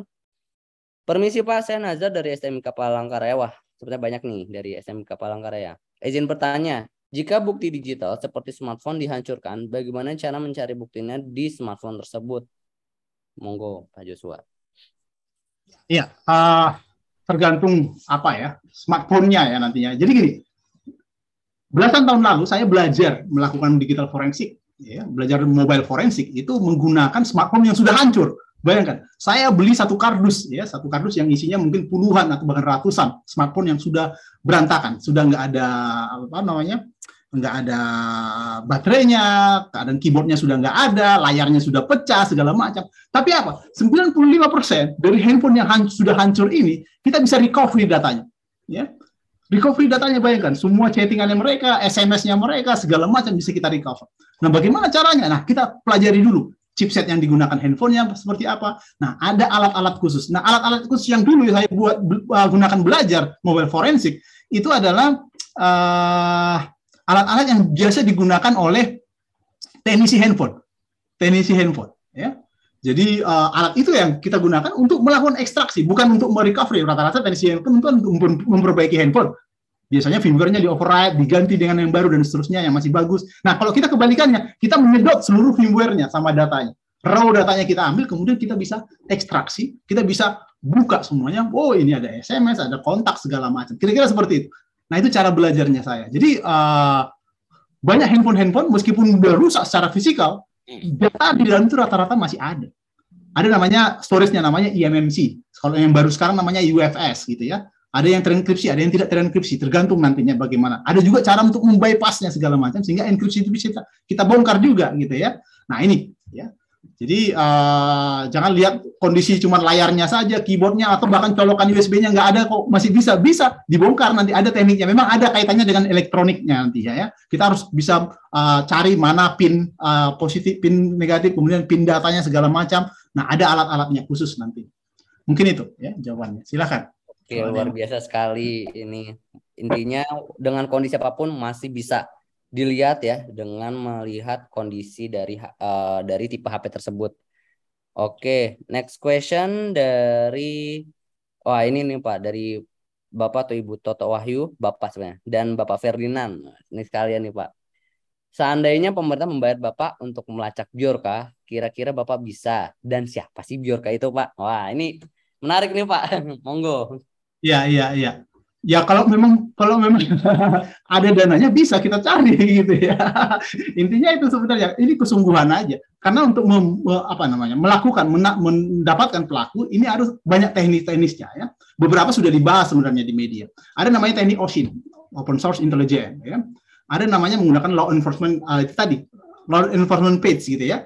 Ada namanya menggunakan uh, lawful interception gitu ya. Ada namanya uh, menggunakan teknik-teknik yang lain. Ada banyak ya yang bisa kita lakukan termasuk juga social engineering. Yang paling gampang sebenarnya dengan social engineering, dengan kita join ke grupnya, ke channelnya segala macam kita bisa identifikasi bahwa pertama dia orang Indonesia gitu ya. Yang kedua, dia berada di Indonesia sebenarnya gitu ya. Kemudian bagaimana ya uh, untuk mendapatkan ini? Kita bisa dapatkan walletnya. Beberapa kali dia posting ter terkait dengan berapa saldo bitcoinnya segala macam gitu ya. Kalau kita tahu walletnya, kita bisa monitoring di pool gitu ya dan seterusnya. Ya, ada namanya uh, cryptocurrency investigation. Itu bisa dilakukan, tetapi ini nggak nggak mudah, nggak gratis gitu ya. Untuk mendapatkan walletnya kita harus ber, ber, apa namanya bertransaksi dengan dia. Ini namanya proses social engineering gitu ya. Nah, sekarang tinggal keseriusan dari uh, yang membutuhkan aja. Ini butuh diungkap nggak sih? Kalau menurut saya sih nggak perlu. Buat apa? Yang penting sekarang benar nggak itu data Anda? Kalau benar telusuri data siapa. Harus jujur dulu pemerintahnya bahwa itu data dia. Kalau nggak benar ngapain juga dicari orangnya ya kan? Tiga bilang aja tuh hoax gitu misalnya ya kan. Nah tapi kan masyarakat udah nggak percaya sekarang. Karena jelas itu datanya ada di situ ya kan. Nah itu justru ini uh, peluang sebenarnya bagaimana pemerintah ini nanti menjelaskan benar-benar sejujur-jujurnya gitu ya supaya tahu bahwa ini memang pelaku kejahatan. Jangan pula disangkal gitu ya. Nah kalau saat ini kan kebanyakan disangkal gitu ya kita harus benahi ya benahi dari mana bocornya itu. Jangan jangan disangkal dulu. Udah tahu benar-benar bocor tapi disangkal. Nah ini sehingga mereka nggak ada aktivitas untuk me mencari dari mana bocornya ya. Bagaimana mereka mendapatkan data itu dan seterusnya. Sehingga kita nggak tahu bagaimana menambalnya ya kan? Oh nggak mau dicari bagaimana bocornya ya kan? Nah kira-kira seperti itu. Itu jawaban saya. Oke silakan ya. sekali. Berarti sebetulnya bisa ya pak ya? Selama memang keseriusan dan memang dukungan ya? Oh, iya iya dukungan dana ya pak ya karena karena kan Starbucks mahal gitu ya pak ya butuh berhari-hari yang lucu yang beredar ini kan yang ditangkap salah tangkap semua nih gitu. Okay. apa yang terjadi nah di sini ada ada ada hal yang miss ya. Jadi ada lembaga namanya Duck Treasure. Dia membuat presentasi seolah-olah mampu mengungkap ini segala macam dan keliru ternyata ya. Akhirnya apa exit exit strateginya ya dibuatkan tersangka, dianggapnya ini belum belum tentu juga itu terbukti. Ya udah jelas nggak punya komputer kok bisa melakukan itu kan aneh gitu ya. Ini yang yang yang sebenarnya harus diluruskan ya. Kita nggak ya kita bilang salah ya bilang salah. Ahli forensik itu objektif gitu ya. Kalau yang benar kita bilang benar. Nah, ketika pemerintah salah kita bilang salah gitu. Itu itu hal yang objektif ya. Kita uh, mendukung ilmu pengetahuan yang benar-benar uh, mendukung kejujuran lah. Karena di akademik kita diajarin seperti itu kan. Nah, itu mungkin jawaban saya. Silahkan kalau ada yang lain. Oke, intinya kita memang harus objektif dan independen ya Pak ya. Tidak Ya. bisa dipengaruhi oleh pihak mana pun ketika berkaitan dengan forensik. Wah, ini luar biasa sekali. Ini butuh butuh dedikasi dan integriti yang luar biasa ya Pak ya. Ketika memasuki ranah digital forensik. Harus bertanggungjawabkan di pengadilan ketika misalnya itu akan masuk ke pengadilan ya kan. Kalau ada pertanyaan ya belum benar itu. Mana kalau dia pelakunya? Kalau nggak ada ya udah jangan dipaksakan gitu ya. Betul, betul. Berikan sebenarnya kan dipulangkan ya. Luar biasa sekali ini. Coba Ya. langsung hiringnya Pak Joshua ya Pak ya. Oke. Ini next question dari salah satu mahasiswa kita juga, eh, Mas Arya Davin. Izin tanya Pak, saya Arya dari TTS. Apakah ada hal atau pengalaman yang paling sulit ketika Pak Joshua mendalami digital forensik? Monggo. Ya ada ya. Jadi gini, banyak ya pelaku-pelaku kejahatan itu paham bahwa katakanlah kejahatannya tersimpan di handphone ini, gitu ya. Nah, ketika dia ditahan, ditangkap gitu ya, handphonenya dibuang, disembunyikan gitu ya. Yang dikasih handphone anaknya, yang dikasih handphone istrinya gitu ya. Artinya ya yang nggak akan nyambung gitu loh pemeriksaan kita dengan aktivitas dia karena bukan handphonenya dia gitu ya. Nah, tapi kita bisa lihat nanti oh, dari handphonenya kita tahu uh, katakanlah emailnya, komunikasinya segala macam. Nah, itu kita bisa nanti uh, tahu bahwa oh, bahwa itu bukan handphonenya. Nah, kesi- kesimpulannya memang tidak berhubungan dengan kasus nantinya pemeriksaannya. Nah, itu kesimpulan-kesimpulan yang yang yang bisa saja terjadi yang pernah kita alami juga. Dia menganggap oh ini ini handphone pelaku pak. Setelah kita periksa nggak ada hubungannya dengan pelaku ini. Ternyata sudah diganti. Ya mungkin sama seperti kasus Sambo gitu ya. Handphone-handphone yang di, itu kan sudah diganti semua ya kan, sehingga nggak terungkap lah ya bukti-bukti komunikasi mereka misalnya. Itu contohnya ya. Jadi itu bisa saja terjadi dan itu sulit ya. Kita ya nggak bisa ngapa-ngapain. Buktinya udah hilang lenyap ya kan. Kira-kira seperti itu. Tapi memang ada ya hal-hal lain yang bisa kita lakukan sebenarnya. Ya, seperti kasus-kasus yang pembunuhan kemarin ya. Kita bisa take over semua akunnya. Kita pernah mengungkap kasus pembunuhan ya, pembunuhan yang besar ya, eh, mantan pilot segala macam gitu ya. Nah, meskipun handphonenya nggak ada, orangnya nggak ada, nomornya nggak ada, kita bisa bongkar semua, kita bisa recover semua akun-akunnya dia yang ada di cloud. Rata-rata komunikasi WhatsApp itu ada di cloud, katakanlah di uh, Google Drive, ya kan? Atau mungkin mungkin ada di uh, apa namanya uh, App Store dan seterusnya, gitu ya. Nah, kita bisa recover akun-akunnya, emailnya segala macam. Dari situ kita bisa sedot. Nah, bagaimana caranya? Ya kita aktifkan lagi nomornya yang hilang ini misalnya. Kepolisian berhak melakukan itu. Ketika nomor hilang itu bisa diaktifkan lagi, kita bisa sedot semua akun-akun internetnya, bahkan cloud-nya. Dari situ kita bisa mampu membongkar juga komunikasi-komunikasi yang dianggap mereka sudah hilang sebenarnya. Ya, padahal bisa saja masih ada. Nah itu contohnya. Ya. Silahkan kalau ada yang lain. Oke, wah luar biasa sekali. Jadi emang tantangan tersulit itu di dalam digital forensik ketika bukti yang diberikan itu atau barang buktinya ternyata tidak valid ya Pak ya dan tidak bisa mendukung dari eh, ap- kasus yang sedang ditangani seperti itu. Oke, next question dari Iman Fauzi. Izin bertanya tentang kasus saat ini, eh, kasus Biorka sepertinya. Kenapa kepolisian bisa salah menjadikan orang tersangka? Apakah ada blunder dari segi forensik?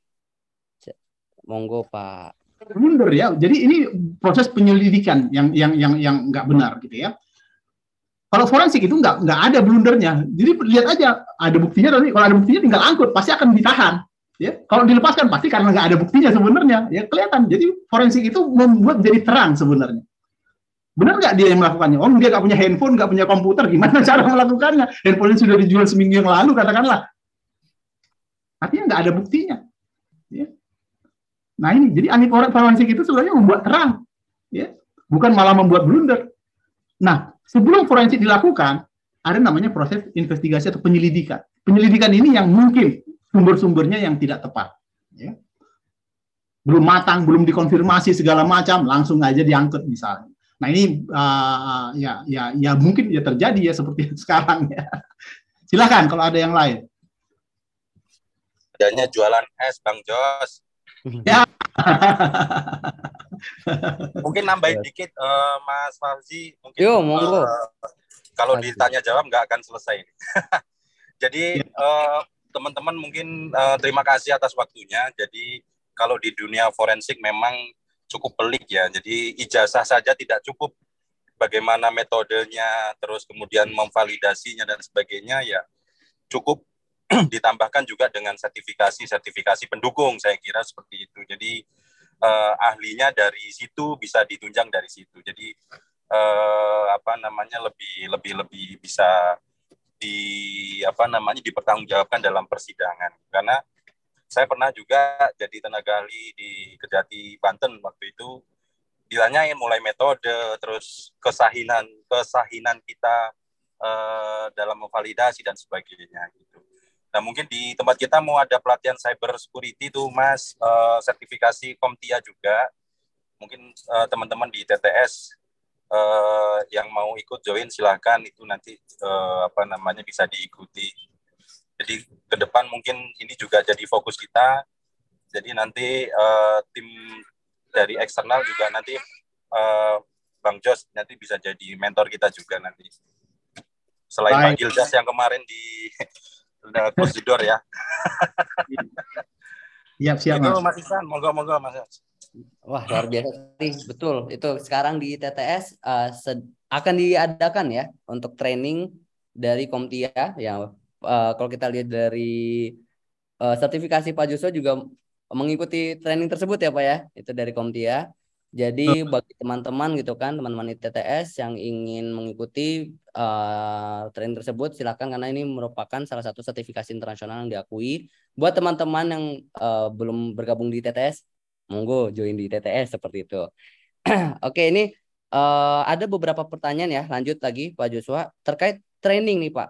Eh, apakah Pak Joshua mengadakan eh, private training gitu kan Pak terkait penggunaan toolsnya atau atau tekniknya dan sebagainya dan jika memang mengadakan training tersebut kira-kira berapa atau mungkin eh, apa namanya bisa nanti ternyata berkolaborasi dengan ITTS seperti itu Pak. Monggo bisa dijawab. Bisa, bisa ya nanti dengan ITTS nanti kalau misalnya mau uh, kerjasama nanti bisa diadakan di sana ya karena kita jauh dari sana juga gitu ya. Jadi mungkin suatu waktu kita buat event bersama gitu ya. Yang pasti kalau event-event publik yang online itu Anda bisa akses di forensikdigital.com. Di sana ada banyak workshop segala macam yang terjangkau lah. Tapi biasanya yang bisa live yang langsung apa offline itu biasanya uh, berbeda ya. Biayanya juga berbeda karena memang ada fasilitas yang harus disiapkan segala macam. Mungkin itu jawaban saya ya. Jadi uh, silahkan bisa monitor di forensikdigital.com ya kalau untuk aktivitas pelatihan-pelatihan atau training kita. Oke, siap. Intinya adalah ketika ka- teman-teman yang memang tertarik untuk bergabung atau eh, mengikuti pelatihan, insya Allah nanti Pak Joshua akan berkolaborasi dengan ITTS melakukan training ya Pak ya, insya Allah di eh, ITTS di ranah eh, di daerah sekitaran Tangerang Selatan ataupun Jabodetabek bisa meng- mengikutinya atau bisa langsung eh, cek di eh, websitenya forensik digital ya Pak, ya, forensikdigital.com itu nanti di situ ada keterangannya. Oke, ini untuk eh, memot- menyingkat waktu nih Pak kan udah 12 19 juga. Mungkin dari Pak Joshua bisa memberikan closing statement eh, terkait materi yang disampaikan. Ya, ya. Jadi uh, closing statement saya sederhana ya. Jadi bagi teman-teman yang tertarik nanti uh, menjadi uh, digital forensik analis atau yang berhubungan dengan incident handling dan seterusnya ya. Nah, banyak peluang ya. Peluangnya cukup uh, uh, besar ya untuk ke depan ya. Karena kita bisa tahu lihat sekarang ada banyak insiden-insiden kebocoran data segala ma- mau tidak mau mereka pasti butuh orang-orang cyber security ya. Bukan hanya pemerintahan tetapi uh, justru uh, swasta ya swasta ya. Anda bisa masukin nantinya ya. Itu mungkin ya singkat saja. Oke, luar biasa sekali closing statementnya. Ini adalah bagaimana teman-teman jika tertarik di digital forensik itu nggak usah ragu. Karena ini masih menjadi ranah yang blue ocean. Kayaknya ini Pak Joshua memang mulai ke ketantilan ya Pak ya, keteteran ini menghadapi apa klien-klien. Tidak hanya dari pemerintahan tetapi juga dari perusahaan-perusahaan swasta. Itu ingin melakukan digital foren- forensik eh, terkait eh, internal perusahaan mereka masing-masing. Seperti itu. Jadi eh, bisa mulai belajar gitu kan terkait digital forensik. Dan yang nanti insya Allah kita akan segera mengumumkan ya terkait kolaborasi antara Pak Joshua dengan ITTS untuk pelatihan digital forensik berikutnya. Oke, eh, mungkin itu saja ya eh, Pak Joshua untuk hari ini luar biasa sekali, masya Allah. Ya, ini ter- apa namanya materi yang isinya daging semua benar-benar dijelaskan secara secara hulu ke hilir atau hilir ke hulu ya itu terkait materi digital forensik gitu kan apalagi sekarang sangat-sangat eh, terbuka banget banyak banget kasus-kasus yang kemudian up eh, membutuhkan keahlian dari digital forensik dan ini kita langsung mendatangkan ahlinya pakarnya yaitu Pak Joshua untuk memaparkan dari eh, apa namanya materi digital forensik seperti itu. Oke, mungkin eh, itu saja untuk webinar kali hari ini ya. Terima kasih sekali lagi terima kasih banyak Ya, untuk sama-sama. Pak Joshua sebagai pembicara kedua dan juga Terima kasih Bang Jos. Ya, sama-sama Pak Agung. biasa sekali. Untuk teman-teman eh, terima kasih banyak yang sudah Thank you, hadir thank you Bang Jos. Siap, siap. dalam webinar hari ini.